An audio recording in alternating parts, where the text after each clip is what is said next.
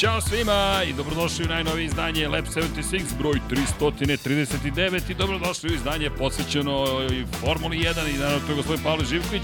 Ako se pitate gde je gospodin Dejan Potkonjak, ne znamo. Šalim se, znamo da je Deki, pozdrav Dekiju koji je u džungli papira, da ne kažemo u pripremama nekih novih lepih trenutaka. Nisam previše otkrio.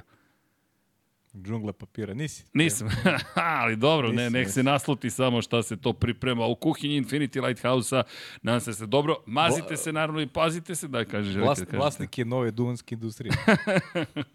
pa, papirne industrije, proizvodnja papira, ali šta je poruka, naravno kao uvek mazite se i pazite se i budite dobri jedni prema drugima i vozite računa jedni prema drugima, budite dobri, to je uvek ista priča, pogotovo posle vikenda koji je bio mega dramatičan u Moto Grand Prix. Dakle, sutra ćemo pričati Dekija više o tome, ali kada imate vozača koga pregazi drugi vozač i na kraju on izađe iz bolnice i kaže vidimo se za 5 dana na stazi, onda se setite od čega su satkani svi ti ljudi. Srećom u Formuli 1 ne moramo toliko da testiramo izdržljivost vozača, to je dobro. Ono u motociklizmu nemam pojma kako ćemo da ih zaštitimo, ali ljudi posle one drame i obaranja Enea Bastianinija, pet vozača i svega što se dešavalo, Dobro je prošao ceo ovaj vikend. Ja mislim to ultimativna poruka, dakle konačna poruka, da malo zloupotrebim i strane jezike i e, to je neka prva poruka. A druga poruka je kliknite like naravno i share i subscribe i nadam se da svi koji su ovde večeras, a imamo četiri Ferrarijevca i neizjašnjenu osobu koja promoviše Kimira i Konena. Kako, kako? Red Bull, o, evo, evo osmeh ovde na licu kod jednog predstavnika Maxa Verstappen kampa, dakle, pun studio danas, pa jo. Lepo. Da. Lepo. Pa kad nije pun studio? Ne znam kad da. nije pun studio, ali sad možemo i da kažemo ono što smo planirali da kažemo. Smemo sada da kažemo? Pa smemo, zašto ne? Da, te, I, imaš da. dozvolu. Znam Imam da, si, dozvolu. da si jedva čekao da kažeš, tako da izvoli. A jel imaš u 99 yardi fotku, Vlado? U kanalu Slack. Ja mislim da tamo imaš jednu fotku. Ako ne, poslaće ti koleginica, draga Helena, popularna Ilovača, fotku, mislim da je neophodno da imamo fotku. Ljudi, imamo izneređenje za vas i nadam se da se vidimo da ponovim 9. septembra. Proglasili smo to za dan Formula 1, ali ćemo dodati u celu priču i otvaranje nove NFL sezone. Pa ko voli NFL, američki futbol, jel te, to je znači Liga američkog futbola, dođite da se družimo u nešto što će biti naš novi prostor. Dakle, ekipa, da li smo potpuno poludeli? Vrlo verovatno, ali ne zatvaramo s ovom ekipom još studio, ali nadam se da ćemo svi zajedno doći da otvorimo novi, to je zvanično Lab 76 broj 300. To ne znači da ćemo snimati podcast, samo hoćemo da se družimo i bit će tu ekipa iz 90. sigurno, da.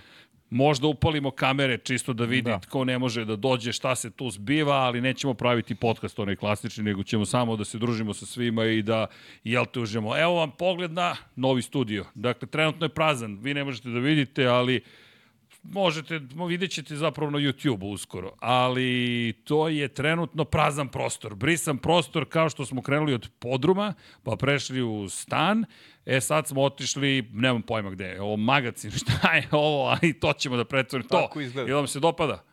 to vam kažem, e, to je ideja da napravimo mnogo toga. Dakle, kada se pitate gde će biti izložbe, tamo će biti izložbe. Kada se pitate gde će biti studio, tamo će biti studio. Kada se pitate gde da dođete da gledate trku Formula 1, Pa dođite tamo da gledate trku Formule 1, dakle malo druženje, zabava i tako dalje. Gde ćete popijete kafu, pa tamo ćete popijete tamo ćete, kafu. možete i kamilicu. Kamilicu, to da, to je moja preporuka. Moja preporuka. Ali ručno brana, tako pa da, da znate. to je Armani kamilica. specijalno, samo za, specijalno, samo za posetioci da, Infinity Lighthouse-a.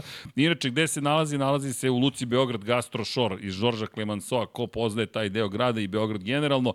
Dakle, skrenete levo i dođete dođete kod nas, parking postoji, besplatan je još uvek, tako da eto, i o svemu smo razmišljali, ste tražili parking ovde ako ste kolima, 200 metara, snašli ste se, top. Vi ste jedni od redkih koji ste uspeli da nađu da. parking, to je prilike srećan moment. Ali čuvajte se gospodina Belog, dakle, voli da snima. Mada danas smo počeli u 9. Zašto? Pa opet stari termin, Čika Mile, Jao Mile snimao podcast i tako dalje. Sutra će da snima, pa ćemo takođe u 9 da krenemo.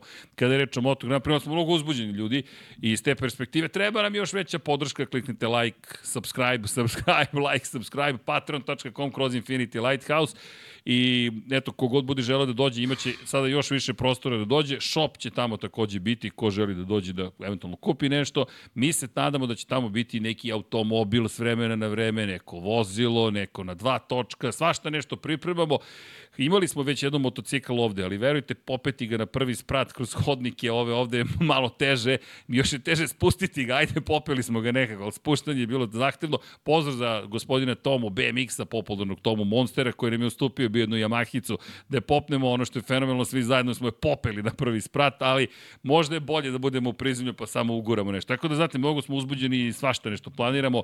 Kažem, da li smo potpuno krenuli u putem hipersvemira, verovatno da se ne izražavam drugačije, ali smo baš uzbuđeni. I ja mislim da dole smo proveli već tri dana čišti, pa, čisteći šiblje, korov, ne znam nija šta sve nismo da, radili. Smo ceo dan tamo, bukvalno. Jesmo. I bit ćemo tamo. Tako da znate, ljudi, eto, ako delite naše uzbuđenje, kliknite like. Danas ću da ponavljam taj čuveni kliknite like. Eto, nadam se da ćete imati I svoje ništa, mesto družimo se svi zajedno u pa, da. subotu, da. Šta si rekao? Od, od 18, od 18 časova. Da. Zvanično kreće program. Ajde da ga tako nazovemo, ljudi, bit će samo muzika. DJ Government 4000 koji sedi tamo za levim stolom je čovek koji nosi crvenu majicu, ne znam zašto nosi crvenu majicu. Ja znam zašto nosi crvenu majicu u čast ekipe koja mislim da je to zaslužila. Nije pobedila, ali je zaslužila.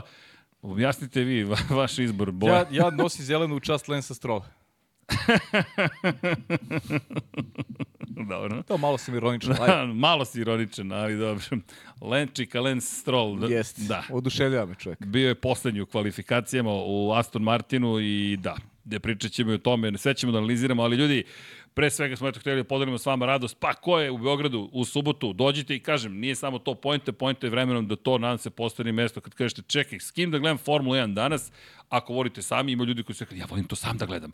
Dobro, gledajte sami, onda dođite posle toga, mi ćemo isto svraćati posle prenosa, popularno druženje, jel te, uz Kamilicu i Nanu, Pa možda to nam bude nagrada. znaš kako to kao volim sta, sam da gledam. Pa dođeš tamo i gledaš sam, sedi sam za stolom. Nema nikakvih problema. Ali Obezbedit ćemo ti uslove, gledaš sam. Da, i oni koji vole NFL, eto, nadamo se da će imati priliku gde da sednu i da kažu, ok, imam s kim i da se konačno i raspravljamo o tome ko je bolji vozač. Ili ti po italijanski make i tako dalje. Ko je vama vozač dana, ljudi? Je li to jednoglasno?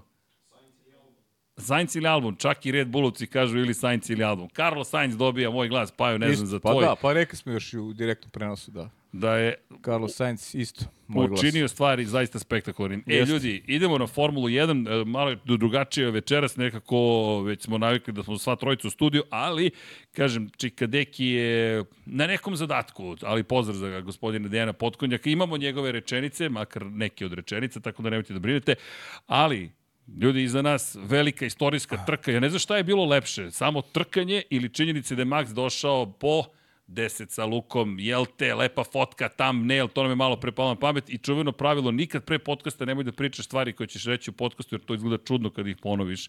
Ali ona lepa fotka, u, Vlado, sam ti poslao fotku, ima tamo fotka, ako niste videli kako se završava trka, za čoveka kome je, po... a ne, to je Orange is the New Red. Čekaj, Vlado, ovde troluje Vlada, opasno. Ka, šta si? Max in Red, i to troluješ dobro, Vlado, ako ti tako kažeš. Ali mislim da imaš onu koja je za thumbnail korišćena, gde ima 10 prstića, Čika Maxi kaže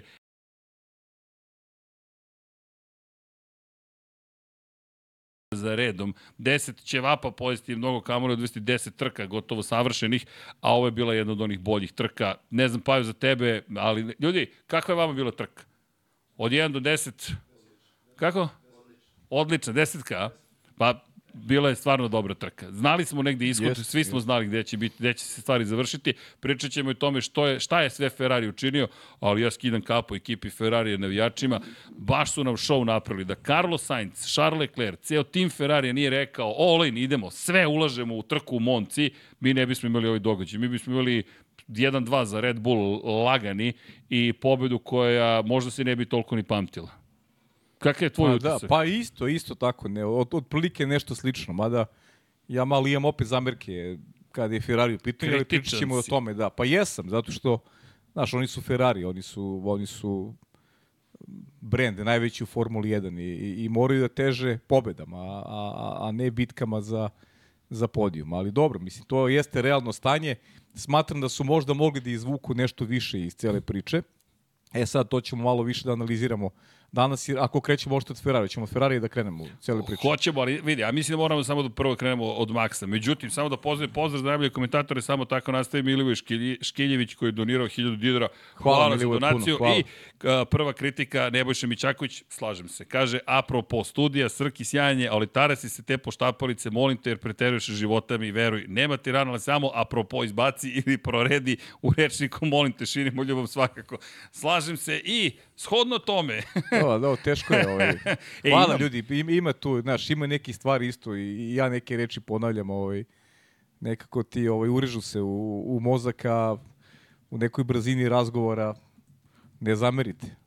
Ja je koristim isto često. Da ne, vidi, i ja imam svaki godine po jednu poštapalicu. Jedno da. vreme mi je bilo definitivno, definitivno, definitivno. Pa mi je čovek nabrojao koliko puta sam ponovio definitivno pa, u prenosu, da. pa sam promenio, pa onda zaživelo nešto drugo, više se ne nećem šta. Mnogo je pa lakše sad... to korigovati u pisao i naravno, pošto smo nas dvojica, krenuli smo ovaj, obojca smo krenuli u, u, u pisanim, da kaže, medijima i, i mnogo je lakše da, da, da, da ovaj, sebi negde navikneš da, da ne ponavljaš iste reči. To jeste neki model kada, kada govorimo o pisanju da, da izbegneš ovaj, ili ti floskule neke ovaj, da se ponavljaju u tekstu ili, ili ti iste reči. Ovako u nekom govoru baš je ovaj, teško, ali hvala i, i, i to onako shvatamo kao, kao konstruktivne kritike, lepe. Kaže, De Banja, Srki počela školska godina i odmah pun studio. da. ne znam, ovde, ne, ne, ne, ne, ovde se, ne, ne, ne, ne, ne, nije, nećemo nije tako ta ekipa, nije ta ekipa. Ima jedan, šta? nije, nije, nije, a dobro, dobro, oni ljudi spremaju ispitni rok sad, šta ti je, ili se, ili se tek kreće od oktobra lagano. No, ali je mlada ekipa ovde, moram priznati. Dosta mlada pa, ekipa. Pa logično, ide uz Tvoje nas. godište, a? Vaši, moje, gene, moje generacije. Moje važi, generacije. Važi, važi. Znao sam. E, ali koliko god da, da zaslužuje ogromne pohvale Ferrari. Ljudi, znam, ponavlja se priča, daćemo prvih 5 minuta Maxu, vratit ćemo se u nekom trenutku na Maxa jer obećali smo prvo 5 minuta za Maxa. Čak neće dobiti ni 10, dobit će 5. Dakle, polovinu od broja pobjeda.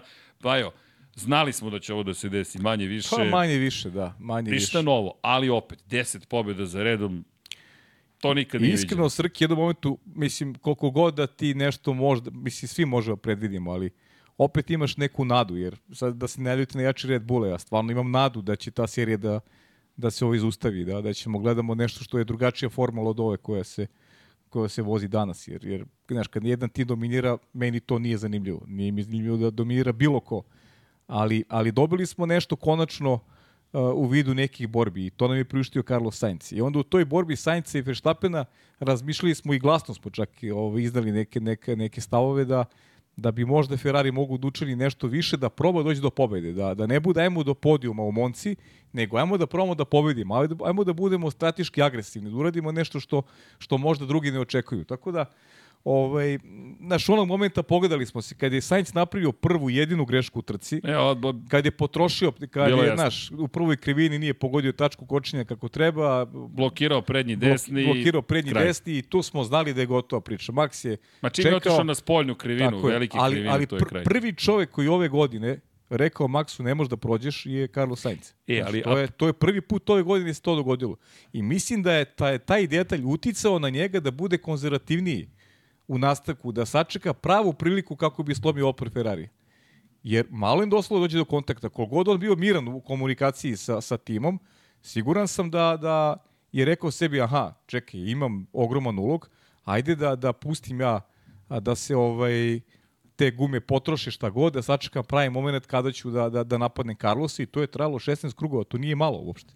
Pazi, i pritom je na kraju i sam rekao, imaju prokleto su brzi na pravcima, što nije baš stvar koju često opisuje Max, pri čemu ne preveličava stvari, makar do sada nije preveličavao i delovalo je baš da imaju bitku u jednom momentu, ali opet ista priča, čekaš samo jednu grešku, greščicu, pri čemu, zašto nisu mogli da menjaju gume, ponovo smo analizirali stvari i ono što smo i pretpostavili, nisu mogli da odu na zamenu, našli bi se u saobraćaju. Čim se nađeš u saobraćaju, Maxu je dovoljno sekund, dve da dobije i to je kraj priče, bukvalno, pri čemu on otvorio prednost prednost od 2 sekunde u roku od par krugova. Pa da, odmah. Instant. Pa ne, tada je već Sainz potrošio gume. Sainz više nije mogao da, da, da, da održava bilo kakvo ostojanje odnosu na Max. Je, ali... E, Ajde, ti završi. Izvini, ali ima jedna bitna stvar. Pre toga, ne, ne, ne, samo završim to što je ovo, Ajde. ovo se dešava sve pre vikenda uopšte, pre što smo stigli i zašto je Ferrarijeva majica, mislim, više nego zaslužena. Žuti mikrofon, čisto da pokombinujemo sa žutim Modena, Modena žuto, Modena, cela da. priča, pošto je opet bila specijalna boja i koliko god da se šalili sa bojama koje su nosili, nevažne su boje, to ono što smo rekli, važne brzo. Ili nekom smeta kako su bili obučeni? Mislim da nikom ne smeta kako su bili obučeni, da, samo da su brzi, onako brzi. Bili su brzi, to je poenta. Ali šta je, šta je poenta? Oni su počeli još ranije da se pripremaju za Moncu. I zašto je ovo, zašto smo taj kladioničarski termin upotrebili all in? To je onaj pokeraški.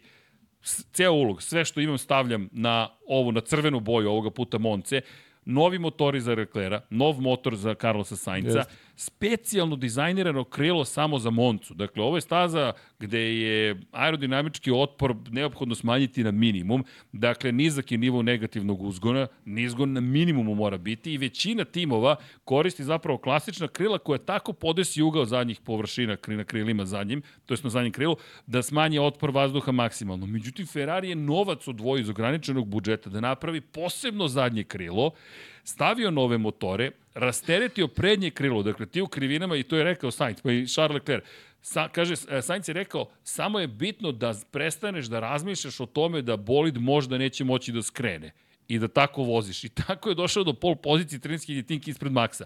Oni su sve uradili, ne bili za 13.000 tinki pobedili Verstappena u jednom brzom krugu. A znamo da je to manje jak deo zapravo cele priče o Red Bullu i da će biti jači u trci. Nego je meni fascinantno šta su uradili, rekli, šta je meni bilo super. To je samo jedna trka. Više takvih staza nemaš u nastavku pa da, sezone. Da. A štete možda I kažeš, za tih, idemo na sve. Za tih 40 kusur hitinki između Maxa i Leclerca, znaš, da su imali prvi red. Možda bi opet tu moglo da, da malo da se kombinuje drugačije, bilo... ali ali opet, šta je bilo kad bi bilo, uradili su sve i kvalifikacije su bile super. Ajde da krenemo od kvalifikacije i da, i da krenemo generalno uh, od Carlosa Sainca koji je na svakom treningu izgledao perfektno. On je samo jednom bio drugi na jednom treningu. Na svim ostalim treninzima je bio prvi i bio prvi u kvalifikacijama.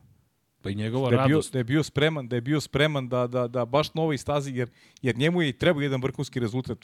Carlos nema podijum ove godine, bar ga nije imao do Monce. Leclerc je imao tri, on i jedan. I još jedna bitna stvar, način na koji su se radovali, koliko je Carlosu značilo sve to što se dešavalo. Pa da, publika, reci mi da imam broj, reci mi da imam prvu da. poziciju, reci mi da imam prvu, imamo prvu poziciju. Kakva radost, zato je mnogo bilo pa, bitno to što su Ferrari radili. Ferrari u Monci da napravi bilo šta dobro, to je, znaš, to ti je pozivnica za, za navijače, to je, to je, kupuješ slavu, bukvalno.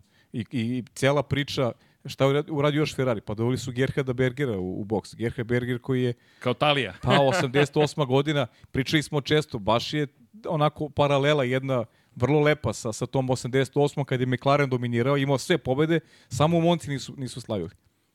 Ok, nisu završili trku ni Alan Prost ni, ni Arton Sena, ali Ferrari bio 1 i 2. Gerhard Berger, Berger i pokojni Michele Alboreto. Jeste. I to je to. I, i stvarno smo razmišljao sam da, da je zaista moguć taj scenariju, da se dogodi nešto nepredviđeno. I kažem ti, Max je prvi put imao da nije odustao od duela sa, sa Saincom. Da je ostala ta ko, bitka otvorena. Ko, ne, ko zna šta je bilo ono... Vidi, Leclerc možda ode prvi na prva, zamenu guma. Ne, ne, ona, ona prva krivina mogu doći do kontakta. Dobro, ali su, baš su vodili računa da, a, da, da se to izmeni. I Sainz je mogao da, znaš, da u četvrtoj izazove znaš da, incident. Znaš da, da Max baš i ne vodi računa, ali E, ali, ali razmišlja, pa to. jeste, zato što je svestan šta ima u rukama. I, do, I nema potrebe da rizikuje. Nema potrebe da rizikuje. Baš se promenilo. 2021. ti moraš da se bacaš ako hoćeš ispred Lewisa Nema, nema druge opcije. Sada, ti znaš da možeš i da sačekaš. I kao, bit će sve okej, okay. samo polako. A to, to su je, njegove to je proces i sazrevanja i svega onoga što pričao Maksu, koliko njemu ta 2021 ovaj, otvorila neka, neka ne, u stvari otvorila mu neke nove vidike i, i, i dovela ga do momenta da je, da je danas mnogo zreli pa i kvalitetniji u nekom ovaj tom trenutnom rasuđivanju, znaš, to, to je mnogo važna stvar, jer to ti moraš u sekundi da, da odlučiš e, šta ti je činiti. A on očigledno ima taj fokus, ima tu zrelo sada već kako da kako ta, te neke situacije proceni. Pa vidi, zašto je čisto desetka? Nije samo što je došao do desete pobjede, već način na koji je sve to učinio. Naravno. Počinje naravno. trka, radio poruka je e, ok, već mu klizaju gume, ha, ha, sredit ćemo mi ovo. Pazite, to je potpuna znači, sigurnost znači, ono što će se desiti. To, to čak ta sigurnost prelazi malo u neku aroganciju, znaš, počinje da da iritira protivnike, znaš, to ima, to ima i doze arogancije, znaš, u celoj priči, kao da, kao da ovaj, ponašanje u stilu kao nema nikog, tu sam, ja to sve kontrolišem, ne brinite, pozitivno, ne, ne, ne govorim ništa negativno, jer um, prosto se izgradio i, i, i kao ličnost i kao vozač da je da je daleko od od konkurenata. Ali znaš šta, meni prestaje čak i da bude arogantno. Mislim da je prešao čak i fazu arogancije, da je došao do stadijuma kada je to istina samo. Kada je to jednostavno stav. Znaš ko je, ko, to je Ljeki spominjao, sećaš se Kanade. He, ja prešao preko Ivića, kao malo nisam završio zidu, idemo dalje. O, a to je bilo davno, mi smo sada već u Monci i ono što je meni još fascinantnije, pa to smo pričali u prenosu, statistički gledano, koje su šanse da ti se baš ništa ne desi? Da ti se baš ništa nigde ne desi, statistički gledano. To što zakon, ti rekao, zakon veliki brojeva. Da, nešto, nešto će se negde dogoditi. Ali prosto je do, došlo do situacije da šta god da urade, pa, oni uspeju da se vrate o, na vrh. Ovo je bilo prvo mesto da moglo da se dogodi u, u, u kontaktu, direktnom kontaktu sa, sa nekim vozačem i zbog toga Carlosu Saincu stvarno skidam kapu. Ti, mislim, ja pričam otvoreno, nisam neki veliki fan Carlosa Sainca, zaista, i, i, i dalje nisam siguran da je on taj koji može Ferrari da, da vodi do šampionske titule sutra, prekstura, ne znam, ono, za, za dve godine, nebitno. Ali ova trka je stvarno bila dobra. Mada, možemo stvari da postavimo iz drugog ugla. Pričat ćemo o Ferrariju posebno, neki, neki ovaj, ima onako malo drugačiji pogled vezano za celu trku i naravno i Charles Leclerc koji je opet s druge strane uh, takođe radio dobar posao, ali na drugačiji način je pristupio trci od, od Carlosa Sainca.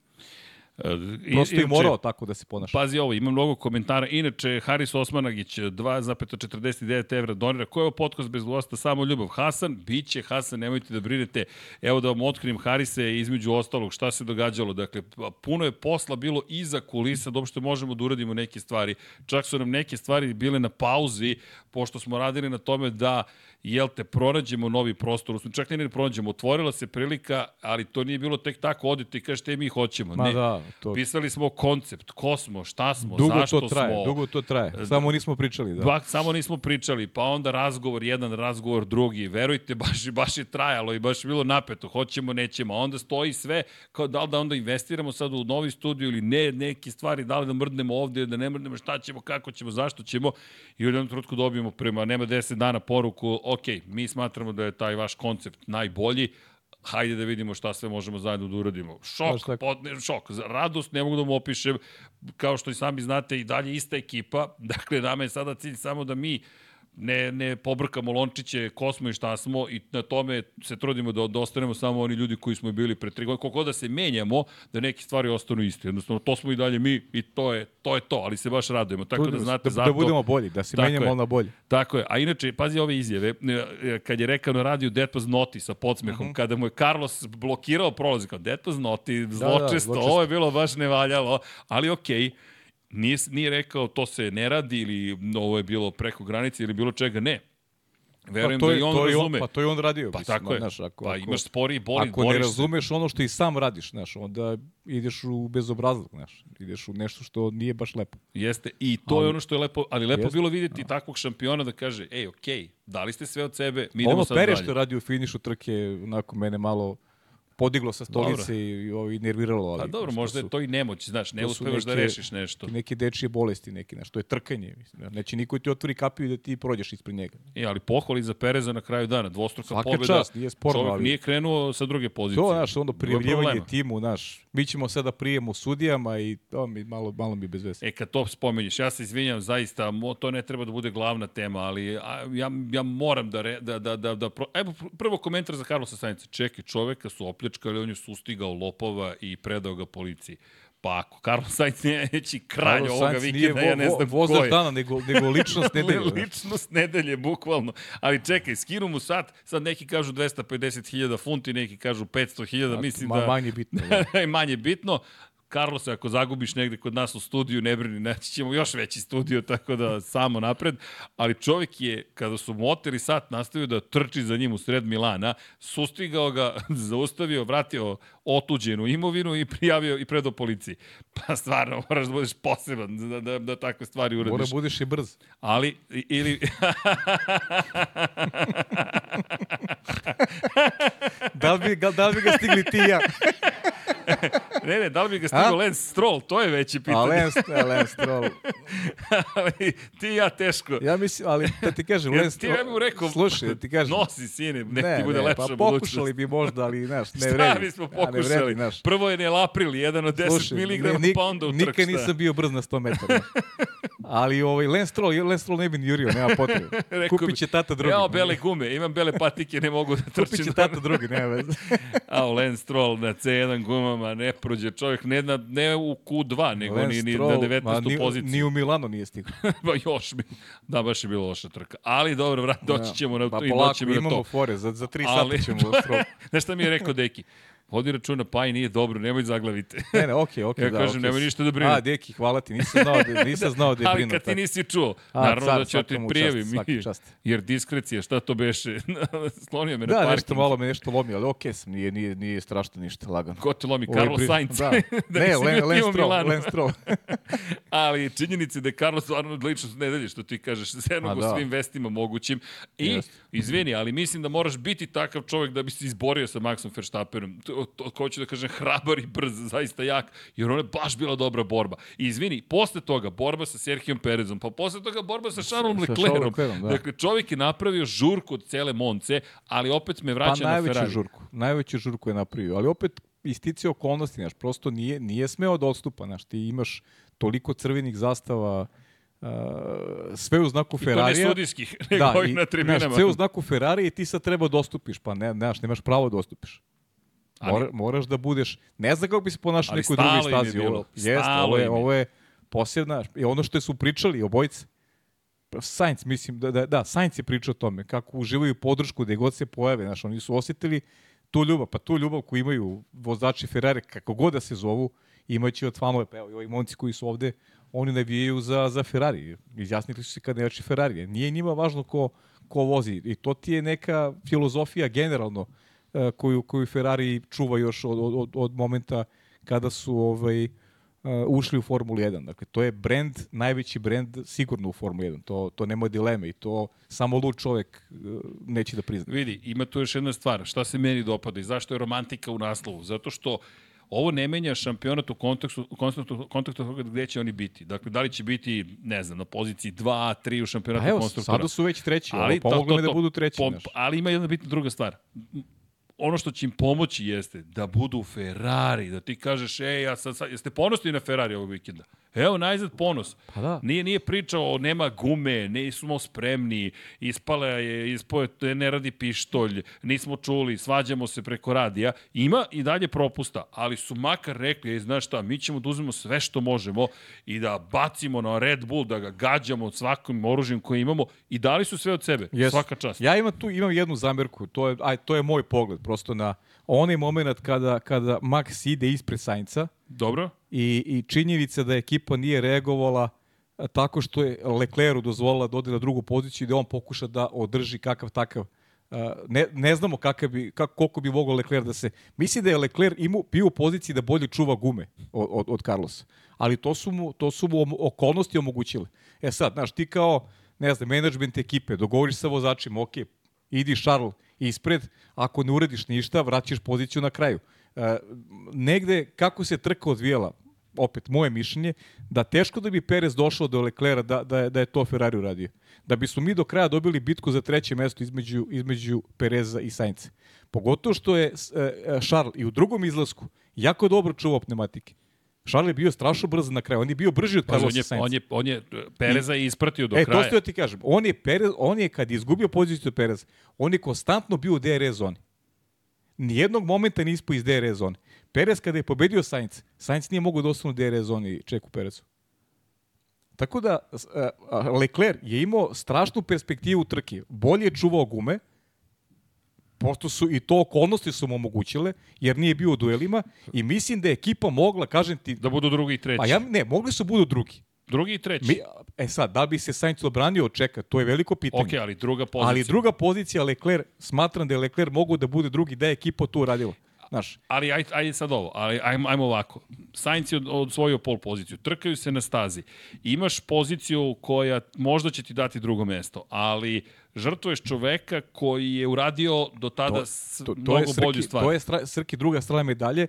mislim da je Ferrari u poziciji kad je, je, on je taj koji treba da upravlja njima i da pokušaju da, da na različite načine dođu do, mislim da jedan i drugi imaju pozicije sledeće godine u ekipi, da ostaju u Ferrari.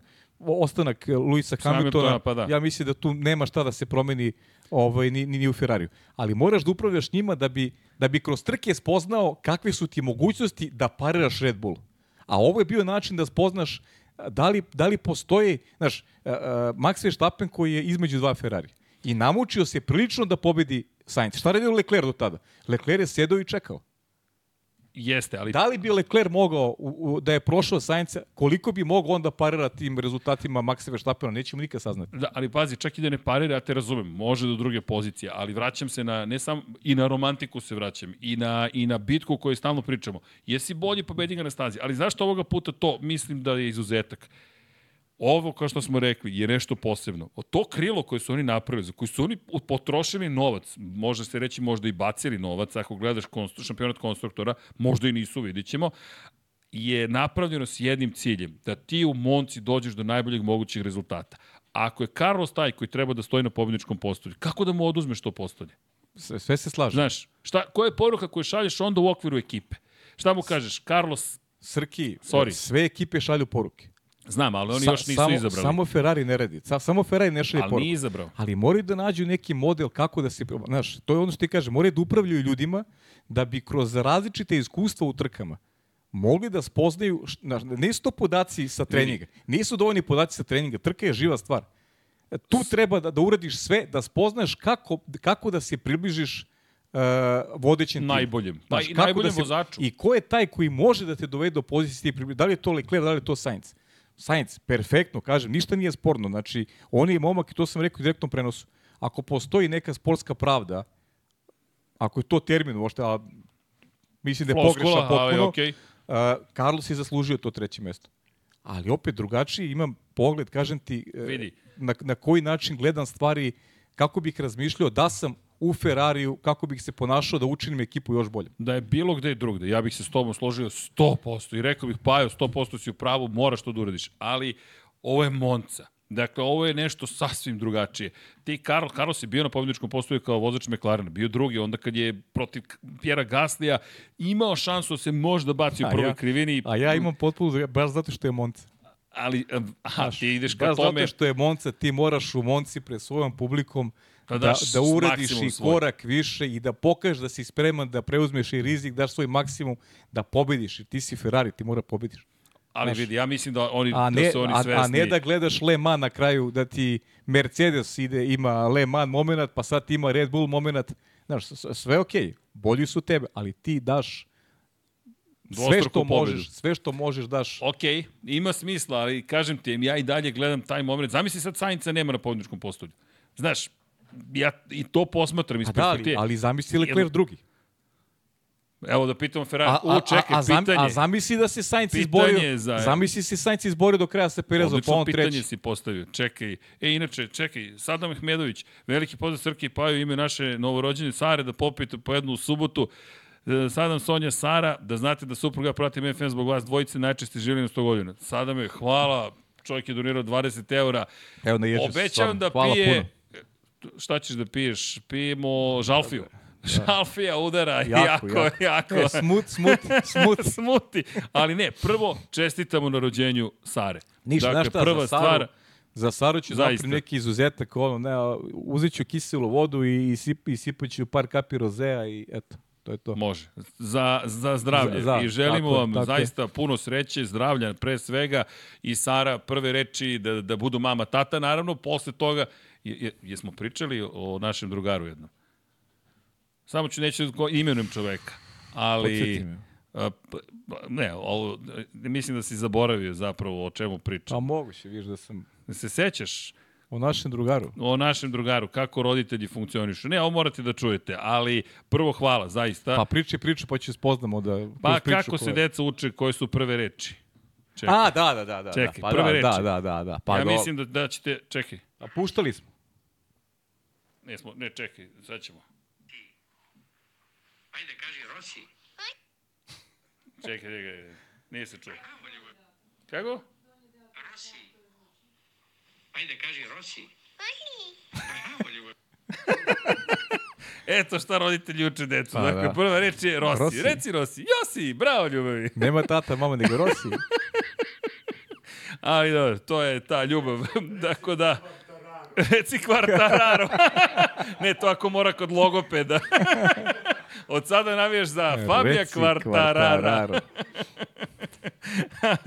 Vlado, stvar, tako se podižu deca, pa stvarno, da. Vlado, nema smisla, pozdrav. Ali, pozdrav stvarno za celu ekipu. Eto, čuli ste, Roze ide kapljica i pa, tako da, dalje. Pa da, za I, dete, naravno. Kaže, Sara je već dobila majicu sa brojem 44. 44, pa.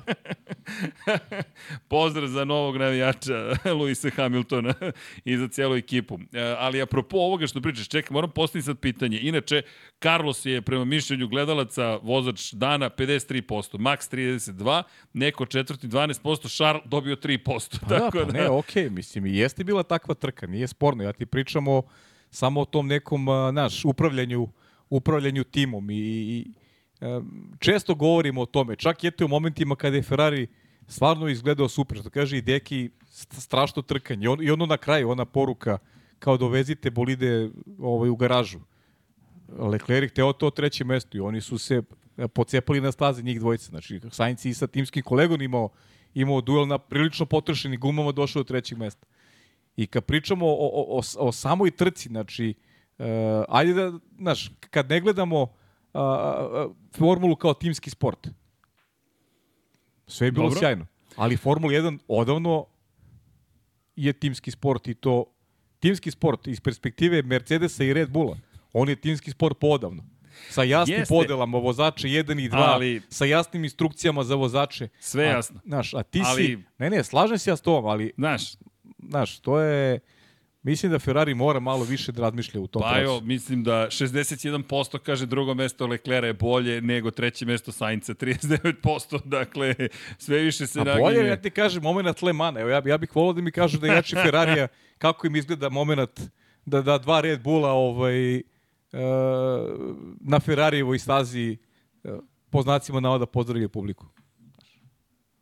Dobro, i to je I to je činjenica, vidi, ono je poruka i setimo se kako je to kako krenulo. Ne? Mercedes je 2018. to uradio. 2018. Ali, godine Mercedes je ugasio Ferrari u Monci. Jeste, jeste, ali ne setimo ugasio, se, bukvalno. ali ko je počeo, ko je počeo tuču? Ko je prvi u Silverstonu dvostrukom pobedom rekao slavimo Le Mans style? Sve je okej, okay, ali, ali šta je, fer, ali šta je Ferrari? Vettel, Raikkonen. Jest, ali Idu Le Mans kroz Silverstone. Jeste, ali šta je Ferrari radio u Monci?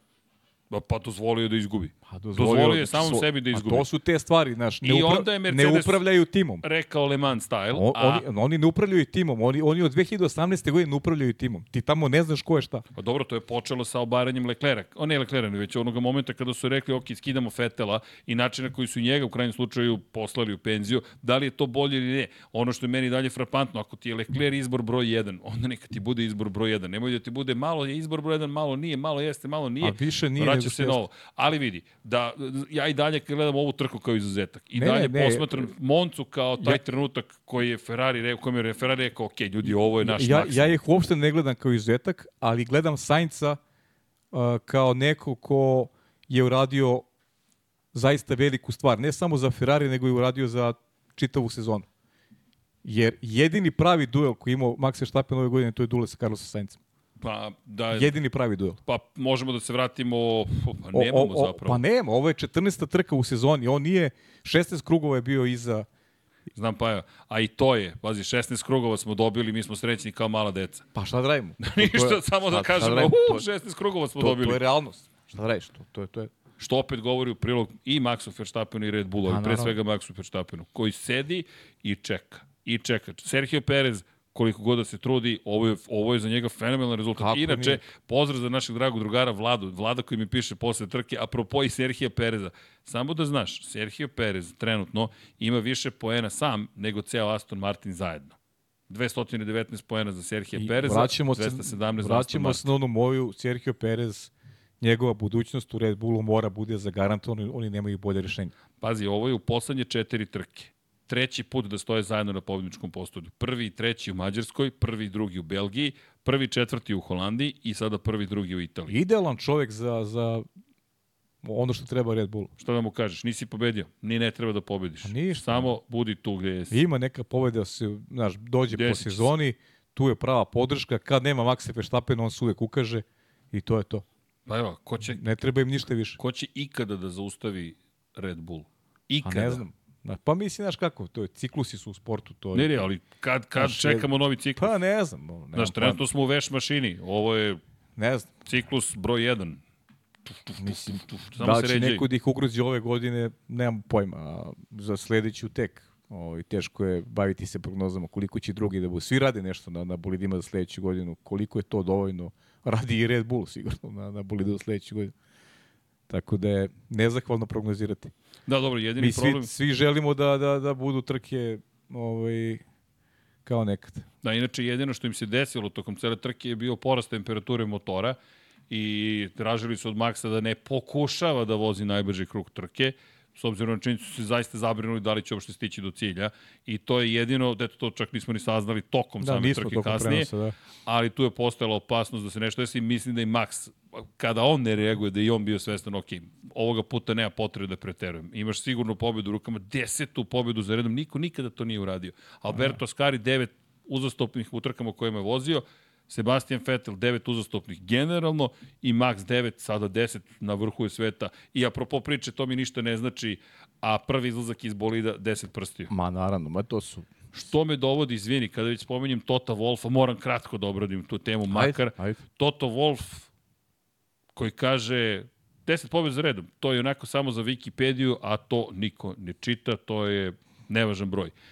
Ja bih rekao da grožđe nikad nije bilo kiselije, iskreno. Ja mislim da, da za neki 50 godina niko neće da traži e, Tota Wolfa na Wikipediji i da sazna ko je on bio. ok, tvoj omiljeni a, menadžer za, ekipe. a Maxa Verstappen neće da traži sigurno znaš, na Wikipediji. A Tota Wolfa, ne znam čime je Toto Wolf zadužio ovaj Mercedes konkretno da bi ga neko tražio na Wikipediji. Uzeo u ruke ono što je Ross Brown postavio i evo kako nema Nike Laude, Mercedes nije ni blizu tog šampionskog tima. E, I da ne pričamo o toj odluci, a to govorimo ti ja često 2021. kad ti u sred sezone kažeš Bottasu nisi više u ekipi, u momentu kada Hamiltonu treba timski kolega, dakle, potezi koji ono na nivou amatera, bukvalno. E, izvini, ali ako slušaš Toto Wolfa, Toto Wolf je rekao da je ipak drugačija situacija generalno kod njih u ekipi bila, pošto su se kod njih dva vozača vozi, vodi, borila jedan protiv Ma da. Ja ne znam da li se Toto Wolf seća Valterija Bottasa i čuvenih rečenica James, this is Valtteri, eh, Valtteri, this is James. Nemo, ima amneziju čovjek. Ajmo, sklanjanje s puta, puštanje za pobedu u Rusiji i slično. I ovo nije zamerka da se razume Mercedesu. Ovo je posla, više to je- konstatacija da se Ja, zaboravilo. ja sam neko, ja apsolutno imam razumevanje za to, zašto je, kažem, Formula 1 je timski sport i ko, ko misli da nije u zabludi je generalno. Znaš, S tom razlikom što ove godine u dve situacije kada je Perez mogao da pusti Verstappena, Red Bull to nije, nije tražio. reagovao, da. A Nego mog, je pustio da se stvari razviju Max, je, svojim Max putem. je mogao da ima 14 pobjeda ove sezone. Koliko Svih mogu da ima sve 14. pobjede ove, ove godine. Što je na granici, ne znam, to se nikada nije desilo. Ma ništa slično, pa ja, samo u motociklizmu smo imali te Zanima, ja periode kažem ti, volo bih da je pitam neko Kristina Hornera da li žale danas što, što, Što to, nisu- što to nisu što uradili. nisu da. rekli. Zaista, da, baš me Aj ga zanima. pusti. Baš me zanima da li iskreno žale. Možda bude neki nezvanični razgovor uz ono, neće, neće objaviti nikad majke mi, samo mi kaže, zanima me.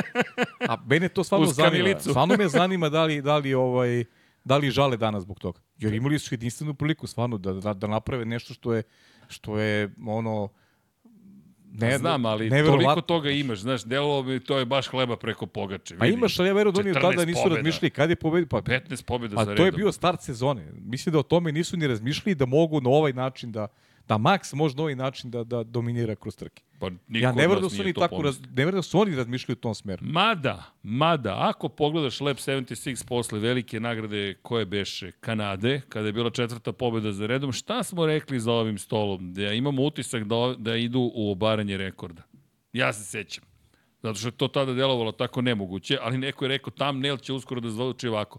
Maksova savršena desetka, 15 pobjeda za redom. Maksova savršena desetka, 20 pobjeda za redom. Ljudi, hteli smo da stavimo nešto drugo na thumbnail. Prošlog puta je bio Fernando Alonso kada je izjednačio rekord Max Verstappen. Mislim da smo jedini na planeti Zemlji stavili nekoga drugoga da nije bio Max Verstappen.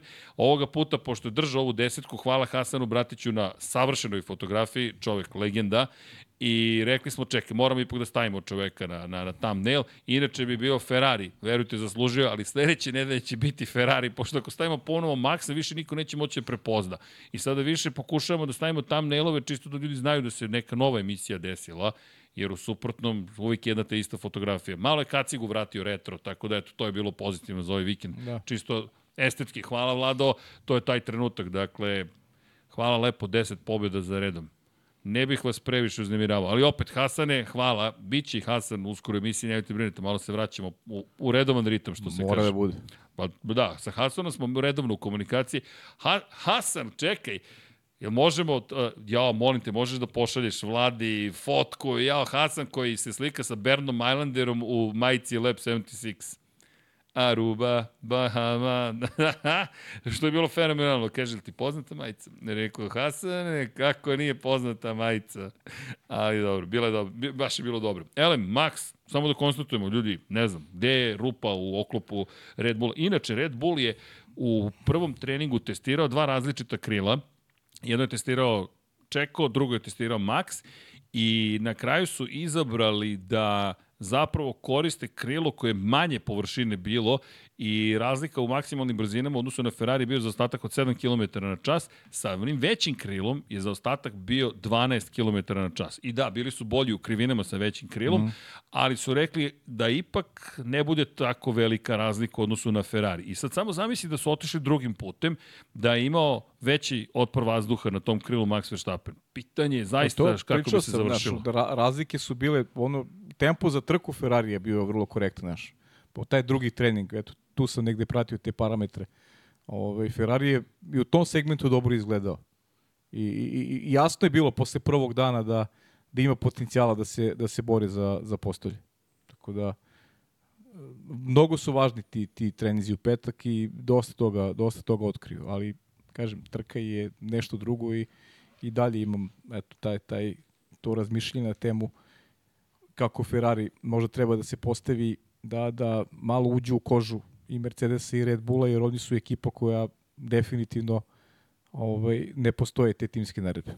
Da, i druga stvar, ovo je tek četvrto pobjedničko postolje ove godine za Ferrari. Malo, da. Ne pobjeda, pobjedničko postolje. Treći, dva treća da. i dva druga mesta. Ne, ja. tri treće, izvinjam tri se, treći, jedno drugo. Jedno drugo, da. Leclerc ima jedno drugo, da. Da, na drugoj poziciji bio u Austriji i to opet između Red Bullovih vozača. Tako je u Azerbejdžanu bio iza oba Red Bullova vozača, u Belgiji bio iza oba Red Bullova vozača i sada opet samo Sainz iza oba Red Bullova vozača. Ali to je jedino pozitivno što vidimo u cijelim svim tim situacijama.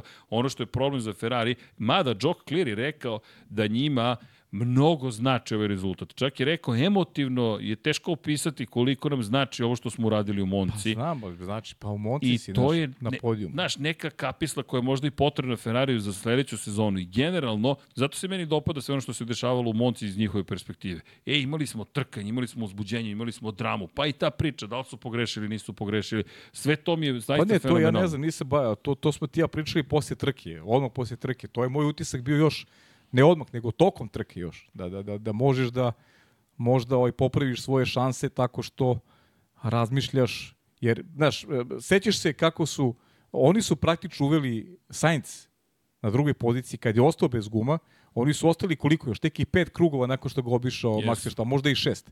Uveli su zajedno, tačnije Sainz, e, time što nije mogao da, da ovaj, e, ne izbliz ima tempo kao Max Verstappen, uveli su priču Čeka Perez.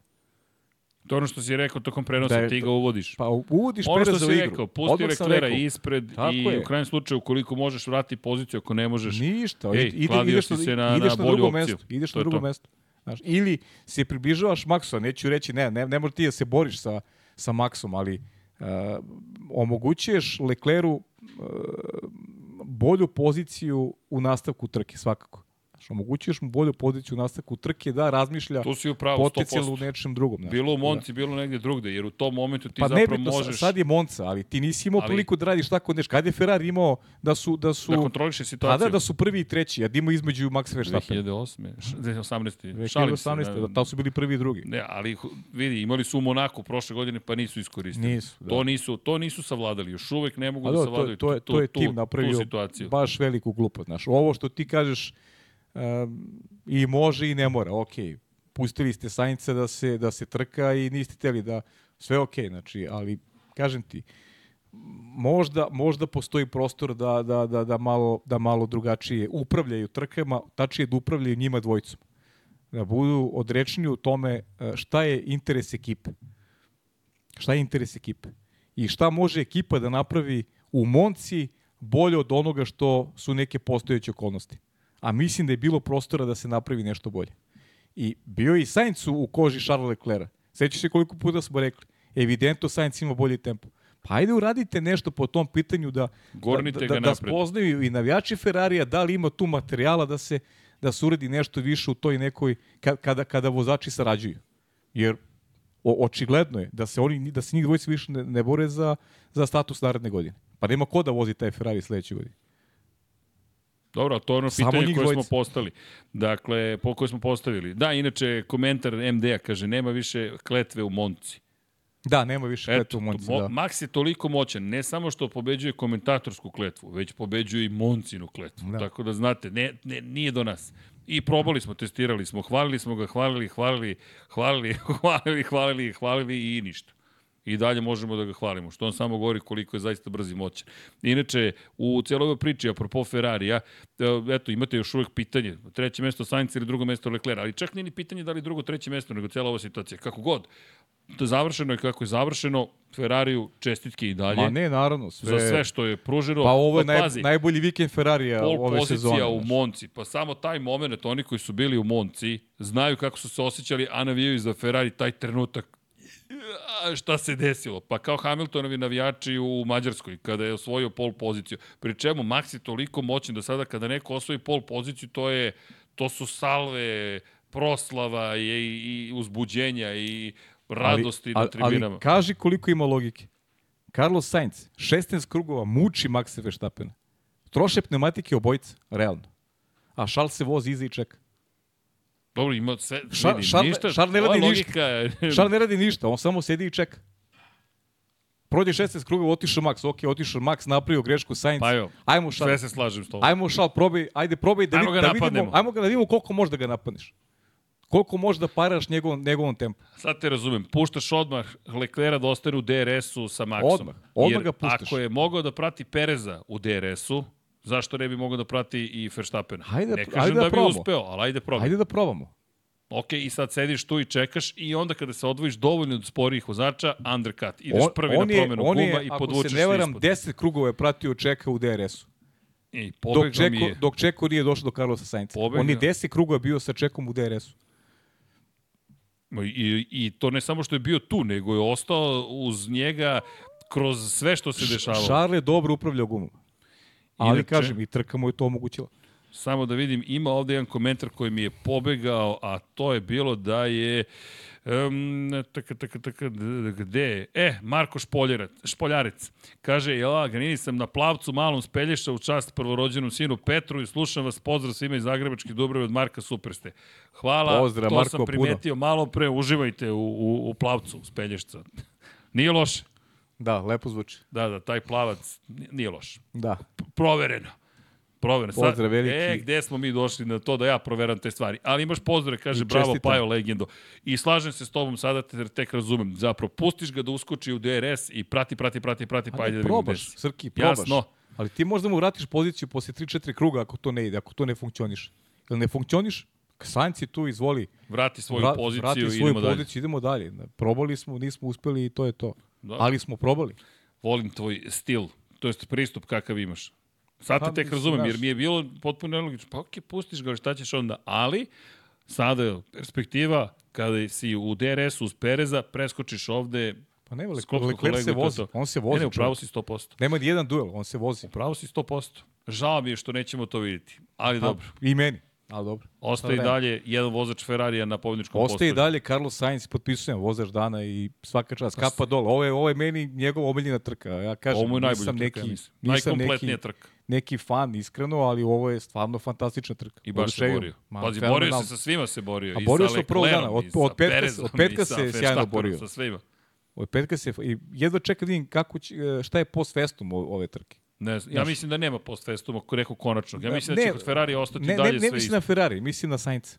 Ne na Ferrari nužno, nego na Sainz. Pa dobro, pazi, sad je spreman i da se obračuna sa lopovima, dakle, na ulici. Ma ne, okej, okay, da. okej, okay, čovjek očigledno ima, ali, ali, pa vidi, priča, pričamo o trkanju, pa, ali, čekaj, čekaj, ajde Jer ovo su trke koje te puni samo, znam, znam, pa, puni samo puzanje. Kako bi reagovao neko ti otme sat, a ti si vozač Formula 1, da li ti reaguješ i juriš za njim ili kažeš čekaj, otko znam da li je naoružen, da li će me povrediti, da li će sa moja karijera pa, biti ugrožena. Da. On čovjek uskače u, šta, uličnu tuču, Street Fighter, Carlos Sainz lepo rekao Deki, on je jedan dobar je, on je izmišljen za šefa ekipe. Jeste izmišljen za šefa. Ja mislim da ne bih volio da nešto uladim loše dok je on, dok je on šef ekipe. Ali dobro, čestitke u svakom slučaju i, i Ferrariju i, i Red Bullu, dve ekipe koje mogu i tekako da budu zadovoljne. Jeste. Ali me zanima tvoje mišljenje. Da li ostali timovi mogu da budu zadovoljni? Kada pogledaš rezultate velike nagrade Italije, dakle, prvo, drugo mesto Red Bull, treće, četvrto mesto za Ferrari, peti, šesti George Russell i Lewis Hamilton.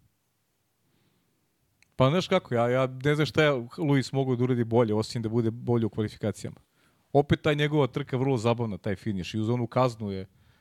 On, kako je rezervoar prazan, on... Ovaj, Da li, da li si zadovoljan? Let, pa ne mogu bude, znaš, ali... Znaš, ti kao Mercedes kažeš, ok, ovo je bilo... Pa ne mogu budu zadovoljni, ali, ali nisu mogli ni, ni bolje ovde. Pre čemu George počinje ponovo da vozi kako treba. George koji je rekao, da. ljudi, previše sam se trudio, u poslednjih par trka sam promenio pristup i rezultati su tu. Niko nije bio na nivou Red Bulla i Ferrari. Ali meni je to razočaravajuće, pa to jeste, hoću ti kažem. Okay, meni jeste, je ovo, ali... ja ne vidim jednu ekipu koja ovde može biti zadovoljna. Evo, Mercedes peti, peti šesti. Pa, Aston znam, Martin ali, jedno deveto ali, ali Mercedes nije Mercedes McLaren osmo nije izgubio, nisu izgubio od Alpine i od to ono što je Mercedes radi, znaš, Mercedes Mercedes to to što može da uzme, oni uzmu. I zato je ta postava, ta Hamilton Russell, je meni najjača. Misliš neumoljiva? Pa meni najjača u šampionatu Formula 1. To je to meni najjača postava. To što mogu, to će da, da uradi. To je, na, to je najjača ekipa. Hamilton i Russell.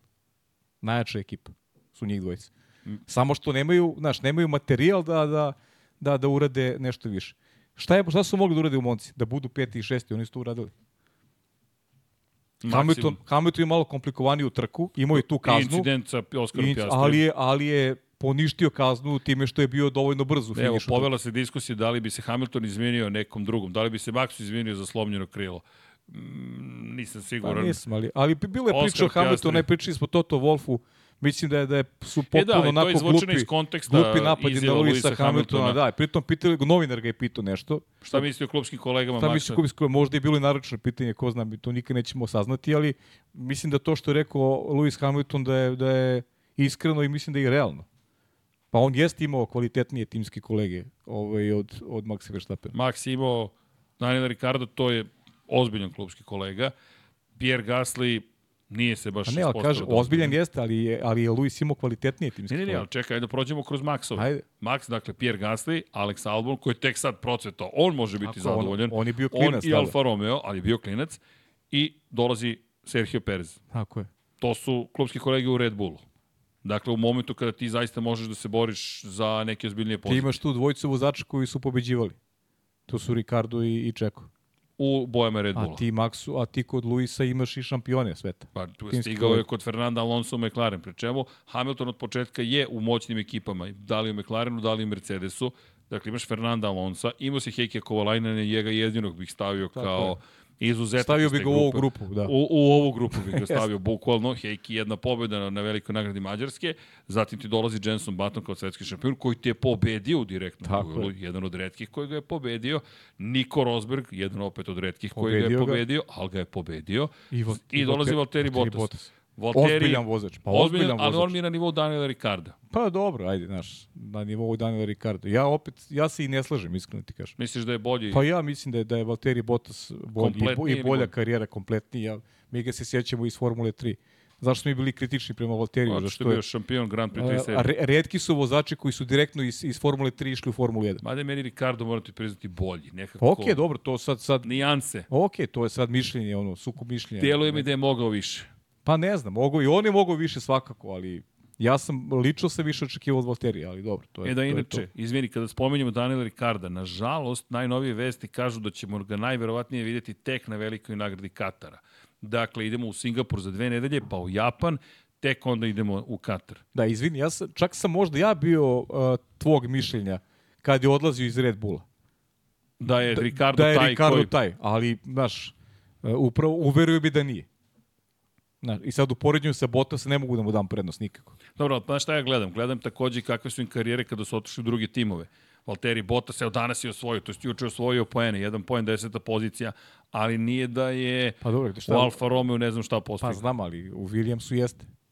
Dobro, Williamsu je imao Pa- pa, pristojno, pristojan pa- početak pa karijere. jeste, pa pa, pa dobro, ni Ricardo u Toro pa. Rosso nije bio tako loš, ali nekako, mada, ok, Valtteri nije dobio te prilike koje je dobio Ricardo. U, u, u Alfa Romeo prva godina njegova, ne zna da bi neki drugi vozač Dva prošao puta bolje. Q3 na početku sezone. Da. Mada mi dalje deluje kao da je indisponiran. Ali Ne, dobro, ne, ove, go, ove godine ovo je neki drugi Bottas. Kako ovo je, god, kada Ka, kako, je, pogledaš, kako je pustio brkove, tako otišao u auto. ili frizuru. Da, da, misli da su brkovi presudni. Ti spremaš za Movember, za puštanje brkova. Pa da, meni vetar odnese brzo. Tako da. Da, da. Spremite se za opet uh, puštanje brkova u novembru. A u novembar, da. Novembar, do čoče, Čemu u počeo novembru? septembar. Da li si svestan da je počeo septembar? Inače, uskoro azijska turneja, pa tako da spremi vreću za spavanje. Ovo, ja volim to. Ja volim kad nemam dupli vikend, ali pošto će ove A godine... čekaj, za Suzuku je dupli vikend, da. Za sve mi je pa dupli vikend. A ne, stvarno? Hoćeš da čuješ? Ajde, hoću. Jel želiš? Ajde, pre nego što... Izvinjavam se, ali evo, ovo je mala, mala, ma- mala žalopojka. Dakle, šta znači dupli vikend, malo komentarisanje Formule 1, malo komentarisanje Moto Grand Prix. Nije žalopojka, obožavam jedno drugo da radim, ali činjenica da će ove godine biti ne, izazovno previše, da. preživeti. A, d- Pa, da, ali u ne Singapuru, previše. šta već, slušaj sad ovo. Da, ne baš odmah, ne Ne, krećemo, Singapur ali... nije, ne, Singapur, Ne, Singapur samo nije, formula, Singapur da. nije. Ovako. Dakle, velika nagrada Japana, to je 24. septembar Suzuka, jutarnji termin. 24. septembar velika nagrada Indije u Moto Grand Prix. Formula 1, 8. oktobra, velika nagrada Katara, a ne, tu nemam dupli vikend, izvini, Šta je, tu smo samo formula. tu smo samo formula. Znači, proslavit ćemo tvoj rođendan u kabini. Tako je, pa jo, tako Dobro, je. dobro. Volim što pamtiš te važne datume. 22. međutim, oktobar, idemo na veliku nagradu Sjednih američkih država i veliku nagradu Australije u Moto Grand Prix. Zatim, 29. Meksiko u Formuli 1 i Puriram, to je Tajland u Moto Grand Prix. Ko je po... Ja, pustio mi je violinu. Ja. ne verujem da si mi Bravo, pustio violinu. Vladimire, što tako pušta sad muziku? A tužna violina, da, da, Evo, da. pu- publika plače, žao mi što ne vidite to. Svi su zaplakali, štete što ovo da ide direktno. Ao, Vladimire, Vladimire, porazgovarat ćemo posle. Onda 19. to je 18. novembar Las Vegas i velika nagrada Katara i onda veliko finale sezone 26. novembra. U isto vreme se održavaju poslednje trke Formula 1 i Moto Grand Prix. Kad kažemo isto vreme, Formula 1 počinje u 14.00, i neće se završiti do 15.00, a u 15.00 počinje Moto Grand Prix, veliko finale sezone. Ko im je pravio kalendar, zaista nemam pojma, ali svaka im čast na tome kako su ga napravili. Da. Kako god, Ricardo, dakle, do Katara, jel te, neće se pojaviti, držimo palčeve da će se u potpunosti ipak oporaviti. Ali da se vratimo na temu, apropo Monce, ok, razumem tvoj stav, peta, šesta pozicija, izvukao si maksimum, Pa da, ali... znaš, ne, ne, mislim, Mercedes- kao ekipa, znaš, kao neko ko je izgradio, profilisao se i u skorije vreme kao naš šampionski tim, ne mogu da budu zadovoljni, ali e, pričamo o okolnostima. Znaš, to okolnosti da, su ali- takve da bolje nije moglo. Ali Pavle, od kada smo se mi, čak ne ni vratili, od Belgije, Ferrari je taj koji je bolji u formi od Mercedesa u suštini. Ferrari je dva puta stajao na pobjedničkom Pa postolju, Mercedes nije. Okay, to Znaš, je, to je pohvale za Ferrari. Pa jeste, Ferrari okej. koji, ko zna, možda može do druge pozicije u šampionatu konstruktora. E, Kada pogledamo taj aspekt, m, čekaj, ovde se nešto dešava. Aston Martin je bio na pobjedničkom postolju u jednoj trci i Alpina je bila na pobjedničkom postolju u jednoj trci. Mercedes, poslednje pobjedničko postolje, velika nagrada Velike Britanije. Treće mesto. Ali od tog momenta nemaju pobedničko postolje. Samo posmatram iz perspektive toga koji tim napreduje. Sad mnogo kritikujemo Ferrari, ili Ferrari je počeo sve češće da se pojavljuje zapravo u samom vrhu. Pa dobro, i pa dalje pa malo, pohvala. četiri podijuma, malo i dalje, ali... Za standard. Nije, nije sporno da, da ti opet nisi imao, znaš, e, koga su ono, da tu su možda napravili grešku, ovaj, Ko ostao duže? Carlos Sainz je ostao duže ili, ili Leclerc? Um, Sainz je 2,3 sekundi, ili tako, ostao na zamjeni guma, a, a, a, a Sainz 3,3. Pa kad je strategija u pitanju, mislim da gospodin Vlada a, ima ja, odgovore ja na sva naša ja pitanja. Mislim, e, ja mislim da je, ja mislim da, da, da je kod Sainca bila... Evo ti Sainz u 19. krugu, istom kada i Russell menja gume. Leclerc krug kasnije, Perez posle Ne mogu setiti da li Sainz ili Perez. Dobro da su oni ostali nešto duže, 3,3 Ko je bio 3,3 sekunde menja 3,3 mm, uf. Ja, e, mislim da je Sainz. Mislim da je, da je neko, da je neko, da nisu oni mogli pucati Sainca, da je zbog toga trajalo duže, da je neko dolazio na, na zamenu guma, da to nismo videli najbolje. Ili je to bio... To je možda i Čeko bio. Čeku da, ili Sainz? Da ne, Čeku ili da Sainz? Pa ne, pisat ćemo neko, sigurno ima neko ko, to, ko, ko pamti te detalje baš. Da, ne mogu da se setim, zaista, ali činjenica je da... O, hoću kaže da, da Ferrari nije napravio tu neke greške, one koje su bile katastrofalne. Očigledno da su dobro pa, pripremili i mehaničari za, za Čak ni 3,3 sekunde nije katastrofa. Pa nije, nije katastrofa. Nije idealno, izgubljeno je vreme, ali nije katastrofa. Da. I nije te koštalo pozicije. Njega to na kraju dana nije koštalo pozicije. Čeko je morao da ga pobedi na nije, stazi. Nije. Bilo je žestoko između Leklera i Sainca, ali nije, nije izgubio poziciju. Da, i samo jedno stajanje. Inače, Pirelli, ja zaista ne razumem čemu služe gume meke u ovim situacijama. Niko ne koristi meke gume ja, više niko. u trkama. Dakle, u ovoj trci niko ih nije stavio, niko ih nije upotrebio i nije prva trka u kojoj mi imamo jedno stajanje, pri čemu? To su C3, C4, C5, to su najmekše gume koje imamo u Formuli 1. Pritom sređene, ovog vikenda je bilo ono eksperimentalno kao Mađarsku, ima si po 11 setova guma. C3 u prvom delu tako kvalifikacije, C3 u prvom, C4, C4 u drugom da, i C5 tako u trećem. Je, tako je. I samo su tu manje više koristili u tom, ajde da kažem, nazovi ga zvaničnom delu programa, koristili su ih u toj završnoj, i to 10 vozača su koristili meki gume. Koje smo gume imali u Belgiji? Koje su nam gume bile u Mnogo Belgiji? Me pitaš. Koje tvrdoće bile? U, čekaj, to moram da proverim. Znaš zašto me zanima? Da vidimo Ferrari, Da li je i tamo, pošto ovo C3, C4, C5, da li tu zapravo možemo stalno da tražimo odgovore na pitanja? Za Ferrari misliš? Tako je. Znaš, da li je to zapravo odgovor na, na pitanje šta se tu dešava? Čekaj, pa dobri su bili sada na tvrdim gumama, mislim. Okej. Okay. Ne mogu da nađem sada koje su gume, ali to, to mislim da takođe treba ispratiti, zapravo videti koje gume su koristili u u, u Belgiji, Belgiji da. i da li je, čekaj, evo je Belgija, da vidimo, Belgija C2, C3, C4. U Mađarskoj C3, C4, C5. Ma čim su mekše gume, Da, da. Tu izgleda da Ferrari opet se vraća na onaj na početak. Inače, Joe Clear, to, to sam malo pre spomenuo, Ajde. rekao je da je Ferrari najzad zna koji problem ima na svom bolidu i šta treba da izmene do sledeće godine. Pa da, da, to, to, to si, daš, baš i trenerski mediji potenciraju da ali ne ide u detalje šta je to što, što je problem, već navodno se radi na pripremi za 2024. godinu, ali znaš, toliko puta smo to čuli da opet te sve njihove reakcije onako primam sa, sa dozom ovaj, opreza. Vidi, ceo novi revolucionarni bolid stiže. Mene to iskreno malo plaši, pa, ali okej. Okay. Jer to je ili ili. Šta koliko je ta revolucija otišla u pogrešnom smeru? Upravo to. Onda si opet u problemu i onda imaš opet nepoznati bolid, a imaćeš posle toga samo još jednu sezonu 2025. da zapravo razumeš pa ne, šta ta, si pogrešio. Taj nepoznati bolid će biti aktualan do zaključno sa 2025. Bukvalno. A ti a sad imaš to? neku evoluciju bolida s kojim si počeo 2022. I dalje sam mišljen da tu treba da napređuješ stvari. Ali ok, Ferrari, držim palčeve da znaju što, zaista pa dobro, šta je problem. Tako je. To je clear Mo, rekao. Možda problem to što će izgleda boli drugačije možda ne, ne, ne za, e, zahteva neke e, ogromne korekcije, znaš. Pazi, njihove izjave zvuče kao da spremaju pa, da, sve novo. Pa, pa zato što Dobro, to su italijani, znaš. Dobro, mora, Ferrari, okay. mora bude bombastično, mora bude da se naglasi da, da će to da sve smo rešili, sve ide kako treba i I sad će se... Italijanska posla. Da, ali Pazi, peta, šesta pozicija, ne vidim zadovoljstvo nikako da može da postoji u redovima ni Rasela, ni Hamiltona, pogotovo ne sedmostrukog svetskog šampiona, pa- koji, pa... apropo te izjave samo, u pitanje bio za klubski kolege, to je malo naše mišljenje izvučeno iz konteksta, nije odbrana Luisa Hamiltona, već ako vas neko pita, vi odgovorite, onda se pa, toga napravi priča. Novinari su tu da prave priču. Da li su to baš novinari? Zvanično jesu. Kogod, da.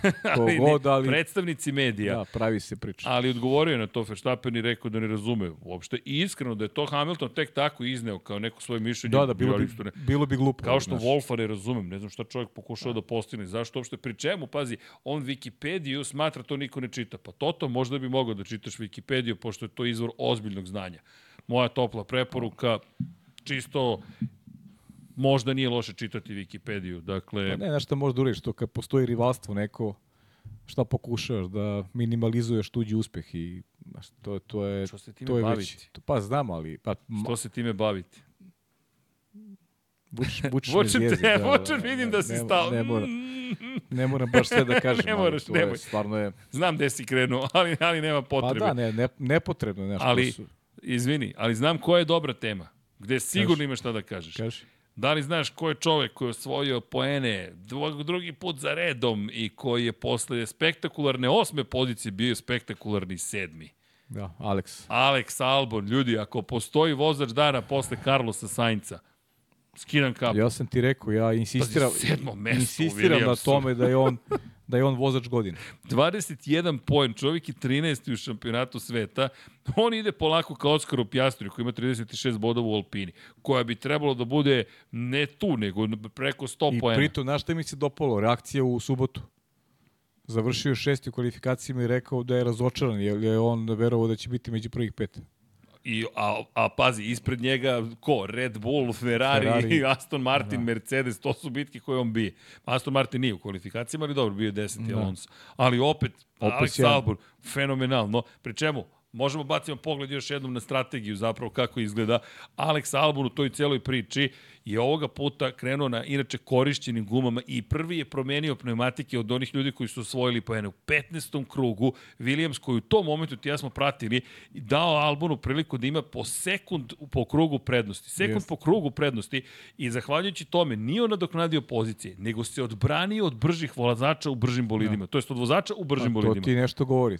Teško, teško je da prekineš Alex Albona na stasi. Baš je teško, pri čemu posle branio svoju poziciju fenomenalno i jeste, izgubio je protiv Hamiltona, ali ljudi, čovek je otišao ranije i pogledaj koliko o, on izdržao o, do opet kraja. Opet Williams, znaš, 35 krugova. Iz krajnosti u krajnost, ne, ili, ili taj prvi stint bude neki 50 krugova, A, ko Hamilton, ko 27, Hamilton, da, da. A onda ova trka onako brža promena guma i do kraja na na ovaj potrošio je ozbiljno. Ali zva, zaista sjajno upravlja gumama i sjajan vozač. Profilisao je sebe kao u sjajnog vozača. I opet tu ima zasluge, naravno, i, i što je prošao taj sistem i što je iskusio I kao mlad vozač neuspeh i odlazak iz Red Bulla i tako dalje i tako dalje, ali ovo je momak koji ja sam siguran da da ima da ima potencijala da da ponovo vozi iz jednu veliku ekipu. Ja, znaš šta se meni sviđa? Korak po korak i Williams podiže svoju pa, formu. Pa, pa podiže Jer ovo nije pa, samo vozač. Pa da, ali zamisli da ima i dva sargenta. Da, okej, okay, bi, šta, šta, šta bismo i pričali o Williamsu? Izvini, ali Sargentu je malo nedostajalo da osvoji svoj prvi pa, poen u karijeri. Ali, ali, ali ti ne bi mogao da napreduješ tako da nemaš Alex Albona koji da, te... Da, slažem se, sve znaš, se slažem s tobom. Mislim, da ovo sad nije stvarno... Pa ne, šalimo se ti ja, mislim, sve znaš, okay. Uh, ok, znam, često budem ironičan kada je Sargent upita, ovo sad ozbiljno pričam, jer, jer ovaj, ti imaš, imaš vozača koji, koji gura granice tvojih mogućnosti. I stalno postavlja neke neke nove standarde, što je, što je fenomenalno i vuče ekipu napred. Pozicija Williamsa je, je mnogo bolja od kako je kako Alben tu. Ali vidi, Sjajno. meni deluje atmosfera od kad je Wow stigao pa da, da je to je, smislena, jest, da je čovek to je dao to. neki smer, neki smisao celoj jest, priči jest. i da ti ljudi sada imaju u šta, i za šta da se boriju, pa, koga da veruju. Pričali smo o tom intervju, jedan najboljih intervjua koji sam pročitao poslije, poslije dve godine, sigurno je Vausov i govorili smo tome u podcastu da se da se ne ponavljamo, ali, kako on gleda stvari. Znaš, pogled... Generalno Williamsu je stvarno onako vizionar pravi Čekaj, on je na kraju Landa Norisa u McLarenu zadržao iza sebe. Nije čovjek dao da ga, da ga gotovo iko pretekne. Dakle, on je zaštitio svoju poziciju, držao ih je sve pozadi. Niko nije uspio da mu se... Samo mu je Hamilton pobegao i to na svežim gumama. I to si i najavio bio. Hamilton koji je menjao 12 krugova posle njega gume i na potpuno novim srednje tvrdim izašao, iako je dosta kukao do momentu. Šta ste mi stavili ove gume? Polako, lovi se. Samo ti glava dole i, jesam ti, i ono što smo izvini, ali ja sam ti rekao. Yeah, yes, tačno yes. sam znao. Ove gume ništa ne valjaju. E sad idu najbolji lični krugovi. Čim ne valjaju Živa. Stare navike, da. teško umiru. Još i onu kaznu poništi, onu, da, lagano bukvalno je lagano poništio, ali, ali opet Alex Albon, me, ja sam potpuno dužen kako izgleda taj bolid u njegovim rukama. Svaki put kada vidiš Williams ti gledaš i gledaš kolika je oštrina ulaska u krivine. I koliko su brzi na pravcu. I Oni su, oni, opet, oni su najbrži raketa. Da. Baš je raketa. Sargent je među pet najbržih bio. I malo je nedostajalo Sargentu na kraju. Dakle, ne šalim se kad to govorim, malo ne, je nedostajalo. Jeste. I okej, okay, da. pristojnije je mnogo trka za ovoga na Sargenta. Ne kažem da, da, da, da može da se poredi sa Albonom, pa, ali ne okay. može. Da, mo, možda, zamisli možda dva Albona. Zamisli dva Albona. To je bilo sjajno. e, to bi dobio, znaš gde? Oscar Piastri i Lando Norris, koji inače dobili ukrsta rešine, pošto je Andrea Stella, šef McLarena, rekao potpuno je prihvatio da dođe do kontakta između dva vozača. A videlo se da se sprema kontakt. Ba, da. Ej, tu bih pohvalio i Leclera i Sainca bili su na granici toga da, da naprave darbar u Monci. Korektno trkanje, da. Ali baš su ostavili dovoljno prostora. Kako ne, pa pričali smo o tome, možda Ili, ili smo pričali možda pre početka podcasta. Ne znam kad smo ne, pričali, Dekijem, ali smo pričali. Smo s Dekijem, da. Pričali smo danas sa Dekijem, da. da, da, da. Mnogo smo, ljudi, nama je ovo, nama, ne, mi, dana, mi pričamo mi ljudi, o Formula 1, pa pričamo ceo dan, Formuli 1. Ceo dan ovo, smo zajedno, da i pričali smo o Formuli, da. Ko, čemu mi o Formuli 1?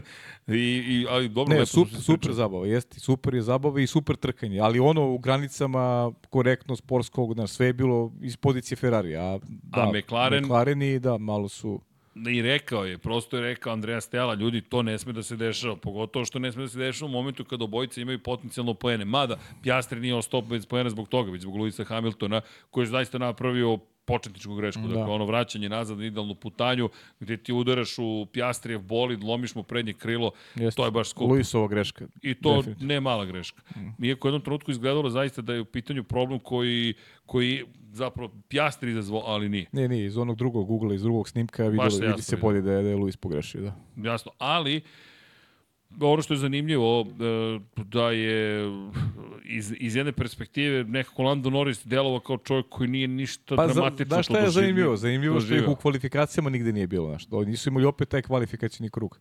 I to ono što smo rekli na momentu euforije o, o, o McLarenu.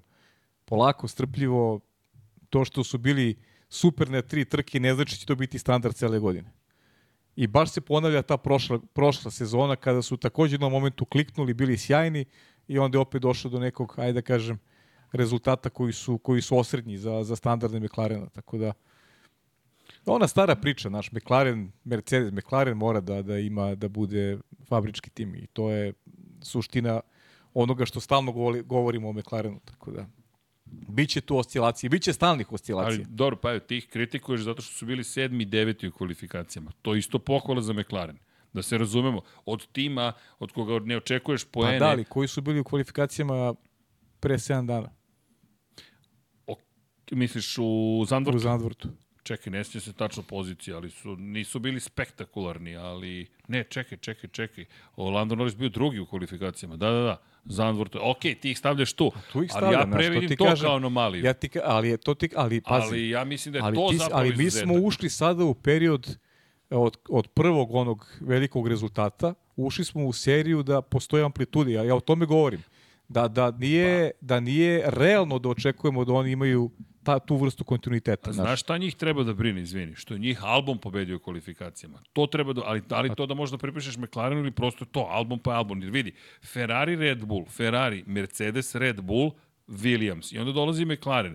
Nije da je McLaren sad odjedno bio toliko lošiji, mislim, mislim da ovo super što, što sad govoriš iz perspektive očekivanja za McLaren, 7. 9. Pa ne, nisi zadovoljan. Ali, ali iskreno ti kažem, ja ih i nemam. O, o, o, o tome ti govorim, znaš. Uh, Isto mi je, mislim isto, e, očekujem da budu i među tri, i kažem ok, ali kad su deveti, zato što očekujem da bude amplituda. Dobro, očekivanja su zapravo Mislim da, su, da nemaju... Da su ipak ove, ove tri ekipe, Red Bull, Ferrari i Mercedes. Pa to je jasno. Tu kada nisu, oni kada nisu među vodećima, to je senzacija. Tu nešto nije u redu. A ove ostale ekipe, evo, evo ti Aston Martin, šta smo pričali posle, nakon one posljednje trke?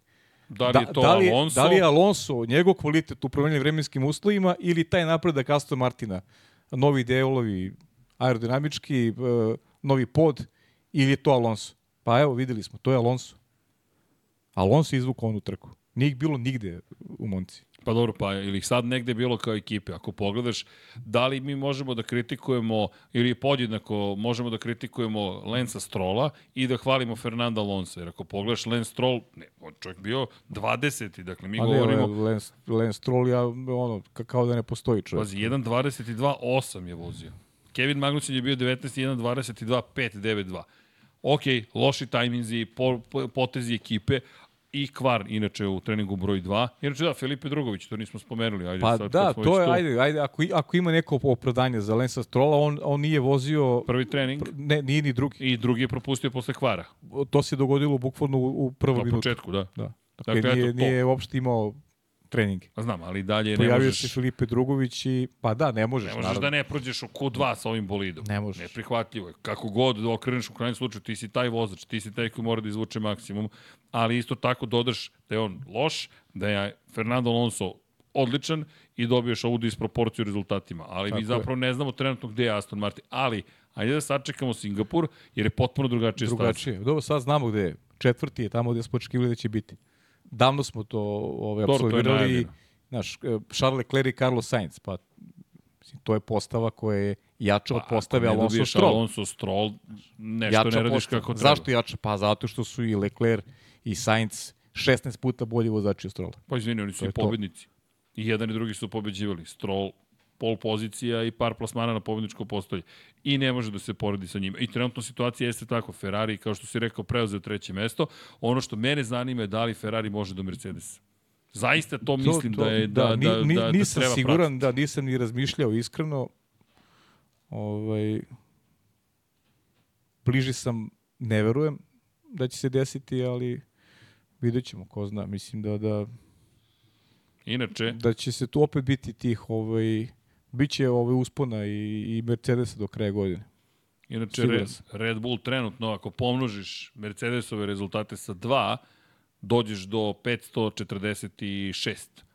Red Bull 583. Ma ne, to je... Dakle, pomnožiš sa 2, daš im kvotu, daš im indeks i kažeš puta 2 ćemo da vam množimo. Znaš šta je problem za ostale, što, što Max ima i dalje neke izazove? Jurnjeve za nekim novim pa rekordima. 100%, pa ono što smo rekli. Pa 15, on ima 15 vezanih podijuma. 19 ima Schumacher. Treba mu još 4 da izjednači taj rekao sa Schumacherom. Zašto i to? Japan, Katar i Sjedinje američke Tako države. Je. Dakle, u Meksiko bi mogao da padne taj rekord. Meksiko bi mogao da ima, da, 20 vezanih podijuma. Ne, vidi, ja ću da razlika, postavim... razlika u broju poena 2000, 2013. U odnosu Sebastian Vettel, u odnosu, Vettel Alonso je bila 154 poena, ako se ne varam. On će vrlo brzo da ima preko 200 poena više od, od Serhije, pa i tu će postavi isto apsolutni rekord. Razlika između prvog i drugog generalnog plasmana. Ne, ali vidi, e, bez obzira, hajde, Maksu pokušavamo da damo manje vremena da bismo pričali o drugima, pa ne, ne, ali, dominira. Pa ne, vratiš se ali, na njega nužno. Nužno. Da, nužno je da ali, se vratiš na... Pa evo, da li, ajmo ovako, Lewis Hamilton imam utisak kao da nije imao tu vrstu ambicije da, da, da ovako nešto uradi. Sjeti se svaki put kada je osvojio titulu, ne kažem da Lewis Hamilton nije ambiciozan. Išao da spava. Išao da, išao da žurki, išao čovjek da, da se A, zabavlja. Dobro, dru, da. drugačiji, drugačiji tip. Znaš. Da, da, da. Lewis je drugačiji tip, realno. A opet je preko 100 pobjeda zabeležio. Bez obzira što je stariji, drugačiji tip, jednostavno. Ti gledaš drugačiji Maxa živi. kao da je po cilj potpuna dominacija. Dakle, nije samo osvojiti titulu, ne pobediti, pazi, Hamilton ima, ima pet pobjeda za redom kao maksimum. A on je ustrojen je tako, naš, on, on gura napred i koristi Ja iskreno mislim da mi o, i, ne, ne, i, i zaista mi je žao što bojim se da će Max upasti, ako već nije, u istu situaciju u kojoj se našao Hamilton u momentu. Sve je to do bolida, čuvena priča. Ne, nije ma, do bolida. Jok, ljudi, Ovo što gledamo veze. je... Nikad ništa slično ma, nismo videli. Veze, da Čak ni Vettel nije bio ovakav kada je da. dominirao tih devet pobjeda. Nije bio ovakav. Nisi imao čoveka koji sa takvom sigurnošću pristupa i momentima kada je na drugoj, trećoj poziciji, petoj, znaš sedmoj, dvanestoj. Znaš u, u kojoj meri se slaže da, da, da je do bolida? A da li bi Lewis Hamilton u Red Bullu bio šampion? Da, bio bi. Ali ne znam za ove druge da li bi bili šampioni da upravljaju Red Bullom, iskreno. Fernando Alonso, možda. Fernando Alonso. Da, vrlo je. On da, li, da li bi za ove druge mogu da tvrdim, pa ne znam, stvarno. Pa evo Sergio Perez vozi isti bolid. Da li bi bili tako nepogrešivi? Da li bi bili tako nepogrešivi i kako bi se nosili sa pritiskom gde ti da iz nedelju u nedelju nešto moraš. Ja mislim nešto, da on nešto, otišao, nešto pa podražu, podrazumevaš. Ja mislim da on otišao na neki drugi nivo. Jeste? Pa ne, ja on, zaista mislim da otišao na neki drugi nivo. On je na nivou ovih velikana o kojima, o kojima govorimo, s koje smo mi rasli. E, pa za tri trke je 50 pobjeda. Pa da, eto. Pa eto, sve će da se složi. 15 za redom, 52. Ma nema ljudi u sportu, u životu nema ništa slučajno. Nema, znaš, sad ti si, ono, bar Honda, to je ovaj bilo, znaš, Ne, ne, misliš, uh, ne bar Honda, nego Bron. Ne, Bron, Bron, Bron, Bron, Bron Mercedes. Mene, bar Honda. Hondu su kupili. I to, to sam već jednom rekao, da. ali Bron, voliš batona da gurneš Bron, u tu bar Hondu. Pa ne, ali, to ti je. da, da, Bron Grand Prix. Što, to ti je ono... to mađarska pobjeda prva, taj pa, moment. Da, mislim, to je. za Jensona. Rekli smo, snima se film. Za one koji ne znaju, stiže film o toj čuvenoj sezoni Bron Grand Prix-a. Tu, tu, Keanu Reeves, valjda je tu, tu stvarno imam narator e, u dokumentarcu. To jedin, jedina sezona u kojoj imam utisak da se našao bilo ko da vozi u da, tom bolidu. u tom bolidu da bi osvojio šampionsku titulu. Dobro, pobedio je to, je, to je opet moj utisak, da dobro, pobedio timsku pobedio kolegu. Timsku tako kolegu. Je. O, to je stvarno bio obračun samo timski kolega. E, imamo i pozdrav od Aleksa Stanića i donaciju od 10 kanadskih dolara. Hvala, kaže veliki pozdrav za najbolju ekipu iz, iz Vancouvera od malog Simona i mene. Utisak nedelje je ona uh, budala od stanje kako je rešio Formulu 2, doći ćemo na to. Slažem se, nisam ga baš tako nazvao u prenosu, nije korektno, ne, nije korektno ali, ali, ovako mi, ovako mi je falo da mu kažem, da kažem to, ovako. Ne, stvarno što se čovjek upleo, ne, ne, nikakav komentar ne redi. Odlučio tituli, ono, ono je stvarno Kaže, a što se F1 tiče, Maxi čudovište, sve će rekorde dobori. Kako sada stvari stoje? To uopšte nije nemoguće. Nije, I to najviše, najviše od njega zavisi. Pa da, ali ja zaista mislim da su oni sad sebi zaceti.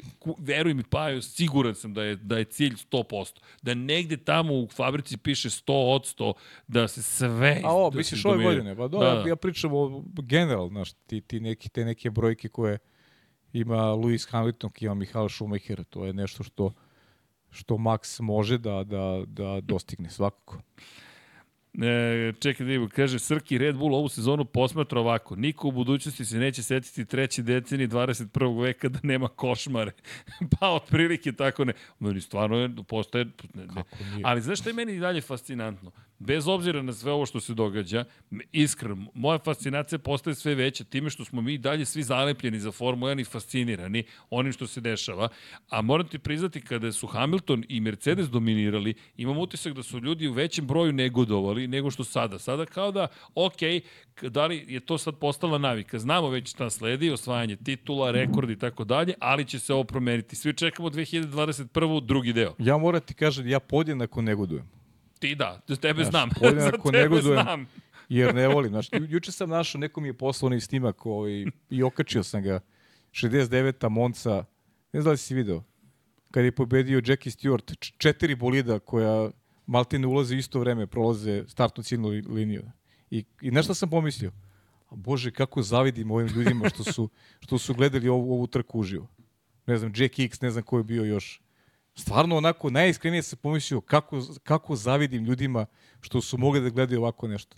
Četiri bolida koja, koja ulaze u, u paraboliku, idu na statno ciljni pravac i ti ne znaš ko će pobedi od, od četiri automobila. Ludilo.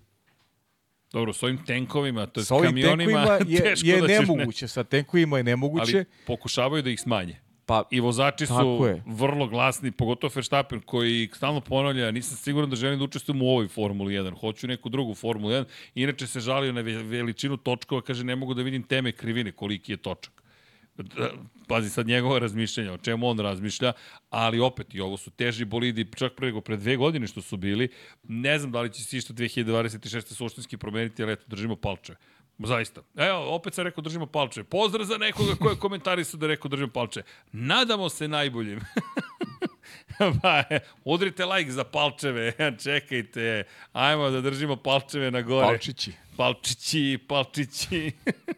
E, u svakom slučaju, kada pričamo o, o dominaciji, ne možemo da se ne vratimo na Maxa. Zaista čovjek pa ne, ali mislim ne, da kako pohvale, bi ne znam ne možemo, šta bih rekao. Ne možemo da poništimo ono što se dešava tako što ćemo da ignorišemo. Ali znaš šta je mi razlika ali, ali isto? stvarno, stvarno mislim da, da i to, da su da je on je veliki šampion i, i nije nije posljedica, nije ovo bolid je sjajan.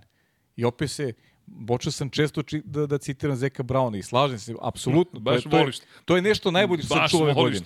Pa da, da su dva Pereza u Red Bullu. kojim se vraćaš na nju. Pitanje je kako bi gledali novu sezonu. To je to. Je to. Niko ne zna Pajo, ali nećemo ni saznati kako u ovom trenutku. Bilo bi interesantnije. Maxi u svom filmu. E, znaš ko je još u svom filmu i ko, kada malo pre smo pričali o Danielu Ricardu, kome se smrklo, ali stvarno je Liam Lawsonu. Liam Lawsonu malo nije osvojio poene. Mogu Čuk, ti kažem 11. mesto. da mi je momak, ali nije neočekivano za mene, zaista. Jedan od Da, super. Kvalitetnih Kvalitetni u Formuli 2. On je pro, u posljednjem trci prošle godine došao do treće pozicije. A ovaj, istisnuo sa trećeg mesta Logana Sargenta, završio kao treći. Dve trke koje je odradio sjajno. Profesionalno. Baš profesionalno. Pazi. Što kaže, Deki dovezao bolid u garažu, bukvalno ni najmanja greška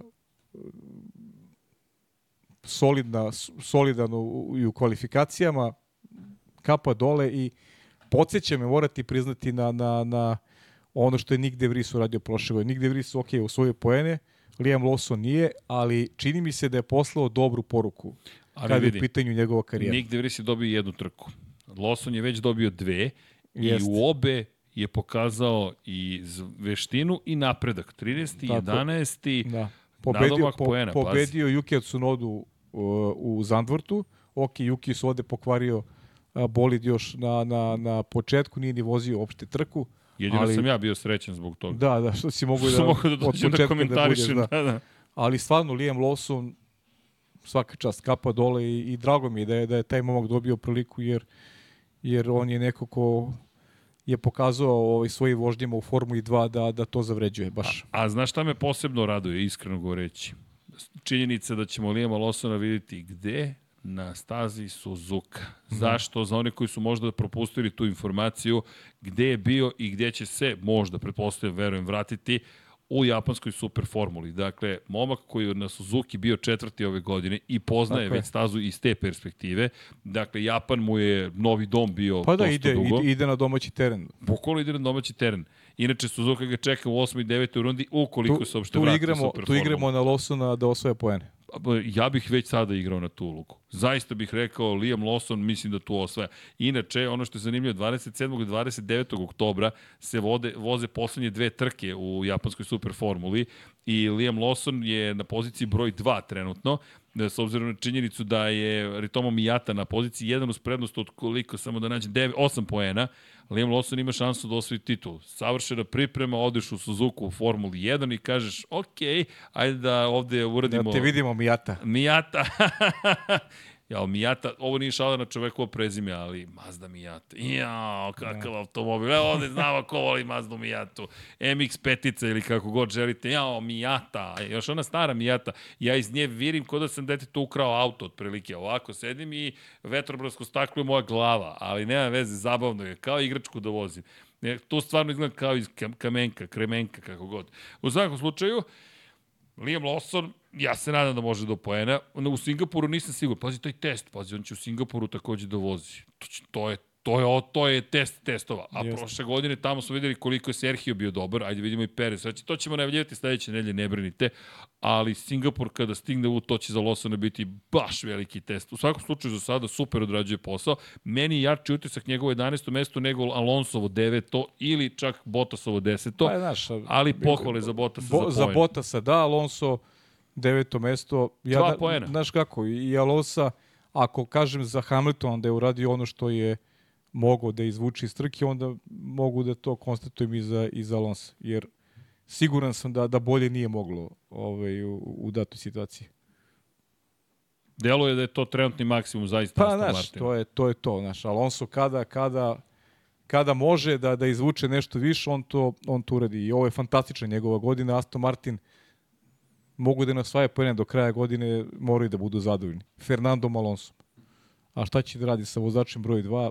ukoliko imaju velike ambicije, to Lance Stroll ne može da isprati bez obzira što je Mike Rack ne znam da si čitao, ovaj, meni, je, meni je bilo čak ovaj, malo i, i smešno kad sam čitao ovaj, način na koji govori o, o Lensu Strollu i kako ga hvali da on, ne znam, isporučuje nešto drugo, neke važne informacije, da bi, mislim, ne smeš, ne, da, ne, da ne smeš gazi da se zameriš, to je, to je pa ta da, ali to, koliko si onda ozbiljna ekipa. Koliko ti, ti zaista govorim, želiš da pa budeš uspešan to, u Formuli 1, u tako surovom sportu. Svaki soft sport, pogotovo profesionalni, je zahtevan. Ovi vrhunski sportovi su bukvalno nemilosrdni, a ti si u jednom od najnemilosrdnijih sportova od nemilosrdnih sportova. Ti, ti u ovakvoj konstelaciji snaga ne možeš da budeš bolji od četvrtog mesta. Ne možeš. Jer ove tri vodeće ekipe imaju, imaju šestoricu sjajnih vozača. Čeko. Dakle, to ti je tim koji trenutno sve potire. Imaš, ajmo Mercedes, pošto su na poziciji 2, Hamilton, Hamilton, i Russell. Hamiltona i Russella, i imaš u Ferrariju Leclerc i Sainz. Tako je. I ti želiš nešto u tome svemu sa Lensom Strowom, koji nije dorastao Ma, tome. Nema, nema, nema, nema govor. Ne možeš. I to je inače pohvala Pri, Sergio Perezu. Pritom Lando Norris je, pritom je Lando Norris je ispred uh, Lensa Strowog generalnom plasmanu vozača. E, McLaren koji se muči nije postio bukvalno u nekih 7-8 trka s početka godine. E, inače, apropo te priče, zaista mislim da je ovo pohvala Serhiju Perezu, jer smo ga svrstali među veoma ozbiljne vozače. Ne, on, on jeste Perez odrađuje svoj posao. Vozač, on samo, Čisto nije, da... samo nije, nije šampionska libra vozač, ali ne mogu svi da budu šampioni. Tamo da može biti, ali dobro. To ti, pa naš, ne, to je... I to tih je sjajan tim. E, ok, ovo je šala koja mene ovako lobuje. Pa da. Ali ću reći, rekao da mi objasni o čemu je fora. Pa ne može da bude šampion. A, okej. Okay. je to. Nisam znao ljudi, stvarno nisam iz tog pa, filma. Da, da. Znaš da me, ko me pitao? Kuzma, Luka, ne znam, neko me njih pitao. Srke, ti zaista ne pratiš te sportove? Ne.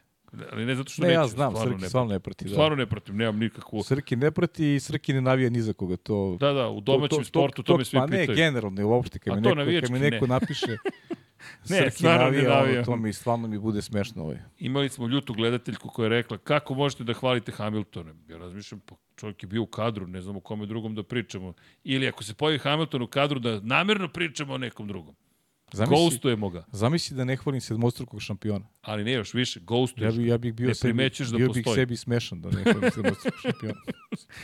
Aj, dobro. Ne, i pozdrav za gledateljku. Šta mislite lično o njemu i svaki ima pravo na svoje mišljenje, ali 7 titula, 103 pobjede, nije tako. I imam ja neko, znaš, neko razmišljenje na, na, na temu ne, ne, nekog ono, uh, ne znam, odnosa sa javnošću i neko, nekog, znaš, emitovanja sebe kroz, kroz ove društvene mreže, kroz, ne znam, neki javni život, ali to, koga briga za to ljudi? Bitno je, mi pričamo o Formula 1, pričamo o stazi. I to treba bude fokus. Krajnji slučaj mi te ljude privatno ne poznajemo ko smo mi da, da sudimo Niti njima Niti je naš posao da se bavimo njima na taj da, način. Zašto oni neke stvari rade? Možda zato što tako i treba da bude, Čekaj, što tako moraju. Znaš, ali vidi, to je njihovo pravo. Pa njihovo pravo, u krajnjem slučaju. Znam, da, možda voli sad. Nama se ne dopada okay. ili dopada i to je to. Je to. Inače, malo pre smo spomenuli Jukije Curodu, njegov kvar, koji da. je doveo do od, odlaganja starta trke. Međutim, prema pisanju autosporta imali smo jednu situaciju, čisto da to ne zaboravimo, kad smo već spomenuli, koja je dovela do još dužeg odlaganja i mehaničari koji su bili zaglavljeni zapravo u pit lane-u, desilo se da glavni semafor koji označava redarima da li smaju da puste nekoga na, na, na startni poredak zapravo je pokazivao da ne smeju nikoga da puste i bila je miskomunikacija zapravo između Međunarodne automobilske federacije i vozača, to je timova, pa su timovi radio porukama morali da obavesti vozača šta se dešava. Jer obično završiš taj krug, staneš i povesi mehaničar. Jednom nema nikoga, ti sediš u bolidu, razmišljaš šta sad, nema mehaničara, crvena su svetla, jer idemo u restart, ne idemo u restart i onda tek počinju poruke da dolaze, ej, čekaj, sad će stići, a obezbeđenje koje kaže, ej, vidi, piše crveno, ja tebe ne puštam prijatelju na stazu, što je okej. Okay. Bolje da ih ne pusti da, da bude to vrsta greške, nego da ih pusti i da bude nešto da. drugo. Ali činjenica je to da smo i to imali, kažem, sebično krajnje, meni je sve to odgovaralo, pošto je saj odloženi start za one koji ne znaju, završamo MotoGP i počinje Formula 1. I meni je bilo drago zbog tebe, da, naš, start trke Kako da, ne propustimo to. 1, stvarno. Još u Monci. Da, još u Monci. Veruj mi, ka, ka, prvo incident koji se dešava u, u Barceloni, katastrofa, potpuno drama, onda smo tokom trke dobili prve informacije da je Peko Bonja je dobro, i onda već počinje da razmišljam, da li je realno da će propustiti start trke u Monci, tako ne mogu da verujem od svih trka, jer Monca, ok, nije ove godine dozvolila previše preticanja, ali Monci dalje, Monci dalje kraljica brzine i dalje je to jedno posebno mesto. Monca. Znaš, pogledaš samo kadrove, starije, oval, tu, ono ne znam šta je ono, kapela neka koju nikad ranije nismo videli, stavili su kadar koji hvata sad Ne znam da li si vidio informaciju na, ne. na dan trke, da? obeležavali su 101 godinu od kad je trka puštena da, da. ovaj, u, Pazi, vek, što se ceo. kaže u rad. Da. Vek. Ceo vek. 101 godina. Baš na dan trke.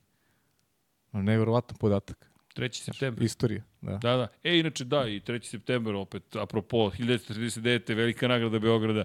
Držimo Jeste. se toga, ne puštamo otprilike. E da, 17. septembar biće, je li tako? 17. septembar je godišnica Red Bull Show Run Jel tako? I spremamo svi koji ste poslali materijale, ako niste, imate još uvek vremena da pošaljete, mi u četvrtak sedamo i sada vas obavestimo šta ćemo da uradimo. Jer sada, Vlado može kadar sa prostorom, ćemo da uradimo sledeću stvar, napravit ćemo jednu malu izlužbu, mi ćemo da izaberemo fotografije, Ako uspemo, ne kažem, ne kažem jer će me pogledati e, Mrko, Paja, Helena, svi će me pogledati Mrko, mi ćemo ovde da jedan deo koji je predviđen za izložbe, da napravimo naj, 10 najboljih fotografija vaših, s tim što bih ja voleo, ako uspemo da uradimo devet, da bude naš izbor, jedna da bude izbor publike, da stavimo, pa vi to lajkujete, šerujete ili šta god na društvenim mrežama, ne vjerujemo vas za lajkove. Ako nego... se poklopi da izbor publike nešto i naš izbor, onda opet možemo desitu da ovaj... Da izaberemo. Da izaberemo, da. Pa da. A kazat ćemo da je to Tako je. Stvari kazat ćemo da je to izbor, da je taj izbor publike, ako je, iako je i naš izbor. Eto. Misliš tako? Pa da, tako. da. uh, Michael, ti si... Da. Majki, no, majki. ne, teško da sam majki, ali dobro. Izvini, bilo jače od mene. Ok, da. Prikutam ja, znaš da sam ovaj, na svoje leđe sve šale skupljene. Tako je, da, da te, težak posao, neko da, da, mora da, i to da, da radi. A sve ostale fotografije da ne mislite da neće biti prikazane, ćemo pretvoriti u slide show digitalni, pošto ne možemo da odštapamo sve fotografije. Mada patreon.com kroz Infinity Lighthouse ili klik donacija, pa možda i uspemo. Šalom stranu, ali napravit ćemo slide show tako da sve što ste poslali može da se vrti na, na, na, da li na ekranu ili će ići kroz to sad to sad rešavamo to pitanje da kako ćemo da prikazujemo, ali u svakom slučaju da li projektor, da li ekran, tu će se vrtiti sve vaše fotografije, video, snimci, sve što ste nam poslali, to ćemo pretvoriti inače u jedan veliki video, jednu kolekciju za YouTube i stavit ćemo na YouTube tako da sve vaše uspomene zapravo sa Red Bull Show rana budu sve zajedničke uspomene, jer mi smo ponosni zaista na sve to što se dešavalo pre godinu dana i negde smo devize, ako mi dozvolimo da se to zaboravi, to će se zaboraviti. Mi smo bili deo toga kao ambasadori događaja. Mi čuli smo se sa ekipom iz Red Bulla koja kaže, pa čekaj, vi to sami radite, sami radimo. Tako da možda će nas podržati, ali nije to poenta. Poenta priče da mi svi zajedno ne treba da zaboravljamo nešto što je deo neke naše male istorije. Nije velika nagrada, ali ljudi, zajedno smo se okupili tog dana. Koji ste bili na Red Bull show ranu? I? ajmo da ne zaboravimo, da, da ta uspomena, taj moment, taj kišni pa, dan, jo, jel da. te, nekako ostane zabeležen. Pa eto, ako imamo, znaš, ima tu biramo fotografije, ima neke neke simbolike, naš, ovaj 17. naš da je sad uskoro i godišnjica Sukijeve smrti, smrti, tako da, da. Tako da, ovaj, kad god čujem fotografije, ja se setim, setim se. Nema, fotografiji setim se Sukije, da odmah, tako da posebni. možemo, da, možemo da, eto, nešto da, super što to radimo, da, ovaj. Jel znaš da sprem, da, ne znam da li on zna, ali ja znam, da ćemo imati samostalnu izložbu Hasana Bratića u našem prostoru. Super, onda baš se, pa Hasan ili znaš? Šta će Hasan da piše? Pa vidi, bilo bi bolje da zna, jer ja sam mu rekao šta će da se desi ako uspemo da bezbedimo prostor koji mi upravljamo, jer hvala svima iz, koji su nas podržali. Sad ćemo imati onda, da, super. Iz galerije, kada su nam dozvolili prošle godine da organizuju izložbe. Još kad, još kad bi Hasan došao tada. Pa sad, ja ne znam, koji, samostal, koji autor samostalne izložbe se ne pojavi na otvaranju svoje izložbe? Šalim se, samo ga pozivam. Da, da, ne, samo... Ne, ne, on treba da nam kaže datum onda. Kad dolazi da nam kaže datum i pravimo. Hasane, mi te to čekamo. Pošto je neko pitao kad će Hasan. Eto kad će Hasan, pri čemu... Znaš šta, upa, moramo da smislimo za Hasane neki poseban doček. Tako da, da mu bude maksimalno neprijatno. ne, da, na aerodromu. Da čekaj, da mu, na aerodromu, čekaj, čekaj, Hasan Bratić, da mu, bu, transparentni. Da mu, da mu bude da maksimalno neprijatno. Tako je. Ja ću da smislim nešto. Samo Hasan, unsubscribe. Nešto ćemo smisliti. Blok, dislike. Ali ne, ne, ozbiljno, ljudi, ne šalimo se. Pričali smo sa Hasanom i još nemamo baš temu izložbe, ima raznih ideja, ali ćemo svakako to da napravimo. Zvaćemo ponovo i Andrej Cakovića, koji ne zna zapravo da njegova humanitarna izložba, sve fotografije koje nisu prodate, postoji ponovo deo sastavne. Evo ga, nisam znao. Nisam... znao sam ti E, sad znaš. nisam znao. Tako da, da ćemo imati to pa će sve to biti deo kolekcije. Oni koji su propustili Rosijevu izložbu prošle godine, to će takođe biti stalna postavka. Pa to, to su inače fotografije na prodaju, ali nije tome samo pojnta, već je pojnt u tome da hoćemo da taj prostor bude posvećen, jel te, Formula 1, Moto Grand Prix, američkom futbolu, istraživanje kosmičkim, čemu god lepom što možemo da istražimo i pozivamo sve da nam se pridružite 9. septembra. U prostoru će biti prazno, nećemo prebaciti studio, pošto to, to, to nećemo sada da radimo, već će biti fotografije, ali bit ćete vi, tako da nije prazan prostor, nego puno onih koji Biće treba da budu. da. Nadamo se da ćete doći. Imamo i toalete, ne brinite rade. I muški i ženski.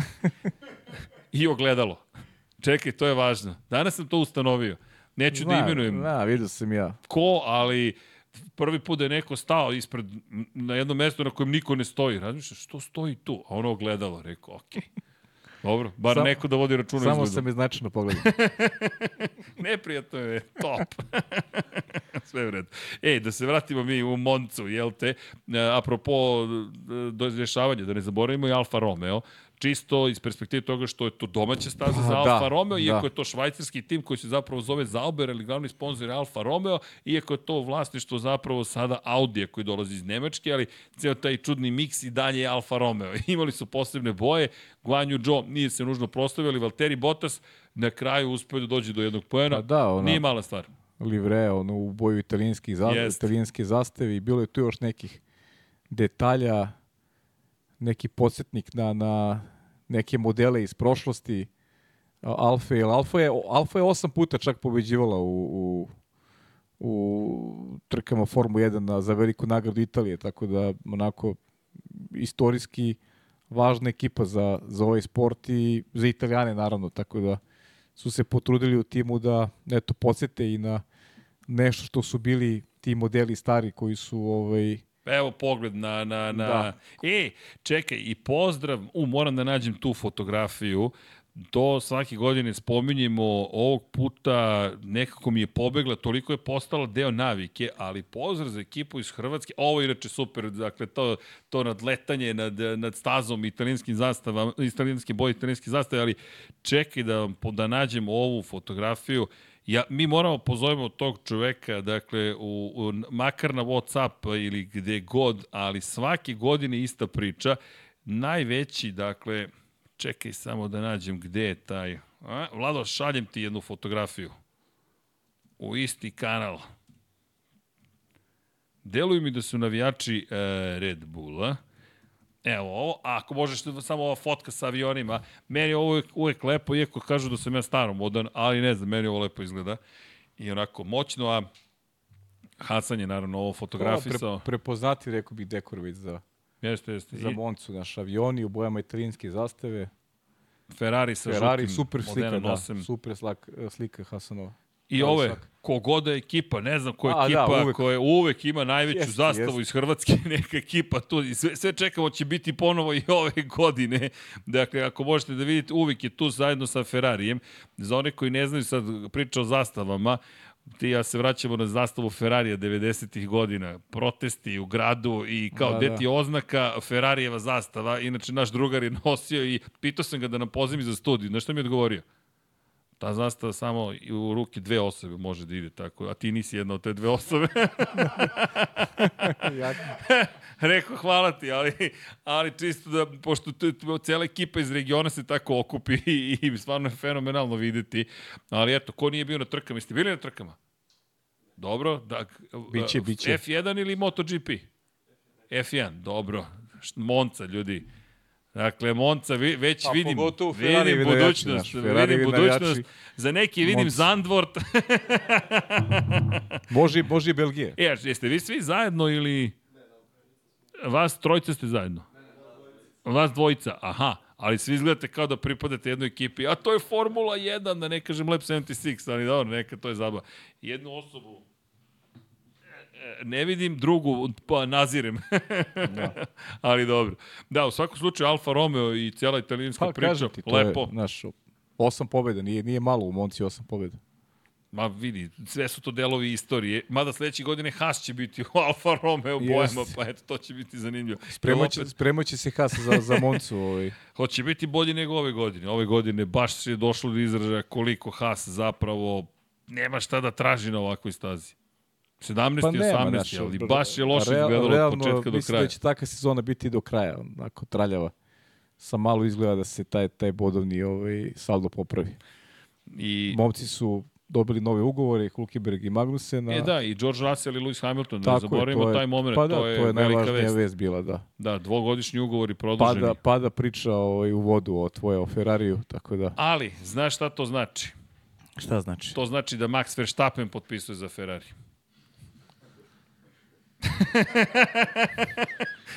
ja odustati neću, razumeš? Ima nekog od njih da dovedem u Ferrari. Na kraju ću pa da ne, pogodim. Nek, pazi, neko će doći sigurno u Ferrari. neko ali, će doći. Ali ovaj, mora Ferrari malo... Za Maxa teško da izazova od ovog momentu Ferrari. Dobro, on ima ugovor do 2028. koliko se pa, sećam. mislim, ne da... samo to, on ima nešto što, što mu omogućuje da radi ono o čemu smo pričali iz početka podcasta, da obara rekord, da osvoje titule i da možda jednog dana bude i najbolji svih vremena toj kategoriji. Ma da, naši do 2028. ima pa, ugovor da. čovjek. A znaš je... kako ugovor, da se ugovor. Promeniti. Znaš kako, ti ako hoćeš da ideš, ovaj, džaba i ugovor. Možda držiš neko koji je nezdovoljen, ne gledaš ovaj, da ako možeš da, da dobiješ neko obeštećenje i da misli tako funkcioniš u stvari u svim sportima, tako funkcioniš i Formula 1 isto. Niko neće da drži neko ko je nezdovoljan. Dobro, ali, ali poruka njemu je vrlo jasna. Ma, znaš, imaš šampionski boli da osvojaš titule, zašto bi išao negdje? Izvijeni, uvijek se smijem kada gledam uh, ugovore, šta smo upisali kao vreme isteka ugovora i samo kod Lensa Strola nema nikakvog datuma, samo kod njega stoji A on ima, ima neograničen. Prazno, ima neograničen. Niko ne zna do kad mu traje ugovor. On ostaje do zauvek. ali bukvalno svi imaju neku informaciju. Kod Lensa Strola ne postoji nikakva informacija. A eto, čuo si i krak šta pričao. Ne, nema, to je, sigurno je tu ne, sledeći. Pa vidi, zauvek što kažeš, pa da, to zauvek. je to. Inače, no. ugovori ističu Yuki Tsunodi i Guanju Joe.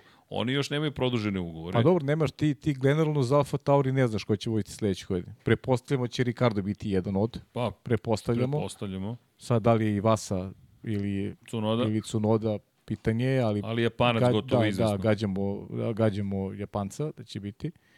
I nemaš ovaj, Gvanju Joe kome ističe ugovor. A šta misliš, Lawson ukoliko bude dovoljno dobar u ove dve trke? Da, da. Umesto Ricarda. Apsolutno, apsolutno.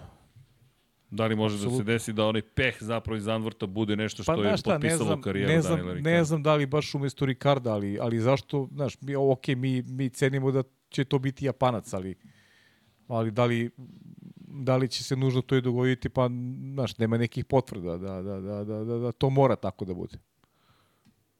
Vidjet ćemo. Dobro, Joe, nemamo predstavu kako će biti sudbina, čekamo informacije. Joe, da. Na kraju godine mu ističe ugovor, kao što smo rekli. Čak mislim da on pod najvećim znakom pitanja i Sargent. Mm. Sargent, mislim da je čak Sargent prilično sigurno da neće da, ostati u formuli. Tu bi mogao Mick Schumacher. Pa mislim da će Wolf to da izgura. Pa da, pravo je godinu dana tu pored Tota Wolfa, tako i Okon sedeo, pa I stalno ponavlja da Mik zaslužuje mesto, zaslužuje Jest. mesto, zaslužuje mesto. Kad to ponavlja šef Mercedesa... A, ne, a nemaš gde. Pa, nemaš gde. Sargentova pozicija. To je jedino što se otvara. I to, Ali, je, i to je dobro za Mika. Kada spominješ, izvini, kada već spominješ Alpinine vozače, ajde, i ne samo Esteban Ocon, već i Pjera Gaslija, posle onakvog spektakla u Zandvortu, Buć, A to je to, Srki. U bunar. To je to. Nigde. To su te ekipe, znaš, nemaš... No, mnogo amplitude ima cele godine. Ja, ali... ne, nemaju stabilno ti nešto, ali znaš šta, nije loše iz naše pozicije da ovaj, i, i publike koja, koja prati da, da ovaj... Ali da li ovo, izvini Pavel, samo do guma, što si mora da koristiš tvrde gume u Q1 ili je ovo pravi pokazatelj neki pa form? Pa ne bih rekao da je samo do guma. Znaš, oni su ti koji, koji opet trpe u, u nekoj situaciji koja nije baš česta. Ono je anomalija. Treće mesto u Zandvortu. Tako je. Dobro. Ono je anomalija. Ono je, ono je, ono je splet nakon lepih okolnosti. Moment kada Gasli menja gume, što ga favorizuju u odnosu na, na rivale. Znaš, prosto Alpina je iskoristila uh, neki, to je Gasli iskoristio neki, neki moment ovaj, koji je bio specifičan u promenljivim vremenskim uslovima i opet, ajde, za, zašto i to ne reći? Pa i Gasly je dobar vozač generalno. I oni neki svoj potencijal tu mogao da pokaže u, u A ovo je opet neko realno stanje, rekao bih, tima, kompletnog tima ovaj, Alpine. Baš realno stanje. Vidi, oni su imali 3000 tinke razlike jedan između drugog u kvalifikacijama. Dakle, to je to. To je to. To je što Pa se da. tiče bolida maksimum. Ne postoji nikakva razlika između dva vozača. Ne pamtim da smo imali tako malu razliku u tako lošem rezultatu za jednu ekipu. Jeste. Za ekipu koja očigledno ne može da bude 17-18 na početku trke, ali to je, to je konačno bio rezultat. Razočaranje, nema, nema šta. Mislim, I vraćamo se opet na istu priču, apropo zašto, apropo, evo izgovorio sam ga, izvinjavam se. pa dobro, to je to. dešava se, ali kada je reč, jel te, o situaciji koja nas čeka u Alpini, šta se smeješ, Vlado, da čujem? Si zadovoljan? E, Je e, je to bio vaš smeh ili se meni učinilo? Ne, ne, sve u redu. Vlad, Vlada mi se prepao, ja čekaj Vlado, ja sam mislio da se smeješ apropo komentar. A sad mi je istrolovao. Ladno si me istrolovao. Au, Pa, Uf. i niko da mi skrene pažnju. Au, ja ću da uzmem moje knjige Nego, i da Srki, se povučem u biblioteku. Srki. Dakle, ja bih vas više ne bih iznemiravao. A znaš kako me istrolovao sad? Ljudi, trebali ste da vidite facu, kao da sam nešto grozno uradio. Rekao, Vlado, šta ti je? Apropo Alpine, Srki, ovaj, Hvala teo, ti. teo sam ti reći... E, to je prijatelj. Eto je, vidiš šta je prijatelj. šta si mi hteo reći? Da je kraj naše emisije. Pa nije, nije, Nije, nije. ne, ne, nije, imamo i Formulu Ne, ne, 2 i ne. Formulu 3 i ne Porsche žurimo, Super ne Cup. žurimo nigde, ne žurimo nigde, nego Deki, kažem da su normalne gleda, te, te amplitude. Kako Deki, sad kad mi pošalje poruku, Srki, vodi računa o Pa i paj. nije dobro ovo. isto.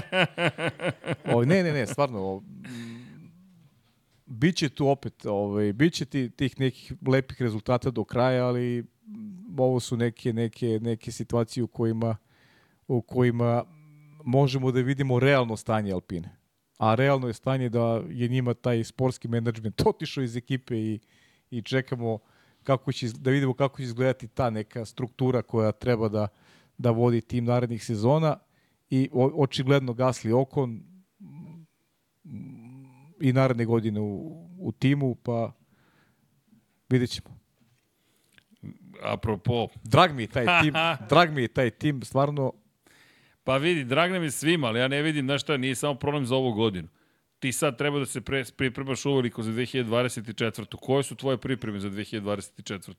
Na šta liče pripreme za sledeću godinu u momentu kada Ferrari, kako god, nešto pokušava da učini revolucionarno, Mercedes neće ostati na ovom nivou, Mercedes gradi priču za sledeću sezonu. Ja sam utiskao da Mercedes zaista sav fokus prebacio na sledeću godinu i da je ovde sada, ok, ono što si rekao, ovo je naš maksimum, 5. 6. 5. 6. 5. 6. 5. 6. e, izvini, I to je to? digresija jedna.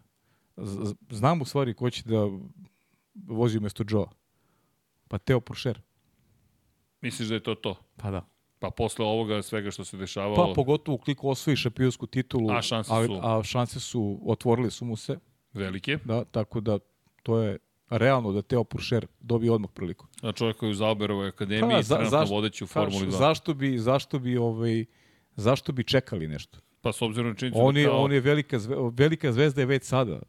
Kada govorimo o da kažemo o vozačima koji dolaze iz Francuske, imaju ima ogromnu podršku, ima podršku i sponzora, ima talenta. Očekivao sam više iskreno u Formuli 2 ove godine od njega, samo jednu pobedu ima. Ali počeo, i to je pobedom Ali- otvorio sezonu. da, dru, i to i trci. to u glavnoj trci, nakon toga, ali ima konstantnost.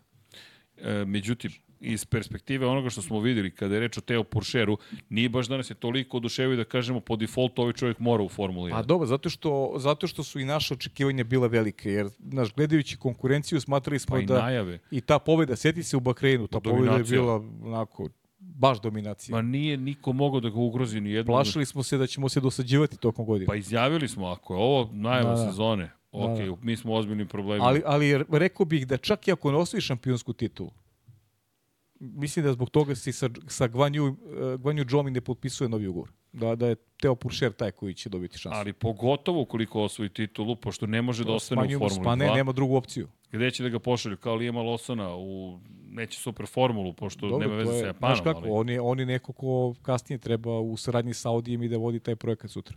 Da, inače Valtteri Bottas Ta, nema taman, ugovor. Taman ima dve godine, dovoljno da, da, da negde nauči. sazri, da nauči i da i da eventualno se promoviše u, u lider ekipa. A Bottas ističe ugovor krajem sledeće godine. Tako je. Dakle, Bottas nema ugovor koji mu garantuje da će dočekati Audi.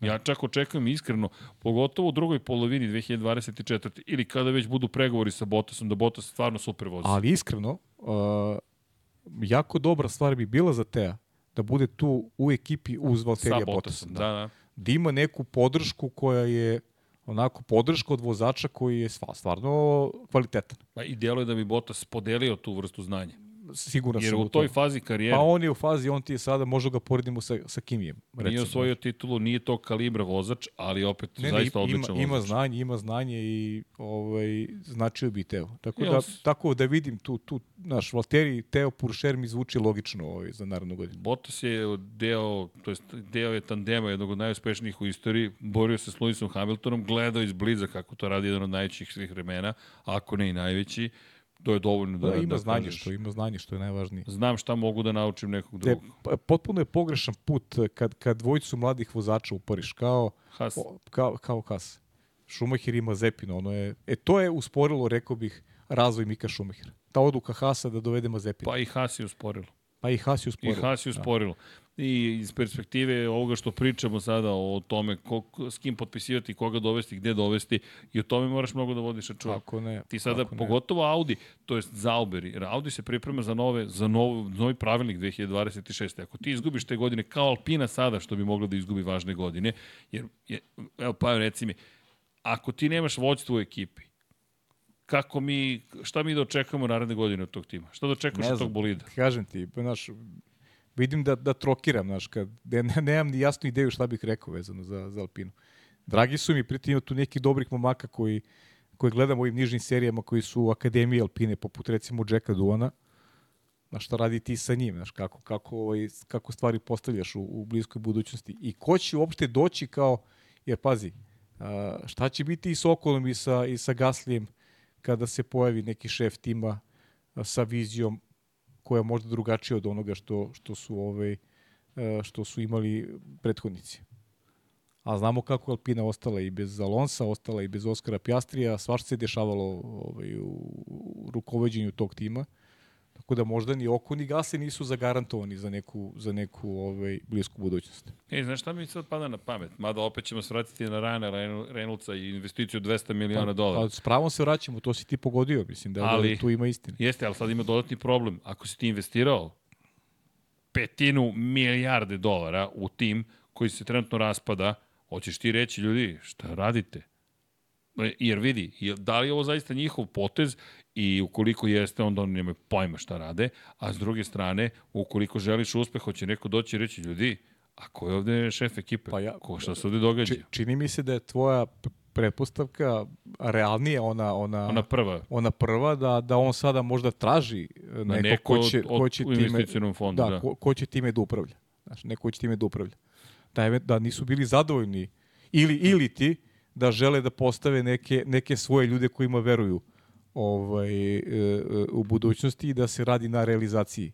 Govorili smo Matiji Binotu, da li Matija Binoto taj i dalje ne znamo, ali nije, nije nemoguće, tako da čekamo prave odgovore da, na, vezano za, za, za tu tematiku. Znaš, da me to dovodi? Do nečeg što, što je Helmut Marko spominjao, a to je priča o tome, on je taj koji već duže ponavlja da Alpina treba svoj tim da proda porodici Andreti.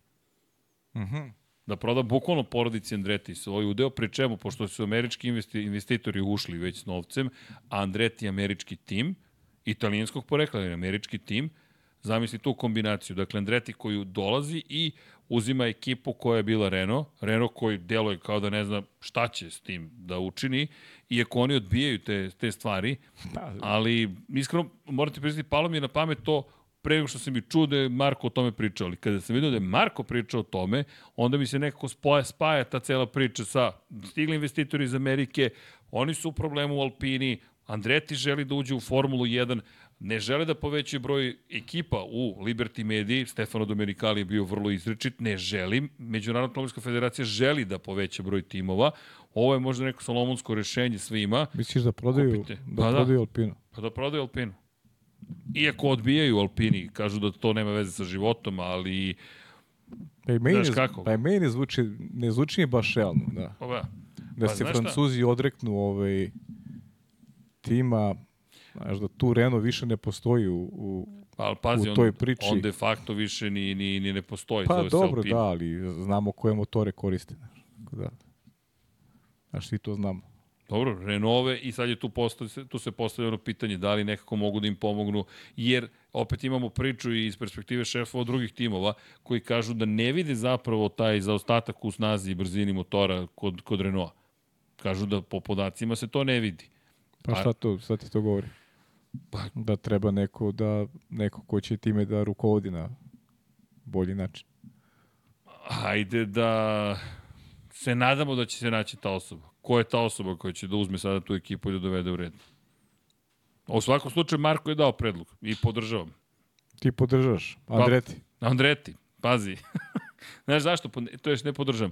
Kada bi Renault stvarno stao iza ovog projekta, ja bih rekao super. Mi zaista imamo pravu ekipu Formula 1. Ali ako je ovo nešto što će se samo ponavljati, da ćemo imati agoniju zvanu Renault, Alpina, kako god hoćeš. Ajmo da vidimo rezultate. Renault od kada se vratio u Formulu 1. Koje smo mi rezultate dobili? Šta, jedna pobjeda? Je to rezultat koji Renault treba da ima kao proizvođač? Evo, ajmo da pričamo o tome. Znači, oni su se vratili u cijelu ovu priču, hibridi, hibridi su stigli i tako dalje i tako dalje i mi sad pričamo o tome kako Renault kao istorijski važna ekipa, istorijski važna proizvođač motora treba da ima važnu ulogu u cijeloj priči. Koji su rezultati Renault od 2016. do 2020. pre nego što je postao tim Alpina? I zabeležio jednu pobedu zahvaljujući Estebanu Okonu. De, osmi u šampionatu, osam pojena, deveti u šampionatu konstruktora. To je prva sezona pod imenom Renault. Kevin Magnussen, Julian Palmer. Ukupno osam pojena. Jedno sedmo mesto, dva deseta mesta. 2017. 57 pojena, šesti u šampionatu. Ok, pomerili su se negde, nisu bili na pobedničkom postoju. 122 pojena 2018. četvrti. I kažeš, ok, tu će se nešto sad desiti. To su Niko Hulkenberg, Carlos Sainz. Dovode Daniela Ricarda, Carlos Sainz odlazi u Ferrari, 91 poen peta pozicija, imaš pad u šampionatu. Zatim 2020. opet su peti, ali imaju mnogo više poena, 181 poen. Daniel Ricardo i Esteban Ocon. Dve treće pozicije za Daniela Ricarda i jednu drugu za Esteban Ocona. Počinje nešto da se dešava. Dolazi 2021. godina. Tu sada imamo Alpinu. Alpina koja ima te godine pobedu, zahvaljujući, da vidimo, kada Mađarska svakako, ali da vidimo ostale rezultate, ti dolaziš do toga da zapravo 155 pojena peti si u šampionatu konstruktora i jedna ta pobeda u Mađarskoj. Pored toga, Fernando Alonso ima treće mesto u Kataru. Zatim, Alonso Ocon, 173 pojena, četvrti u šampionatu i sada Alpina je šesta u šampionatu, 73 pojena. I jel od 2016. dakle pa 16. 17. 18. 19. 20. 21. 22. 23. 8 godina jedna pobeda. Pa da, ali sad funkcioniš u sistemu gde se gde se obriće mnogo novca i, i izlazak, izlazna ovaj, karta iz formule, ne znam koliko je, ovaj, koliko je to nešto što, što, Misliš, što ostaneš tu pa, i to ti je si, Igračka. Pa da, mislim. Nisi više tim si. 1 koji se bori Tako za je, nema titule. više, nema više onog vremena Fernando kako Alonso, ćemo, pa ne to, ne, kako ćemo preživimo, kako ćemo platiti mehaničare, znaš, smanjuje se ljudstvo. Nije to tako davno bilo kada smo govorili o tim problemima s kojima se Formula 1 suočavala. Sada, Sad je, nije u tim problemima. sada je obrt novca mnogo veći i, znaš, da li, da li je i pritom Renault koji je, ok, ne ističe se Renault kao brend, ali svi znamo da, da se koriste, to je francuski tim, sve francuski Jeste. vozači. Znamo koliko su Francuzi ponosni kao, kao narod, tako da nisam siguran da, da ok, biznis sve potire, ali a, verujem da ćemo i dalje gledati ovo, ipak Alpinu kao, kao francusku ekipu. Dobro, meni je samo i dalje žao što je ovo tim koji, koji ne liči na ono što bi trebalo Pa da dobro, liči. da. I ne liči. vidim da će se oporaviti u bilo kojoj situaciji u skorije vreme. Pogotovo ne uz lako upravljanje. Ali Iskreno, dobro, Srki, konkurencija je Mnogo žestoka za, za te ambicije koje bi mogla Alpina da ima, ali baš je pazi, konkurencija. Red Bull, Renault, tu, Red Bull je bio fabrički tim Renault. Jeste. I Renault na početku hibridne ere nije uradio dobar posao. I tu su se bunili u Red Bullu i bunili, bunili, bunili. Na kraju su rekli, e, okej, odo smo mi neki putem. tako I od kad su počeli sa Hondom, stvari su počele da se menjaju. No to je to. Procesi. Dobro, procesi, idemo dalje. U svakom slučaju, Pajo, jer imamo nešto da nismo pokrili, temu nismo obradili, nešto smo zaboravili, sigurno jesmo. Pa ne znam da li smo neki tim zaboravili, ja? Ne, tim, pa i generalno dešavanja. Vidio se plasman, da, kvalifikacije, nije bilo ništa sporno. Imali smo grešku ono Pereza, imali smo šta je bilo u treninzima, bilo nešto interesantno. Nije, pa ne, da se sećam da je bilo nešto epohalno. Pa, bilo je bilo dosta gužve na stazi, pošto je bilo zaista e, mnogo da, E da, bravo, bilo je ta, bravo, to je, to je bilo važno, ona odluka FIA da, da Naj, ograniče, da, da. ograniče e, maksimalno vreme u krugu, dakle, e, bili su podložni kazni svi vozači koji, koji voze preko 1.41 krug, da se ne bi ponavljale one scene Uh, pogotovo u završnicama. Ja, ja, primjer je bila najbolja ona 2019. godina kada, kada mnogi nisu ni započeli brzi krug, jer svi traže zavjetrenu i prate ono koje je ispred. I, i, i tu su se formirale velike gužve iza parabolike i ovaj, ometanja. Imali smo primere i ovde u Formuli 3. Mislim da je ta, da su kvalifikacije u Formuli 3 inspirisale e, FIU da, da, da, da brzo reaguju i da, i da ovaj, saopšte, da saopšte tu promenu. Tako da, I eto, nije bilo problema zaista u kvalifikacijama. Da, i... Nije, nije, bilo, nije bilo te gužve koje je tako tipična za Moncu baš. Ja tu pravim paralelu sa Moto Grand Prix, gde ti zapravo imaš, pogotovo niže kategorije Moto 3, Moto 2, obavezno vreme koje moraš da ispuniš, zapravo delta vreme, razlike između da. jednog i drugog vremena, kroz sektore kako prolaziš, da ne bi dobio kaznu i to su sada primjerili Formula 1, što moram te priznati, nikad mi nije pao na pamet uopšte da se primjerili isto, Formula 1. Isto i praksa, videli smo, nismo čak ni pričali o tom o kvalifikacijama, jer su bile zabavne i nijedan od vozača nije, kako bih ti rekao, nije oštećen na račun onoga koji je usporavao grupu i, i tražio zavitrinu za, za, za početak brzo Nije bilo Leklerovskog momenta Nije bilo Leklerovskog iz 2019. Da. Ajde da vas zadržim, pa ostade i klubski kolega tamo pozad. Tako je. Što tako je kasnije dovelo od toga da Matija Binoto kaže ovo je za Moncu kada nije pobedio na velikoj nagradi Singapura. E, pa mislim da sam propustio nešto, Šta? ali uh, u četu uh, samo nisam stigao da ispratim. Čini mi se da je bila jedna... Gospodo, Želimo vam lako... Čekaj, vi idete... Oni su, da. Vi ste Zemun, dobro. Čekaj, hvatam, ko je dakle? Kragujevčani su ostali. Kragujev... Zemunci idu. Ostali, da. Kragujevčani ostaju. da. Čekaj, kako to? Zemunci idu, Kragujevčani ostaju. Aj. šalimo se, šalimo Ajde, se. Ajde, gledamo se. E, znate da sam ja i Savatića? Da, Munze konze. Ćao, Vidimo drugari. se, čao, Munci, čao. to je za lokalci Savatić, Miletić i ostale da. stvari. Da, ali dobro. Znam to se samo mi smemo. Da. Vi zemunci. Mi, da, da, da, zemunci, da, čuvena priča. Ej, uh, sa... Uh, E, čekaj, čekaj, čekaj, čekaj. Aleksa Stanić, da, to smo pozdravili smo. E, da, e, Sada Mehmedović donira čovjek još 10 eura. Kaže, pratim svaku vrstu sporta, jednostavno obožavam mnoge podcaste, pratim redno. Ali da neko toliko srčano sa uživanjem priča o sportu, u slučaju Formula 1, nema reči svaka čast. Ljudi, mi to stvarno volim. Ja. Ali zaista mi to stvarno volim. Pa kaže, mi danas sedimo za ručkom, o čemu pričamo, o Saincu, o Lecleru, o teorijama, o svemu i to sa Dekijem. Nismo dugo. Nismo dugo, da. Ali dogovorili smo se pod čašicom ili 4 na 4, kako je već nazvao to deki, karirani stolnjak mora da padne. Dobro, sad u novom prostoru ko zna šta će nam sve pasti na pamet još. Ali dobro. Biće, biće.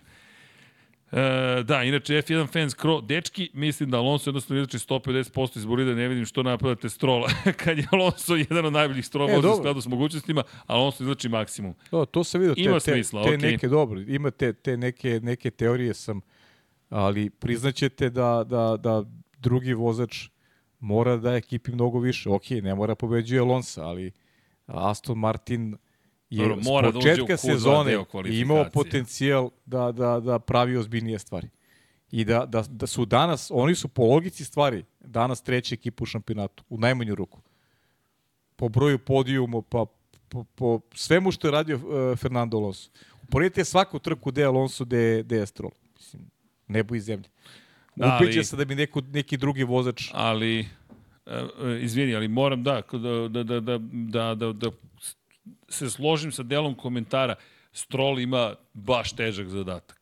Alonso u jednom od najboljih pa, momenta ali, karijere. Pa, Neki... Nisi dorastao tom zadatku. Pa, Znaš, težak je zadatak, ali nisi njemu dorastao i to je to. Za mene je problem veći što ni ne ulazi u Q2 ili što se ne probije u Q3. Kažem to ti, su problemi. Ne mora on da bude odmah iza Alonsa i to niko ne očekuje.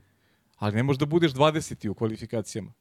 Da, inače, e, Ognjen kaže, Levojić, morate da prokomentarišete nove bolide za Formulu 2. Da, da, da. Bez da. brige, sve ćemo prokomentarišemo. To ćemo kad, dođe, kad, dođe, kad dođemo, kad dođemo do Formule 2. Formule 2, jer izašao je novi bolid i stvarno smo, mnogo da. lepo izgleda. Sad, kako će da se trkanje odvija? Oni su odvija. sada više nalik ovim bolidima u, u Formuli 1. Pa ono što mene tu zanima jeste zapravo bezbednost pre svega i s obzirom na činjenicu da smo imali zaista nekoliko ružnih, veoma ružnih incidenata u nižim kategorijama i iz perspektive unapređenja bolida, moram priznati to nešto što je najvažnije. Mi smo imali vrlo ružan incident u Zandvortu gde, yes. gde je opet Orel spasao život i kada pogledamo Maini nažalost... i Bošung. Tako je, Ralf Bošung koji se podvukao ispod bolida Kuša Mainija, to je mnogo bitno. Zaboravljamo ponekad, ali mi smo izgubili nekoliko života u nižim kategorijama. I nekako Formula 1, apropo i priče iz Spa, je mnogo bezbednije, bez obzira na veću energiju, to je veću brzinu, pa i veću masu. Formula 2, me, za mene je to jedna od najvažnijih stvari. Kako će to da napreduje, a onda trkanje, koje naravno mora da bude Mora bude ozbiljno. Ali doćemo do toga. Samo Hoćemo, da ajde, ne da. pobegnemo od Formule 1. Ima šta se priča, da. Da, apropo, da, da, da završimo samo priču apropo tog vremena, ako smo se tu... Apropo. Apropo, apropo, apropo. Dobro, moram to... Moram... Ne, budi svoj. Znaš da smo imali drugara u srednjoj školi? Budi ne, ne, ne, svoj, pa da. se ja, šta vam je, ne, ali imali smo drugara u srednjoj školi koji kažeš mu nešto i kažeš, vidi, molim te zapamtite, on je ovako, memorisano. Bukvalno i čovjek zapamti, to mu je bila mantra. Ti mu kažeš i on kaže, memorisano. Probat ću. Probam i ja sada, vidi, ali vidjet ćemo da li će da mi uspe. Nije što s nama u rad odeljenje, ne, četvrto dva. Mislim, mi smo četvrto jedan. Uh -huh. Znaš o čemu pričam, da, da. ali dobro. Ja. Inače, pokušam da izbjegnem apropo, dakle, imali smo to ograničenje da, im, da moraš da imaš maksimalno vreme, na kraju Ferrari vozači absolvirani, čak i da su imali veće, mislim da niko ne bi smio da ih kazuje, to trenutku zavisi i kaže, a ne, ne, nema pol pozicije Jeste, da, oni za su, bili su, bili su pod istragom, da, i to s početka ovaj, kvalifikacija. I bilo je rečeno posle kvalifikacije po, će biti istraga, i, da, i onda je info. odjednom info, nema potrebe ne, da, za daljim istragom. Tako je, tako je. Osvojio da. pol pozicije, gasi istragu ljudi, nema potrebe da pretenujemo. da, da ne bude maksimalno. Pritom nije bilo, znaš šta, i nije bilo, nije se dešavalo ništa na, na stazi što je uticalo na, na druge vozače u tom pogledu. Definitivno Monca, o, ovo je dobra odluka. Aj kad kritikujemo FIA, sudije, ovo je stvarno bila dobra odluka. U službi nečega e, što je dovelo do toga da gledamo e, super ove kvalifikacije. Slažem se. Nema, ajmo da to, to treba da. da služi nekoj svrsi neki smisao treba Jeste, da ima. baš, baš ima, baš ima smisla ta odluka. Inače, pričamo dosta o tome šta se dešavalo na stazi. Šta se nije dešavalo na stazi, nije se desio Felipe Massa.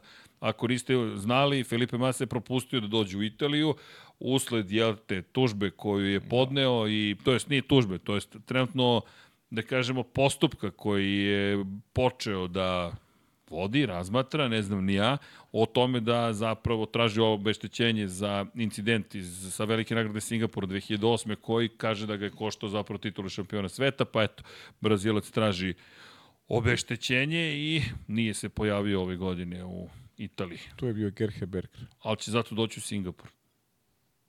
Da. Pošto je za dve nedelje da, velika da. nagrada Singapura. Tamo da traži obeštenje. Da, da, tamo.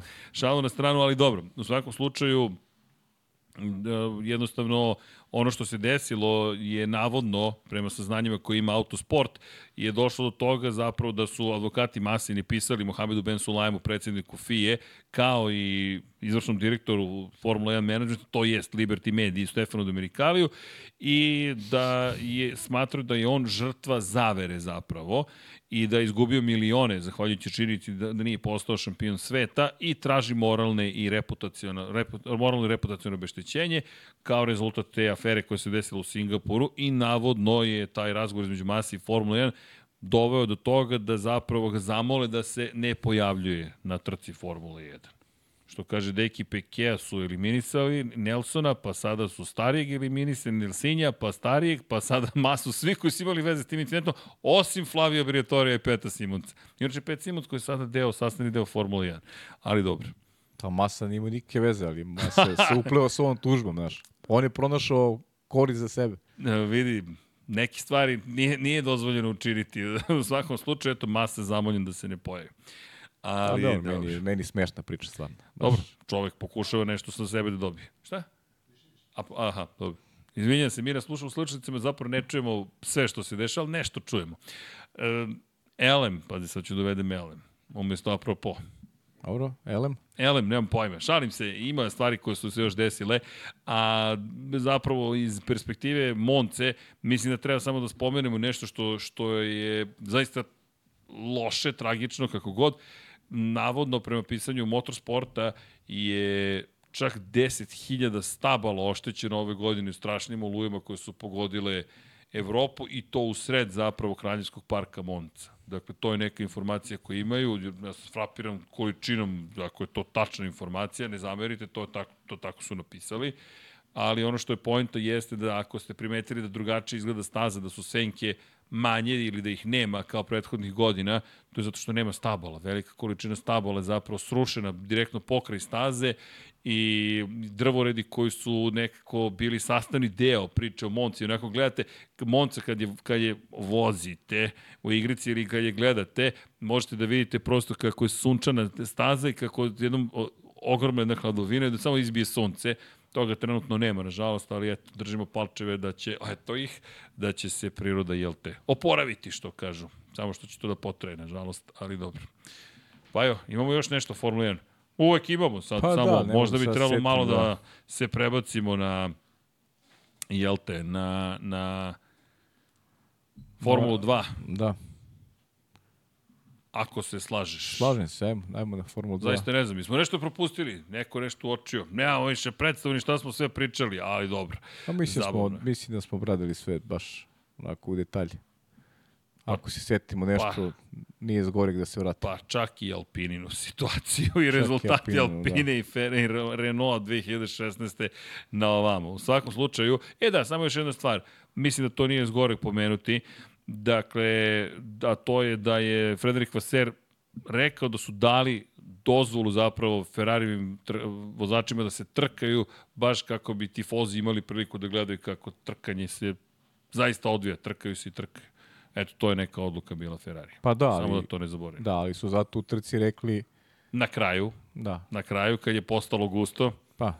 ajmo da da se vratimo kući, da vratimo da stignemo kući. do kuće. Inače, u Formuli 2 prelazimo na Formulu 2 za sve one koji planiraju spavanje ili ne prate niže kategorije, ali jedan top ne, ne, da ostanite, da ostanete. ostanite. Bilo je, Formula 2 i Formula 3 morate... Pogotovo ovoga puta. Pa da, ali da ti kažem iskreno, ja stvarno mi trke nisu bile Ne, trke generalno su bile... Zabavne, u dvojici i trojici. Porsche Super Cup mi je bio Drugače. prezabavan, ali stvarno, ali dvojka i trojka mnogo sigurnostih vozila, tamo krene trka pa stane, pa i, i, i bilo je još još u petak je počelo, e sad, vraćamo se na onu priču od, od prošle nedelje. Ne možemo, ovo je, stvarno je, ovaj, kao da smo, kao da smo vange negdje, kao da smo predostili da, da će finiš godine ovaj, proći relativno loše za one koji organizuju. I stvarno, uh, tretman koji imaju ti momci je, je pa Neadekvatan? Ajde, ajde, neka to bude termin, neadekvatan.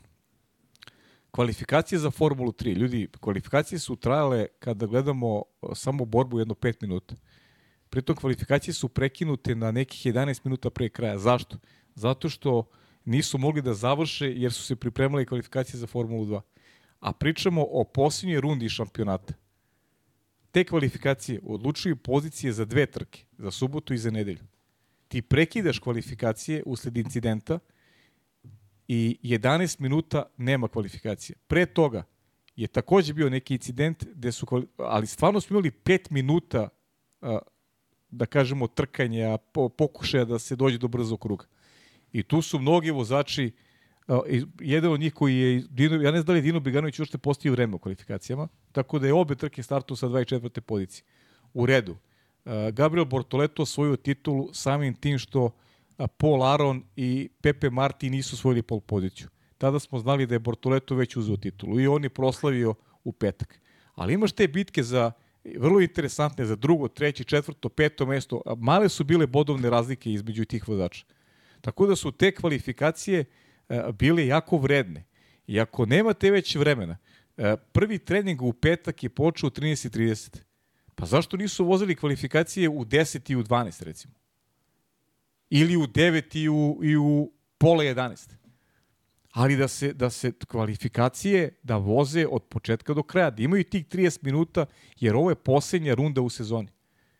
I to je ono što, što je bila priča i prošle nedelje, kako se drugačije tretiraju Formule 2 i Formule 3 od recimo Moto 2 i Moto 3 ovoj seriji. One su neko kompaktne, deo, deo su tog kompletnog uh, eventa i, i, i, i, ce, i cele, celog tog, celog tog ovaj, modela takmičenja, a ovo je tu, a u suštini, u suštini su apsolutno kao da, da, da, da, da oni nisu deo tog programa. Pa to ono što smo, kao što si rekao, i pričali prošle nedelje. Na, baš, baš onako... Poklopilo se sa ružno, celom pričom, ali nedostatak, ono što meni smeta, e, isto što i tebi, nedostatak sporta. Jednostavno, nema, nema, nema sporta, sporta. Naš, nema jednostavno, sporta. štiklirali smo, odradili smo šta da. smo morali. Tu je, naš, imamo vreme, dalje. mi imamo dalje program, gotovo, ovo je kraj, završili smo, na kojim ste pozicijama bili, startujete sledeće dve trke i doviđenja. Pritom trke su bile poprilično dosadne, jer kažem, bile su seckane, nije tu bilo mnogo trkanja i mnogo akcije na stazi, ne znam, u trojici, znaš što je bilo interesantno u trojici, ta bitka koju su vodili Prema i, i Prema i, i Art Grand Prix za, za šampionsku titulu. Da bi Prema na kraju ipak osvojila titulu, nije moglo Bortoleto uh, ovaj, e, samo da donese ekipi titulu, bolje su se našli premijeni momci u toj završnoj trci, osvojili su titulu u konkurenciji timova, zahvaljujući Osalivenu koji je odvezao odlično trku, bio je drugi u toj glavnoj trci. U bodovima je završi, su završili i Dino Beganović i, i ko još vozi za premu, i Paul Aron, tako da je prema na kraju nadoknadila minus koji imala u odnosu na Art i osvojili su eto još jednu titulu u konkurenciji timova. Tako da je to bilo najinteresantnije generalno. Čekaj da stavimo ekipi Ljudi. Momci, srećan put. Vidimo se u Kragujevcu. Nadam se da ste se lepo zabavili. Ako ne dođete u subotu ovde. Ne, ne, u subotu, ako vam nije daleko previše Ako imate... Planski smo napravili, dođete, subota dođete da može da se, jel te, opusti. Ljudi, hvala vam što ste bili sa nama, nadam se da bi bilo zabavno. Ćao, momci. Svako dobro. Je nam Iko ostao? Nije. Nije. To je to. Gotovo. Sve, svi su otišli kući. Odeše gosti. Helena, ona mora, vlada. Ostali samo ovi koji moraju. koji moraju. Da. e, inače, Gabriel Bartoleto, pobede na početku sezone, dve, nema najviše pobjeda ove sezone. Nema, nema. Zeko Salivan ima najviše pobjeda, Jest. dve u sprintu, dve u glavnim trkama, ali opet dolazimo do ove priče, konstantnost. Završava i trke, završava i trke, završava i trke i evo je titul i tu pečatljiva titul. On skoro 50 pojena prednosti imao na kraju. Uh, 45 pojena prednosti i više nego zasluženo. Ne, ne, nema, nema dileme, on je momak. I sad je odvezao opet dobru trku u nedelju. Nisu bile kvalifikacije baš dobre ni za njega, ali u trkama i osvojio poene jedno i drugo. Dakle, Inače, Franco Colapinto slavio u sprintu u Formuli da. 3, a Johnny Edgar zabeležio pobedu u glavnoj trci. E, Johnny Edgar, e, znaš šta je bilo interesantno? Sve britanski podijum je bio u, u trci Formule 3. Johnny Edgar, O'Sullivan i ko je bio treći? Treći je bio, podsjeti me, ti imaš ispred. Treći je bio Taylor Barnard. Tako je. Taylor Tako. Barnard, a inače, poseban pozdrav bismo da upustimo Dinu Beganoviću. Zašto? Pa zato što ga svojatamo. Jeste šveđanin, jeste, jeste momak koji vozi pod švedskom zastavom, ali kao neko ko ima poreklo iz Bosne i Hercegovine, mi, to, mi ga svojatamo da, i navijamo. za njega i, i lepa trka, s obzirom da je on startuo sa 24. pozicije, čini mi se obe trke, i sprint i, i glavnu i pokazuje da je, da je kvalitetan vozač iz Ferrari akademije. Ne znam sa sigurnošću da li ćemo ga naredne godine gledati u Formuli 2. Ali svakako ostio dobar utisak i u, u krajnjem slučaju bio je deo premijenog šampionskog tima.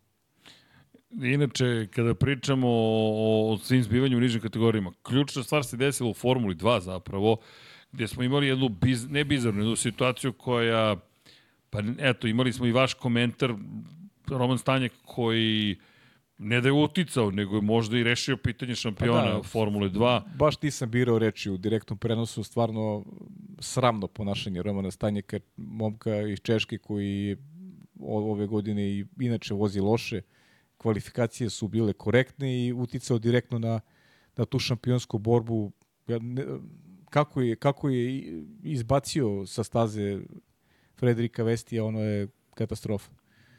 Ti se umešaš generalno u borbu za šampionsku titulu, a tvoj ulog ok, razumem, i, ali on je prešao sa leve strane staze na desnu i, i, i zatvorio potpuno vrata Frederiku Vestiju koji je na kraju završio na travnutoj površini, udario u zid i tu je bila trka gotova z njega. I nevjerojatno kakvi, kakvi, s kakvim malerima se suočava Frederik Vesti, a pobedio je u sprint trci, sjajan je bio u sprint trci i moj utisak, to sam rekao u direktnom prenosu, Srđene, odlično je, on je, on je, on bi tu obišao, prestigao stanje, kad došao bi do četvrtog mesta, moj utisak je da bi pobedio u toj trci da bi on ponovio Olivera Bermana iz, iz Azerbeđana. To je, to je moj utisak bio u kakvoj je formi, koliko je dobro odvezao sprint i kako je startovao u glavnoj trci. I sad kad pričaš o, toj, o tim razlikama, pogledaj vozače Arta, imaš uh, uh, Art Grand Prix, Martins ima jednu pobedu, Porsche ima jednu pobedu. A premini, pet pobeda ima Frederik Vest i Berman je došao do četvrte pobede. Imaju zajedno devet pobeda premini vozači, Artovi vozači imaju samo dva, samo dva triufa, a pobedit će, uzet će titulu Teo Puršer. Ali opet Teo Puršer ima konstantnost. Mada, opet o, ovaj podatak, znaš, i ovo je za, za neki menadžment Vestija i Bermana, nije loše, priča o mladim momcima, ali momci koji znaju da pobeđuju. Znaš šta meni palo na pamet inače, kada pričamo o Stanjeku i, i, i, i, i Vestiju? I Vestiju. Jesi sećaš Silverstona? Vesti je izgurao sa staze Stanjeka. To jest udario je Stanjeka u Vejlu. Dakle, tako bilo, ja se toga da, ne da. sećam. Vesti je udario Stanjek. Stvarno? To mi je prošlo kroz glavu. Bravo, više ja se toga ne, nisam setio. E, imamo si to, Vesti koji se spušta, ako se ja dobro sećam, ulaz u Vejl tamo levo pa desno, vrlo oštro, dakle iz stova, i, i na kočenju, ja koliko se sećam, kasno Moguće. kočenje Vestija koji je sebe izbacio sa staze, ali izbacio iz Stanjeka. Ne kažem da je Stanjek to zapamtio, ali imam ali, utisak kao zna, da... možda jeste. Razumeš? To mi je... To sam... Se, bo, se boriš za titulu. Evo ti sad. Evo, jel si meni... Da, zaborav... Ne kažem. Znaš kako, ovaj, zabor, moguće si u pravu. Ja sam, ja sam, ja sam to zaboravio. Stvarno, Stanjek svaka čast. je toliko daleko, 18. je A u ne, ne, nije u priči čovjek uopšte. Nije, to je moja uspomena na Silverstone. Znači, ali, NASCAR mom, moment. Ali nemoj... Zapamtit ću i vratit ću ti kad tad. Vidi, ja sam 98% Matt, sigurno. Matt Kenseth. Bukvalno. Ali bukvalno samo što znaš, ko se seća Silverstona? Stanjek da. i ja, otprilike. Pa izgleda, sti dva, dva dvojice jedini koji sećate toga. Otprilike, jer vidi, jer seća se, znaš, Vesti Stanjek, Vesti Stanjek. Znam da se nešto desilo sa Vesti Stanjekom. Moje sećanje, zato što znam, ta krivira mi iz nekog razloga meni stalno ostane u glavi. I ubeđen sam da je Vesti udario Stanjeka i da je to možda moguće. neka osnova moguće, za... Moguće. Jer Stanjek nije baš često osvajao poene. A ne ove godine očine. Ovo inače talentov vode. Prošle godine je bila mnogo bolja ovaj, za, za Romana. I, I onda u Silverstonu, ako se ja dobro sećam, on je u poziciji da nešto uradi i Vesti ga izbacio sa staze. Ali to je opet i za Vestija pitanje. On je sebe isto tako izbacio sa staze. Pobedio u sprintu, onda napravio grešku u glavnoj trci. Apropo, jel te, moram to da kažem, tvog, da. ko tvoja konstatacija, koliko pobjeda, a koliko na kraju da, nema rezultata. Berman je pobedio, Berman Ali, Te pa nije završena borba za titulu. Ne, ne, nije. Nije zato 25 što... 25 pojena razlike. Pa da, 25, to je... Još uvek, kako se stvari dešavaju ove godine u Formuli 2? I šta smo sve gledali? Ne, ne, ne, ne ne uopšte izneradilo da se je. borba vodi do posljednjeg kruga. Tako je, tako je. Tako Zaista. Je. Jer... Da, pogotovo što je, znaš, e sad pitanje je samo za dva i po meseca će biti posljednja trka, tako da u kom će stanju biti formi i momci, to je, to je veliko pitanje. Ali, ali kažem ti, Vestijeva forma je, je sjajna. On je nek, negde u glavi izbrisao ne, kakve pehove imao mehaničari, pa izlaznom krugu u Belgiji kada završava u zidu, a ima drugo mesto u kvalifikacijama. Neverovatno što mu sve dešavalo i sada i ovaj kontakt sa Stanjekom. To su, to su tri trke nezavršene. A opet je u igri da, da, da osvoji titulu. Možda i najviše pokazao ove godine Frederik Vesti. Vidi, ako je neka uteha, uslovno rečeno, to je jedino ta, ta, ta situacija u kojoj on može da ostane sada u Formuli 2 to je jedina stvar koja meni pada na pamet u kontekstu da, pod uslovom bilo čega drugi, pozitivno, da. tako je. Da, jeste. Znaš, ti si na kraju, ti si, ti si svoje završio. Nemaš, te, nemaš ti šta dalje. Jednostavno, ako ne osvojiš titulu, pa dobro, bar ostaješ tu, možeš da... Jeste. Jer gde ćeš da ideš u Formuli 2? U Formuli 1. A ne, ba ne. Nemaš ne. Ali znaš šta je? Mercedesova akademija je vesti, tako da. Jeste, ali znaš šta je sada problem? E, moje mišljenje. Mercedes koji se oglasio inače za da će Andrea Kimi Antonelli doći zapravo u Formulu 2. To je bilo najavljeno pre početka da. vikenda i da će voziti za premu. Gde vidim problem? Mislim da su počeli da slave titulu pre vremena. Da je Vesti već osvojio titulu i da Vesti ide odatle, jer, jer, jer Antonelli je Mercedesov vozač. Mercedes Dobro, AMG je programa. I si razmišljao o tome da možda imaju plan i bez obzira na na celu ali, priču za Vestija. Jeste, ali se, se je desilo da su, da su rekli da će sačekati da se završi formula regionalna šampionat pre nego što donesu odluku. A pre toga su rekli da dolazi u Formulu 2. I onda posle incidenata u Formuli 2, odjednom moramo da razmislimo šta će mi sledeći pa, potez. Onda ima, onda ima veze, ako su rekli ponovo da će da razmisle. Jer Vesti je Mercedesov vozač. Jeste, Mercedesov vozač i sjaj, sjajno vozi ovaj, i, i dobru hemiju ima u premiju, o premiju, najbolje vozi u premiji, definitivno. Da, tu, tu, I u tu trojici, se snalazi. I u trojici je vozi najbolje u premiji, tako da... Da, inače, za one koji ne znaju, Antonelli je veliko iznenađenje u celoj priči. Dakle, Andrea Kimi Antonelli koji se pojavio, odjednom nije, nije da ga negde, ajde, nismo analizirali u smislu nešto se dešava u Formuli 4 je bio dobar, eno ga u, u, u Formuli regionalnoj, popularna freka, to je to je neko takmičenje, ne neko, to je takmičenje gde vodite račun o tome šta će postići i Antonelli je zaista talentovan titula u italijanskoj Formuli 4, titula u nemačkoj Formuli 4, posle toga titula, inače u Formuli 4 kupu takođe je za tim Italije vozio svoju titulu, pa u Bliskom istoku titula, pa regionalni šampionat Formule Evropske, tu je vodeći trenutno, vidjet ćemo da li će osvojiti titulu, tu čekaju sad da se završi, tu imamo još Red Bull Ring, ne, Moncu, Zandvoort i Znaš šta je atipično? Atipično je da ti preskočiš jedan razred u školovanju. I, da, ali oni su ubeđeni da toliko da, da, da, ne ideš u, iz Formule 3 u Formulu 2, nego pravo u Formulu 2. To, to je nešto što je baš onako redkost ili ali su ubeđeni da je on taj. Da, da je taj primjer i ne postoji u posljednjih, recimo, pet godina.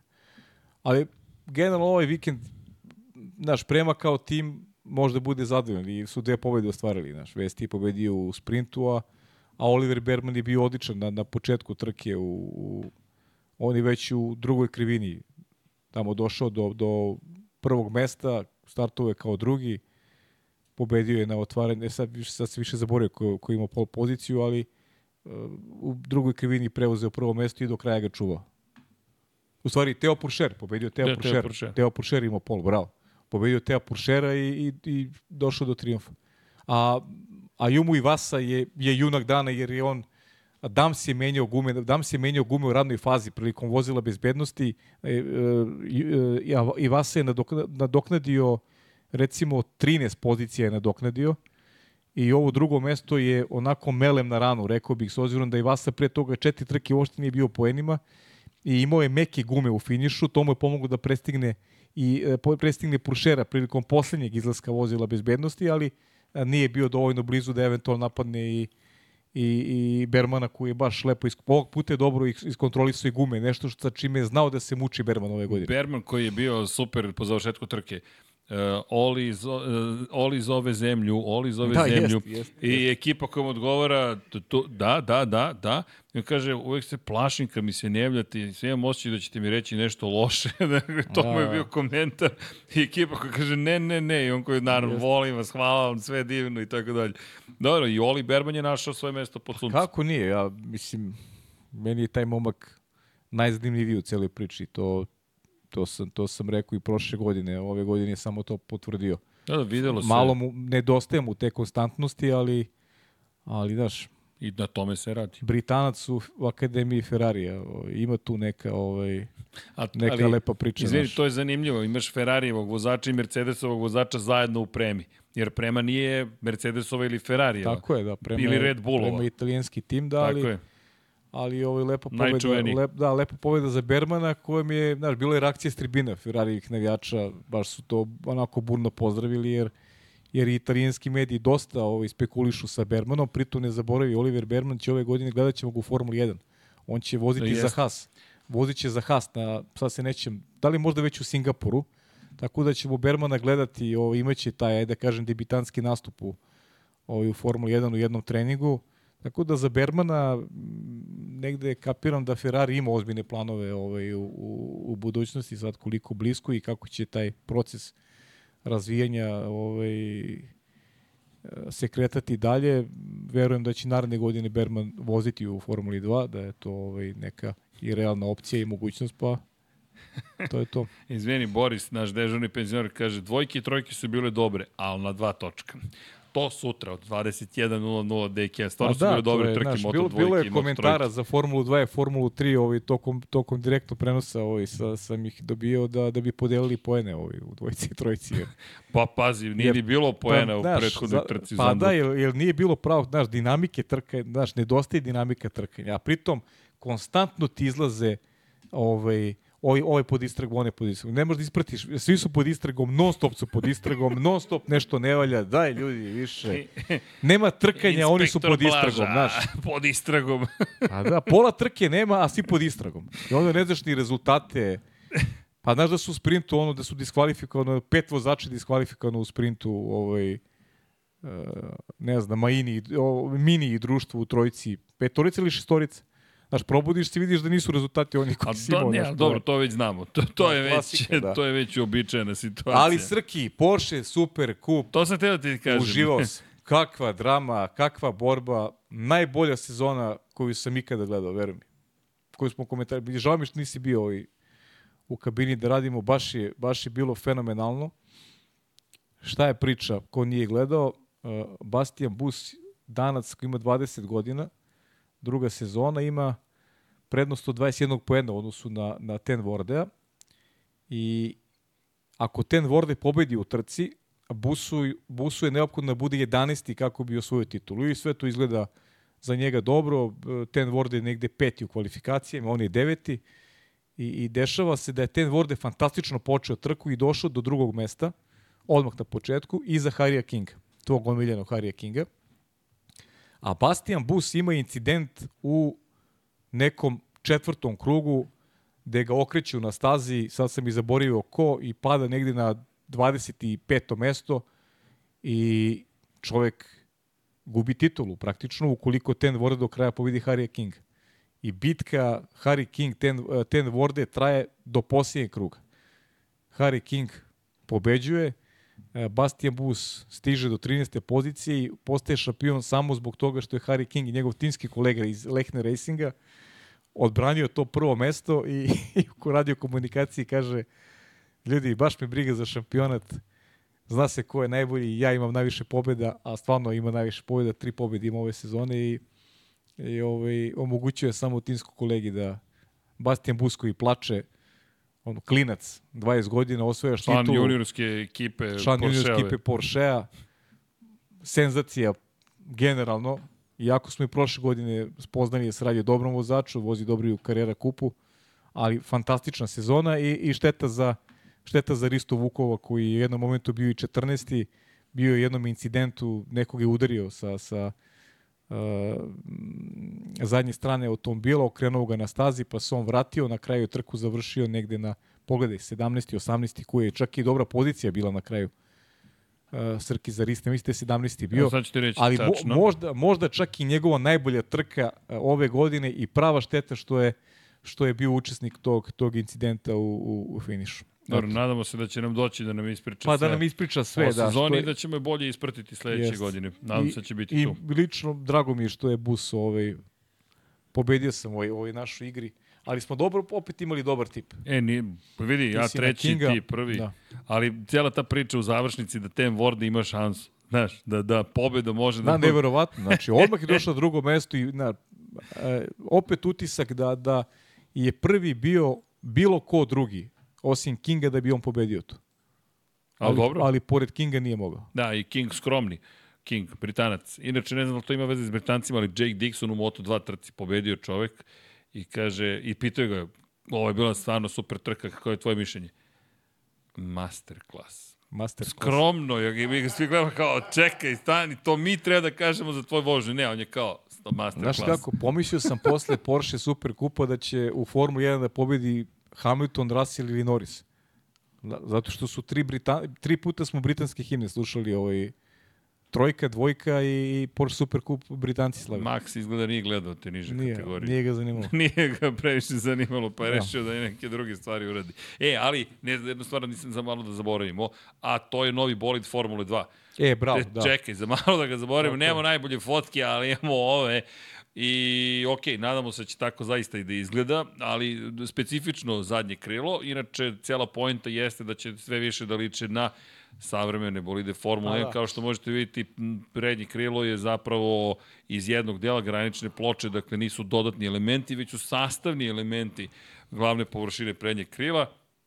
Istovremeno je pojačana bezbednost, motori ostaju isti, mekahromovi, V6, to je u V rasporedu 6 cilindrične, 3400 kubika s turbo punjačem, isti je i menjač, šestostepeni, dakle, iz te perspektive nema promjena.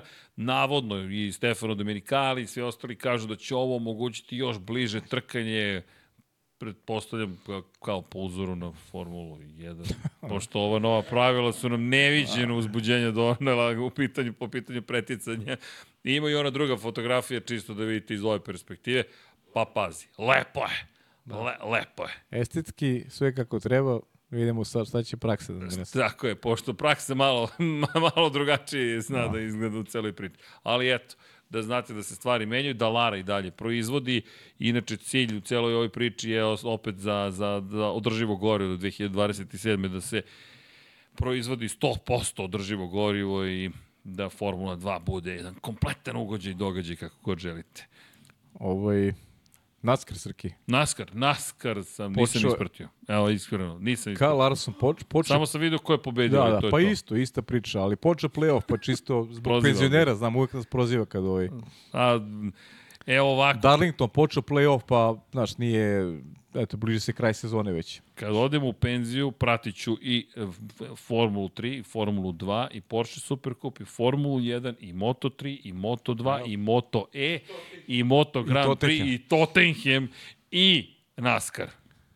Da, pa dobro, ali, znaš, pa, eto, realno. sjetio sam se jer, ovaj, kažem ti, zbog play-offa, pa Isto koji ti, pogledao sam rezultate, ništa, ovaj, ništa. Nažalost, ništa, ne znam kako ih da. prokomentarisao, osim što, eto, Kyle da Larson obezbedio prolazak dalje. Tači, obezbedio prolazak među 12.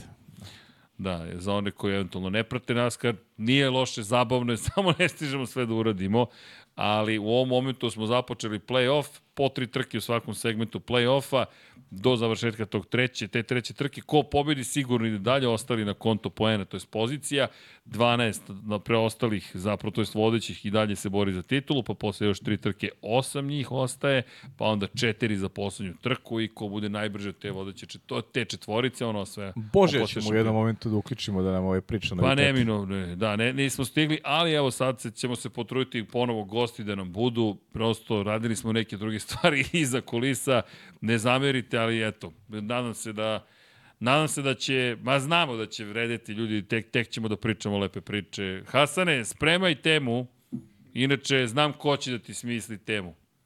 Znaš kad su došli, ajmo da napravimo izložbu Hasanom, ajmo. A koje ćemo fotografije? Pa neke fotografije. A, a neku pa da. temu da izmislimo, kakve veze ima, samo da su Hasanove. Tako da Hasane, imaš ovde klub obožavatelja. Pa ne, on je najbolje da on smisli temu, znaš, to je, što najbolje zna... A ne poslušanje, neće ni da dođe. To je, To je sad prozivka javna. baš da budu, baš te, pa ne, ali stvarno te, te, ta tematska neka priča možda bude vrlo interesantna. Tema ima, ne, ne, ima. Kad je on u pitanju, ima, možda ima bude milion tema, tema znaš. Ej, čekaj sad ovo da, uh, ovaj, ova, ova glasački kutija ovde otvorena već predugo. Inače, drugo mesto za Leclerc, 61%, 38, treće mesto za Sainca. Pa dobro, mislim, znaš. Ne, ne, sve ljudi, okay. samo, samo glasno razmišljenje, ništa više. Opropo, apropo. apropo, apropo. E, kaže Skuderija Nusmir, Srki da ti kažem da Ko može... Ne znam, kaže Srki da ti kažem da može to i pre penzije, sem Tottenhema.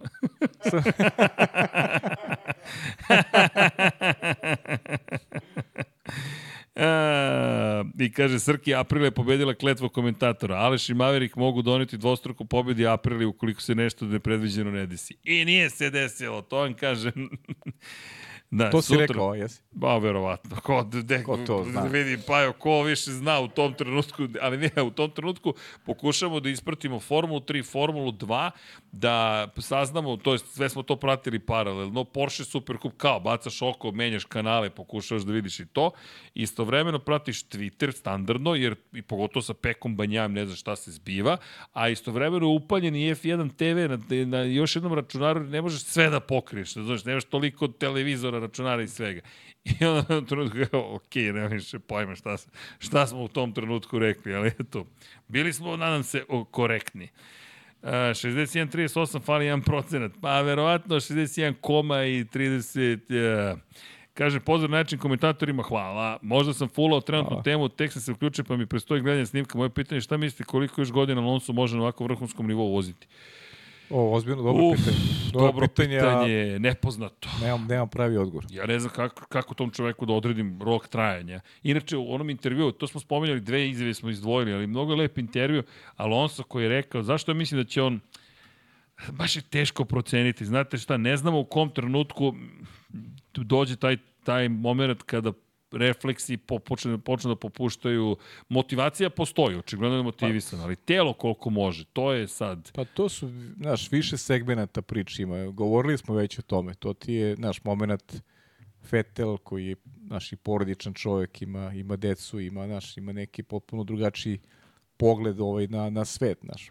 Alonso i Hamilton su tu malo u drugačijoj ovoj situaciji, jer očigledno da su i dalje posvećeni sportu, posvećeni su ono da, što da. je njihova karijera, njihova znaš, znaš, nemaju neki, neki ono, širi pogled koji, koji će reći čekaj, treba malo da usporim zbog ovog ili onog. Dakle da, ono što je meni impresivno, generalno kako se pomera ta granica i ti kad pogledaš, gleda, gledamo Novaka i Đoković. Znaš, to Ishrana, je, način vežbanja, sa, sa 36 godina.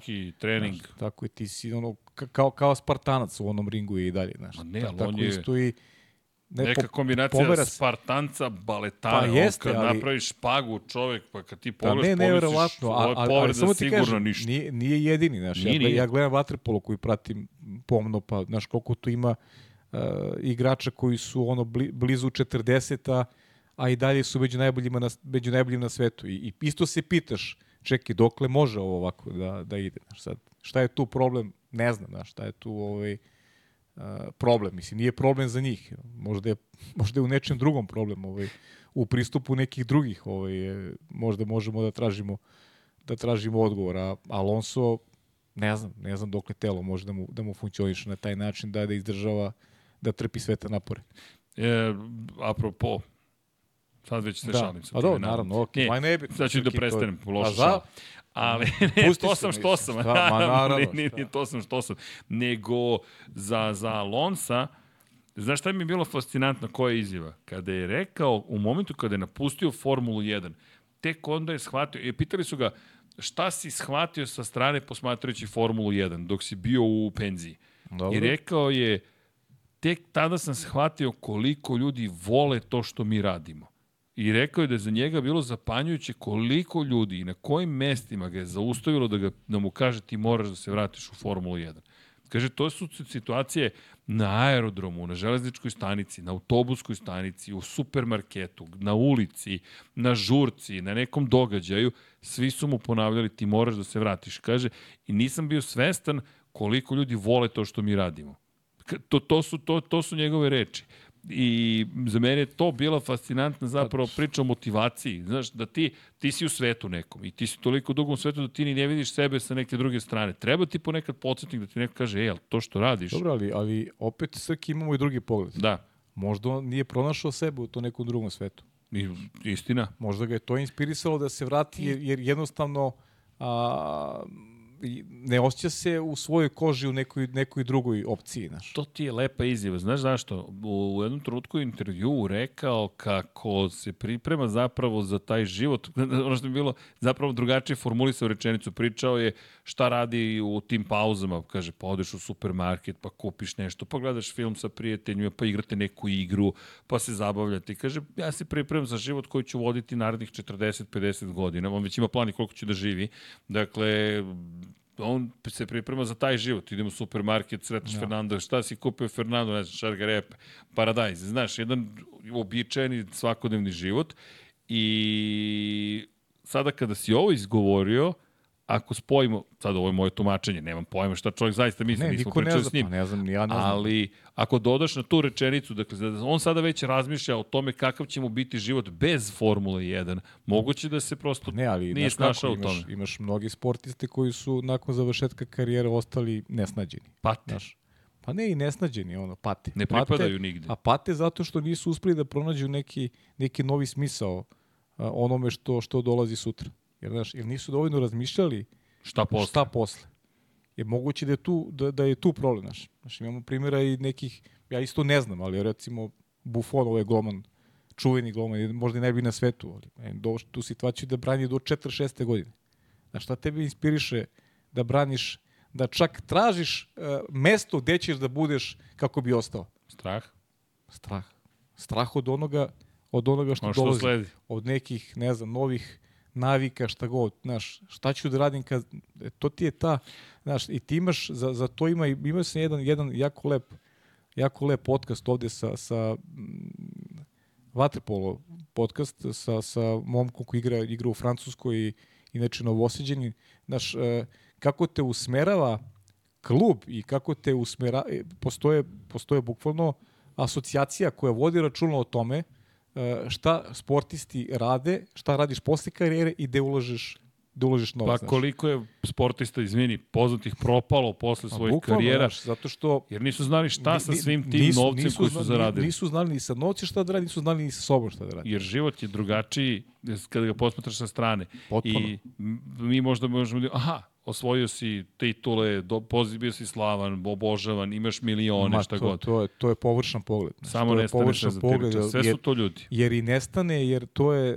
znaš, ta, ta neka, taj neki prelazak i, iz nečega, nek, neke sportske karijere i nekih radnih navika koje si imao tu, znaš, neko, nečeg što voliš u krajnjem slučaju, ali naporno i radiš u neku drugu sferu, ako ne razmišljaš na vreme, to možda bude vrlo komplikovan proces. Tako da nikad ne znamo, pošto možemo samo da polemišamo o tome, Naravno. ali ne znamo šta su pravi motivi. Znaš, da, da neko ovaj, se ode u penziju i vrati se, pritom on ima apsolutno opravdanje onome što su rezultati, jer, jer Alonso nije učesnik u Formuli 1 i završava, ne znam, na 15. 16. On, ne, on čovjek se bori za podijume. On očigledno i dalje sportu, a i sebi može e, kroz, kroz Formulu 1 da, da da mnogo. E sad, dokle će to trajati i da li će možda neke okolnosti u njegovom životu se promeniti da će on reći ja više ovo neću ili će da gura jer on, on u ovakvoj formi on, on je, on je, on je neko ga... ko je potreban šampionatu. Znači, imam, imam utisak kao da je našao formulu kako svoj život da vodi i to ono što mi dali, kao da je našao mir. Kako i da tempira. I on je rekao, disciplina je mnogo važna. Svi žele nešto, ali disciplina. Pretpostavljam sad, fizička vežba, ishrana, Svi mora sve. Spavanje. Sve, da. Lewis Hamilton ima čoveka koji se bavi samo njegovim ciklusima spavanja. On već A, održava svoje telo. Zamisli do kada može Hamilton tek da vozi. Moramo da angažemo tog čoveka. Ti ja. Značilo mi da mi, se, da mi se neko bavi tim ciklusom Propo, pa kako? Pa, ti, pa, pa umorio bi ga za prvo večer. Jedan podcast sa njim A? je bilo bi, ciklus čega?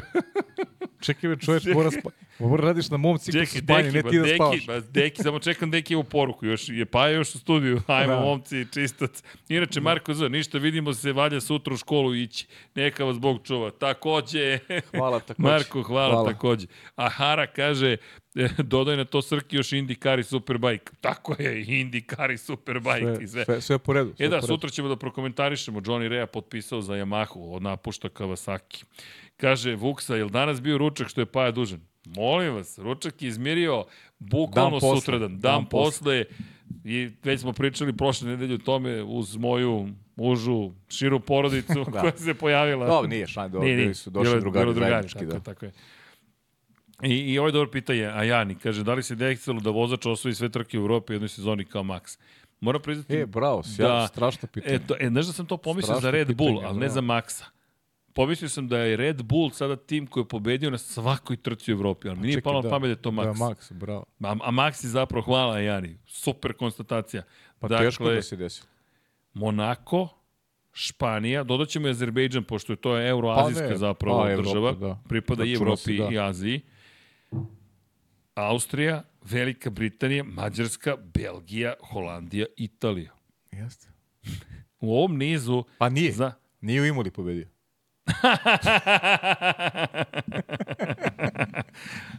Šala, vlada još nema to ove. Da, da, da. Nije se imalo vozilo. Nije se vozilo, otkazan. otkazan. otkazan. to ti je tvoj, e, tvoj Tottenham. da. Šalu na stranu. Ali da, znaš šta, u ovom nizu samo je u Majamiju pobedio van Evrope. Devet pobjeda za redom, ne, devet pobjeda, ne, nije. Osam, čekaj, čekaj, koliko trka Znači, smo znači, Ajde, dodao to sam- je bio naslov. Azerbejdžanu nije pobedio, moja greška, tu je pobedio Perez. Dakle, osam pobjeda A, u pa, aha, pobedio Evropi. Perez, vidiš, ja, pa ja tebe slušam. Ja. Evo ga, Azerbejdžan, čekaj, Azerbejdžan, tu je pobedio Perez. Da li je to Azija ili Evropa? Ali pazite, to je euroazijska država. Znaš kako, ovaj, igri u, Euroazijska država. Pazi, tako igri, kaže ne, igri u geografija. evropskim šampionatima. Ja. Sad ne znam gde je sad. Da. Vidi, to ti kod Turska. Ima i deo Evrope, ima E, i deo ne, Azije. nećemo, nećemo da mu priznamo da je pokorio Evropu. Baku ga je koštao. Perez ga je, vi? Perez, Perez, mu kvari sezonu. Perez kvari. Perez. Treba bude ljut. Treba bude ljut. Treba tražiti da smo sam promene vozača broj 2. Da, da. Loša, Loša sezona, da, da, da, da, da, za, za Maksa. Samo, pazi, on čovjek ima, pa evo, ja ne znam šta bih prokomentarisao, 12 pobjeda u 14 trka. Ma šta, šta da komentariš? to na igrici je problem ostvariti, a ne u stvarnom životu. Statistički je problem, ništa drugo. Pokolno je statistički problem to postići. Da, čekaj, da da li ima još neko pitanjce. Ajde, ajde. Kaže, pa Max nikad neće osvojiti 7 titula, on može do 2026. da dominira, posle toga ide u penziju. I ima do 2028. Andrije Savić kaže, pričali ste Mercedesom bolidu za 2024. Pa spremaju ga uveliko, Da. ali niko nema neke sad dodatne informacije šta će se tu desiti. E sad, da li je Baku u Evropi ili nije? Pa kažem, eh, Azerbejdžan pripada euroazijskom tom Pa jeste, da. Pa. Čekaj, ajde da proverim. Ja to školica davno beše, ali da vidimo. Da, da, da evo, protire se A preko Azije i Evrope. čekaj, Molim vas, euroazijska. pratite- I, Ako prati neke druge sportove, Azerbejdžan igra ali, na, na, na evropskim šampionatima. Znači, to je... ali pa jo. Ne, ne, Pa ali dobro, ne, ne, da, ne, ali ajde znaš. što igra. Nego, evo ti, b- pričam ti o geografiji. Geografija, pripada pa da. Evropi i Aziji. To je država koja priča prosto, koja pripada Evropi i Aziji. Jeste. Tako je svrstavaju geografije. Ako neko ima pa precizniju, bolju informaciju, neka, neka javi. Ne, ne, znam zato što kad smo se spremali za za prvu veliku nagradu Evrope kada je bilo u Baku, baš smo se pripremali Ne, pa baš to, toga. zato što znam ja, ovaj, i azijske igre su bile organizovane u Baku. To je i azijske igre, ali, ali euroazijska zemlja, bukvalno je tako. Ne, evroazijska zemlja, bukvalno to geografski opis koji ja pričamo znam. o tim azijskim igrama, trebao se idem tamo, pa znam, znaš, da su održavali azijske igre u, u Baku. Eto, sad, eto, to je diskusija, dakle, Da. nećemo mu priznati. E, da, inače, čekaj, čekaj, pobeže mi. A, e, Ivana Španović, vodite takođe 33. godina i dalje na vrhuncu dostignuća. A jeste, pa naravno Jeste, ima tih pa primjera, naravno. I, ima, da, sjajno, da. Jeste. 33, 34 za olimpijske igre, to je stvarno fenomenalno. Ej, pa imaš pozdrav od Jope Zagreb, kaže, kako si izdržao čitav vikend bez Srkija gla, i, e, i, IZG glas, izdao je glas možda, kad je krenula trka F1, svaka čast, odličan posao si odradio. To, hvala, ali ovaj, pa ne, mnogo lakše, ono, navika to već 13 godina radimo zajedno i neobično Pa da. kad... Ne, meni je bilo nis- čudno. Da, baš. Meni je čudan vikend, kao da nisam radio kom Formula 1. Znaš, Da. kao samo komentarišemo trku. Da, Gde samo mi je trku, trening da. 1, gde mi je trening 2. Osjećam se nespremno, znaš, gledam uveče trening Ne, i u, pokušam da iskreno sam uživao u Formu 1 u svemu i treninzima i sve mi je bilo super, a Formula 2 i Formula 3 malo, malo su mi izbacili ovo iz, ovo iz nekog fokusa jer nije mi bilo zanimljivo uopšte. E, još jedno pitanje, momci, kako to da ove godine nema masovnih kazni za promene motora prošlu sezonu u Spa i momci nismo ni znali starti poredak koliko je kazni bilo sada ništa. Pa, Da. pretpostavljam da, Dobro pitanje. dobro pitanje, da je napredak pričamo. zapravo, pa znam, ali ti, ti kad promene, mi samo konstatujemo max Pa da, ali kad promenaš, nema, nema promena za sada, znaš, nisu u kaznama još, a koliko, koja faza godine, 14 trka, znaš, još činjenica, nisu. činjenica. Malo, malo ima kazni za razliku od prošle godine, odlično zapažanje. Hoće li to možda Maxa koštati u nekom trenutku? Pa šta će ga koštati, da krene sa, pa dobro, sa vidi. 10. mesta Ovi će ljudi u Red Bullu da planiraju tačnu trku gde može da pretiče. Pa naravno, pa naravno. Pa Da. neće to u Singapuru da menjaju, sigurno. Čekaj, čekaj, čekaj da vidimo kako je trenutno stanje, pogotovo posle ove provjerne Ferrarija. Max treći motor. E da, ima još jedna stvar. Ove godine imaju motor više na raspolaganju. Da, pa dobro. Četiri motora mogu da koriste. To je ono što je, odbije, što je prihvaćeno. Pa dobro, opet, nema veze. Znaš, čet, uzorak 14 trka. Pa vidi, sad su svi tu negde. Kevin Magnussen i Niko Hulkenberg su jedini imali probleme, to je preko četiri. Maxi P. Sergio na po 3, Charles Carlos 4, Hamilton 3, Russell 4. Tek će to sad da krene. Ali lepo zapažanje. Ali ja mislim da je zapravo zahvaljujući tome što imaju četiri motora, pa u toj situaciji jednostavno još nema, još kazne nisu počele da stupaju na snagu.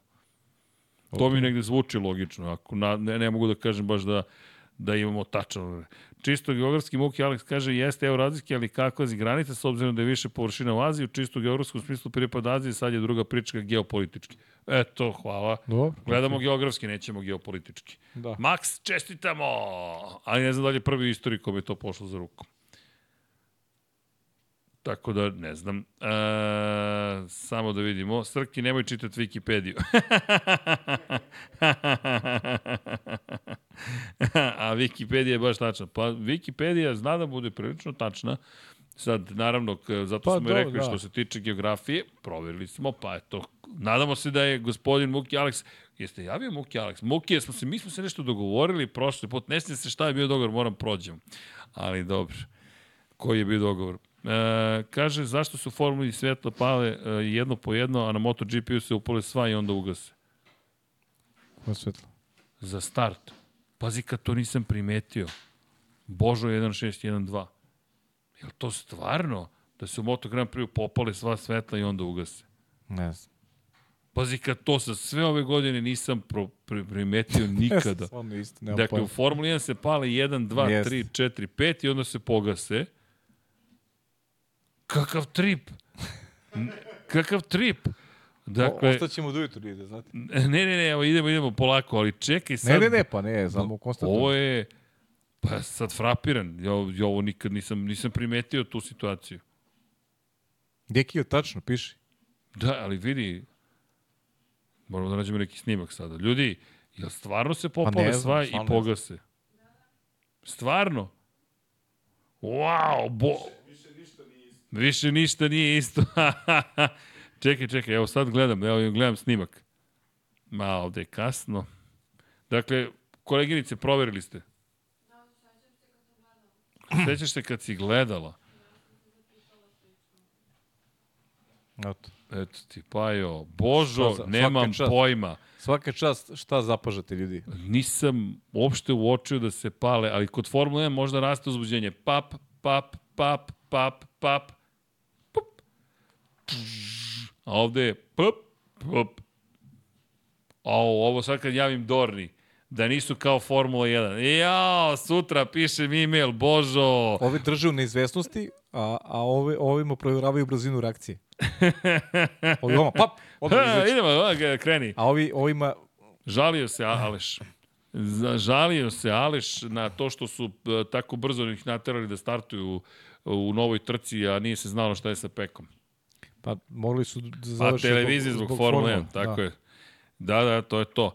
E, u Formuli 1 se čak menjao zvuk. Evo, inače, Boško, zašto je Max počeo da gubi vreme odnosu na čeka u posljednjih nekoliko kruga trke, to smo ima, rekli. Da, imaju problema, da, tehnički problema. Raste temperature motora i zato su da. ga zamolili da ne vozi najbrže krugove. A to smo, ti si primetio da, da je izgubio. Zašto je, zašto je Max 3 sekundi izgubio odnosu na Perez? Da, da, da. da. da. Ti si lepo to primetio. Da, jer vidio, jednom nema 3 sekunde, jest, jest. nestalo. Tako da je, da je, da je, da je baš bilo čudno u tom trenutku, ali eto, dobili smo odgovore. Bajo, mislim da je to to, 0011 uh, pravi Vičingauer, a sada kreće tek haos. E, dragi ljudi, mi polako idemo da se, da odemo da spavamo malo i da se pripremimo sutra. Pa ti nemaš sutra podcast. Ja nemam sutra. Snimaš sutra u sredu? Sutra ću malo, da, da, snimam u sredu. Super. Da. Snimam, Lep, E da, za one koji prate pod kapicom, e, rešili smo da ipak zadržimo pod kapicom kanal arhiva, a sve nove stvari idu na Infinity Lighthouse, jer smo shvatili da nekako nema nam smisla, razgovor je pre tri godine, pa sad iz početka, da. pa kako se napravi kompletna konfuzija. Vadit ćemo, vadit ćemo malo da, onako one... Jao, jednu stvar nismo radili, izvini, fantazi, evo čovjek me podsjeća. Jao. Jao, fantazi. Fantazi. Ja o fantasy, ja ne znam ni kako sam prošao u fantasy, nisam proverio. Ja, Hvala za podsjetnik. Čekaj da vidim gde sam. U ligi Lab 76, Gde, gde, gde, gde, gde? 347. Ne mogu se odlepim od ovih 340. Pa evo, upao sam. Uj, uj. Bilo loše. Sad ćemo i neko da napiše koji sam ja. 3000. E, ali pazi, Raven i Kaiser F1 su skočili. Pozicija 1 je Raven, ja sam 347.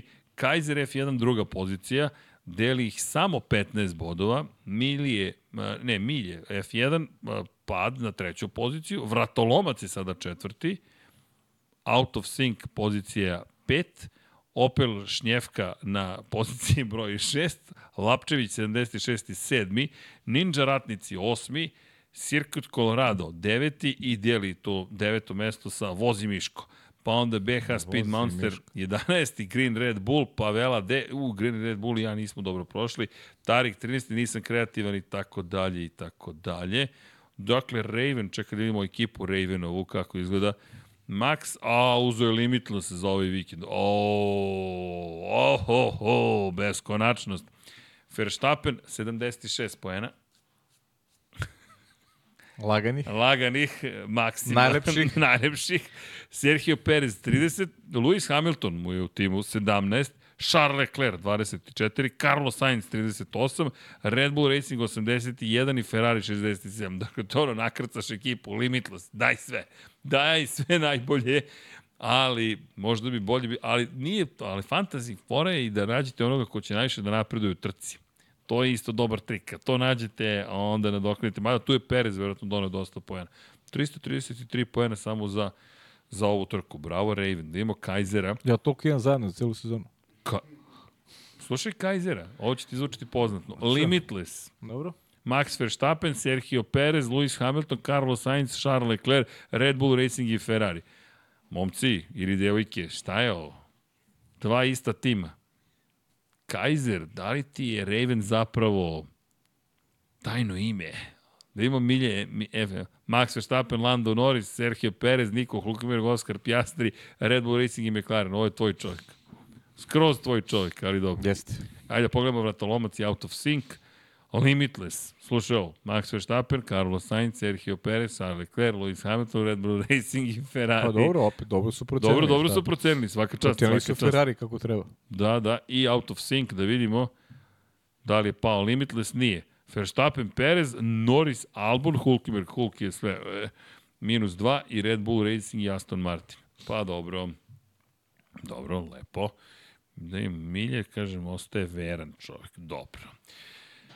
Ljudi, šta da vam kažem za fantasy, koga ne igra, imate link u opisu, u descriptionu ovog videa, imate opis, to je link za fantasy, imate i kod za ligu, pa nikad nije kasno da se priključite, možda pobedite Paju. On je trenutno 3000 među 3057 takmičara, od prilike. Svakog dana, u svakom pogledu. Sve više, sve više se Sve više nazadujem. e, a sad sam shvatio zašto zelena boja, majice. Rekao sam ti strogo. Zbog, zbog Šejle. Zbog Šele, Čebirić, podrška za Aston Martin. Aston Martin. Tako da. je, tako je. Dragi ljudi, mislim da je vreme da se sada polako ali sigurno pozdravimo. Da, kažite, čeka Vlada. Subot, a, vla, ne, ne, čo, ti bi se sad odjavio? O, Vlado, amateru stari, ovo je početak kraja uvoda završetka podcasta. da krenemo od vladinih želja. Ispunjavamo želje, vlada kaže subota.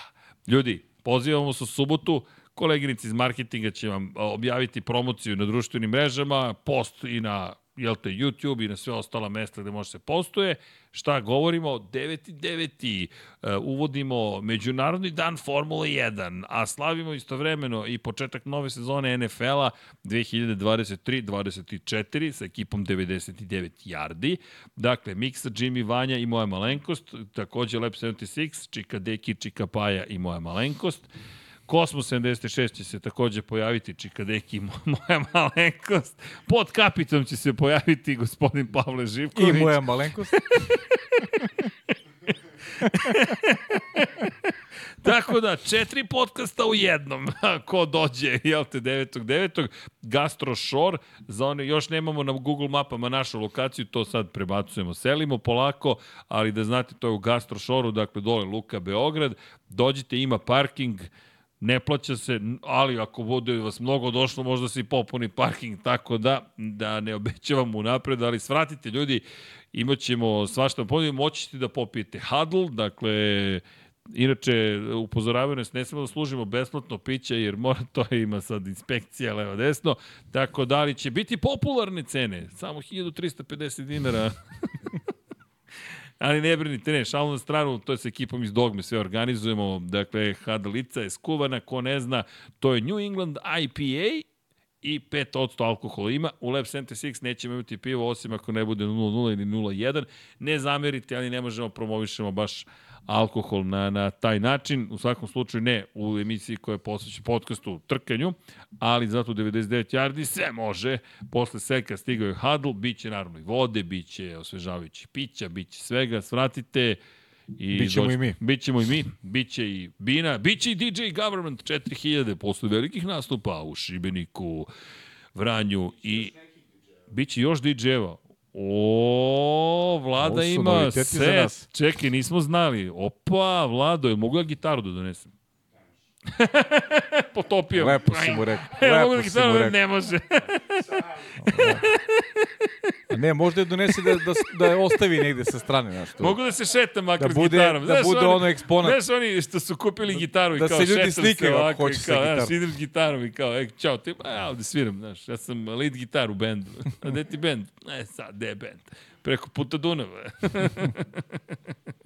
Tako da svratite. Druga stvar jeste, molimo vas, kliknite subscribe, ukoliko ne želite obaveštenja, ugasite zvonce, ali bi nam puno značilo da nam budete pretplatnik, subscriber, pošto to pomaže da rastemo, kako rastemo, možemo da radimo još lepše, luđe, nadamo se i bolje stvari. I sad ćemo se malo fokusirati na ono što snimamo sve, s obzirom na činjenicu da imamo mnogo nekih ideja, da ne bude da samo ja sad nešto najavljam, ali Paja zna i držimo palče, ćemo zaista to uraditi, dosta toga već jesmo, neke stvari nismo, završit ćemo sva obećanja koje smo dali i tokom godine, pa i prošle godine. U svakom slučaju, kada pričamo o, o nekim novim stvarima, dođite da vidite šta smo to pripremili, bit će postavljene izložbe koje su već bile postavljene, samo što ovoga puta naš prostor u pitanju i mi smo zahvalni svima koji su nas podržali, galeriji koja nam je dala priliku da imamo izložbe, ali prosto to je kratko trajalo 7 dana, sada mi se nadam eto, da ćete se osjećati kao kod kuće, da će to biti vaše mesto za sve ljubitelje, što Formula 1, što Moto Grand Prix, što Waterpola, što američkog futbola, kosmosa i svih nekih lepih stvari koje planiramo dalje. Like, mnogo znači patron.com kroz Infinity Lighthouse, shop.infinitylighthouse.com, prosto sve to da je jedne priče, pa guramo dalje da nam bude još zabavnije i lepše. I naravno pozdravljamo su ime cele ekipe, svih koji jesu tu i nisu tu, I naravno, zahvalit ćemo se posebno kao i uvek našim patronima i onima koji su članovi na YouTube-u. Sad ćemo malo i taj program da osvežimo, da se ponovo družimo i na Zoomu i da naravno uradimo neke nove ikonice, kao i da naravno kada je reč o, o, o smijem Vlado da spomenem muziku Imaćemo i neke nove stvarčice kada je reč o muzici, da znate. Vlada, naš muzički urednik, će se potruditi da uradimo nešto što postoji već kao koncept, ali eto, pratite, ukoliko kliknete subscribe, saznaćete još brže. I nije šala, ne, od, ne, ne odugovlačim, samo nam je mnogo lepo i zaista smo vam zahvalni za svu podršku koju nam pružate i jedno čekamo da se družimo. Tako da nadam se da se vidimo 9. 9. A sada da kažemo hvala svima koji su kliknuli join dugme, to nam takođe pomaže na YouTube-u ili su članovi kluba Patreona, pokrovitelja. Šta dobijete? Pa dobijete radost i to da vam na kraju emisije se posebno zahvalimo, a nadamo se da će to biti još nekih stvari. Hvala ljudi, laka noć i vidimo se za ne znam nijak koliko minuta da se pozdravimo svi zajedno sa Pajom koji će sada da nestane kao i Vlada, kao i Helena i ja ću ostati sam da čitam imena, ali ja to ponosno radim tako da naravno, mada bismo mogli da podelimo te uloge pa i da kupimo naučare i vreme da krenemo. Vlado, hit it! Alen Stojčić, Milan Milašević, Vladimir Filipović, Miloš Broćeta, Crnogorski Jedi, Stefan Ličina, Bojan Markov, Nenad Simić, Katarina, Ognjen Ungurjanović, Stefan Radosavljević, Antonio Novak, Dušan Ristić, Luka Savović, Aleksandar Jurić, Vladimir Petković, Nemanja Zagorac, Sean Hing, Mirina Živković, Deus Nikola Živojin Petković, Nikola Marinković, Bahter Abdurmanov, Đole Bronkos, Đorđe Andrić, Branimir Rijavec, Luka Klaso, Nikola Božinović, Anonimus, Donatorus, Žarko Milić, Marko Petrekanović, Dejan Đokić, Marina Mihajlović, Miloš Rosandić, Nikola Grujičić, Mlađan Antić, Ivan, Novak Tomić, Ivan Simeunović, Vladan Miladinović, Kovačević, Omer, Stefan Vidić, Luka, Nedim, Vlada Ivanović, Aleksandar, Predrag Pižurica, Martin Gašpar, Stefan Vuletić, Milan Paunović, Milan Apro, Đorđe Milanović, Stefan Nedeljković, Nedim Drljević, Monika Erceg, Goša 46, Zoran Majdov, Miloš Banduka, Marko Bogavac, Milan, Mario, Jelena Komšić, Andrej Božo, Armin Durgut, Marko Ćurčić, Strahinja Brajanoski, Mario Vidović, Mihajlo Krgović, Danijela Ilić, Benjo KK, Andreja Miladinović, Predrag Simić, Lufonac, Đorđe Radojević, Ružica Stefanović, Bojan Majstorović, Jasenko Samarđić, Marko Mostarac, Aleksa Valter, Životić Jovan, Anonimus, Donatorus, Mihovil Stamičar, Ante Primorac, Zoran Šalamun, Boris Kujundžić, Aleksandar Radivojša, Nemanja Jeremić,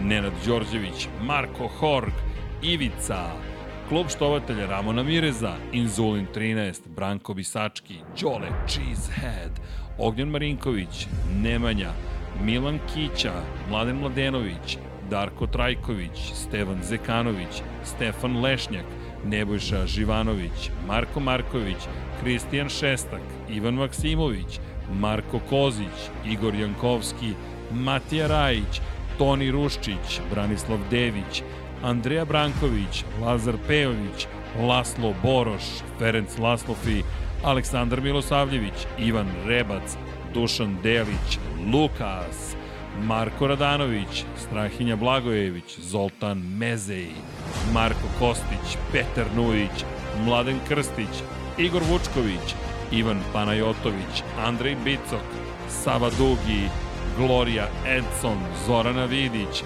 Boris Golubar, Đorđije Lopušina, Borko Božunović, Lazar Hristov, Aleksa Vučaj, Ivana, Kimi Rajkonen, Vojin Kostić, Bojan Bogdanović, Bojan Mijatović, Stefan Stanković, Bata Brada, Nikola Stojanović, Vladidov Dej, Vučinić Miroslav, Ertan Prelić, Dragan Matić, Jugoslav Krasnić, Renata Neš, Luka Martinović, Vladimir Uskoković, Vukašin Jekić, Marin Antunović, Safet Isljami, Vambli Sapa, Zoran Cimeša, Veselin Vukićević, Aleksandar Banovac, Ljubo Đurović, Optimistik, Josh Allen Fan, Salim Okanović, Klara Gašpar, Anonimus Donatorus, Mirena Kovačević, Miloš Radosavljević, LFC, Jovan Đodan, Tijana Vidanović, Nedo Lepanović, Ognjen Grgur, Šefko Ćehić, Džigi Pao, Borislav Vukojević, Aleksandar Mitrović, Ivan Maja Stanković,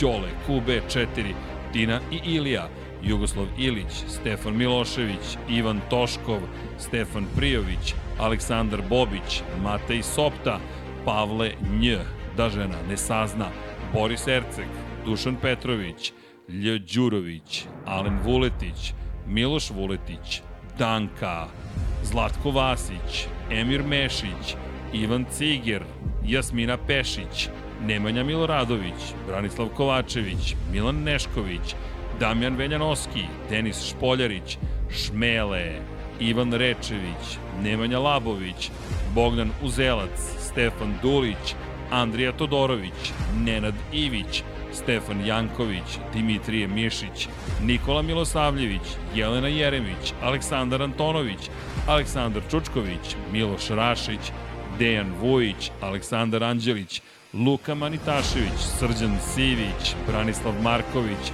Ivan Milatović, Daniel Kolobarić, Dorijan Kablar, Neđo Mališić, Aca Vizla, Sead Šantić, Đurđica Martinović, Vladimir Mutić, Josip Kovačić, Miroslav Cvetić, Mladen Tešić, Vukašin Vučenović, Vladimir Jovanović, Grgo Živaljić, Jelena Veljković, Armin, Vladimir Stojadinov, Đerman, Miloš Todorov, Vuk Korać, Aleksa Lilić, Saša Ranisavljević, Jeca and Stefan, Jelena Mak, Borislav Jovanović, Marko Blagojević, Milan Ristić, Vanja Radulović, Filip, Igor Gašparević, Branislav Milošević, Branko Rašević, Uroš Ćosić, Resničanin, Bojan Gitarić, Ejhil, Stefan Škrbić, Slaven 84, Marina, Aleks Vulović, Saša Stevanović, Maksi, Igor Ilić,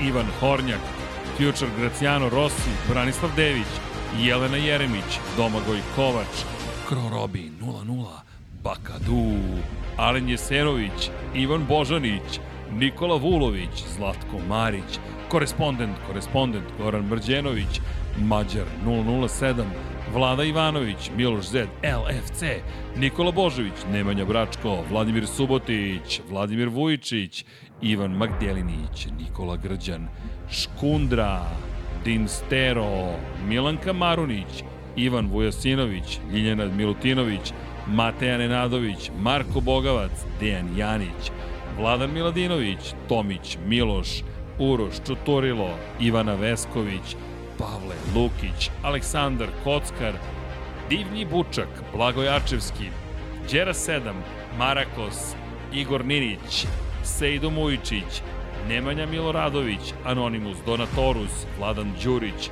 Ada Sokolović, Milan Knežević, Vuk, Kosta Berić, Nikola Niksi, Aleksandar Nikolić, Galeksić, Nemanja Cimbaljević, Almir Vuk, Penđer, Aleksandar P, Bojan Markov, Ivan Vincetić, Omer Sarajlić, Đorđe Janjić, Drago Veković, Dejan Plackov Plackov, Nikola Adamović, Oliver Nikolić, Mensur Kurtagić, Žika Su, Nemanja, Jovan Bojanić, Bruno Jurić, Josip Boljovčić, Marko Stojilković, Nedžad Mrakić, Milorad Reljić, Almedin Ahmetović, Pujo, Nikola Grujičić, Miloš Stanimirović, Nikola Kojić, Petar Bijelić, Vojislav Tadić, Srđan Ćirić, Toni Sonis, 76, Bojan Stanković, Ivan Doko, Žiksi, Tatjana Lemajić, Lazar Milentijević, Vukašin Vučenović.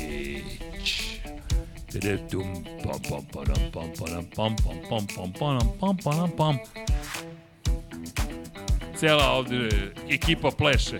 Stvari, jedna osoba ne pleše. Još.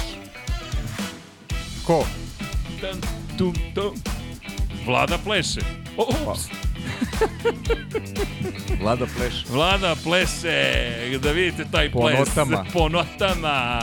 Ludog ritma, Lab 76. Ej, drugari, samo želimo i drugarice da vam poželimo laku noć. Uživajte, mi smo svakako ja sam uživao. Pajo, kao uvek, zadovoljstvo. Kao i uvek i dođite u subotu. Dođite u subotu obavezno, neka to bude rečenica kojom vas večeras pozdravljamo. E, Ćemo, e, dođite u subotu. A mora čas, sve. Dođite u subotu. Ćao svima. Ajde. Dođite. U subotu. Ćao svima.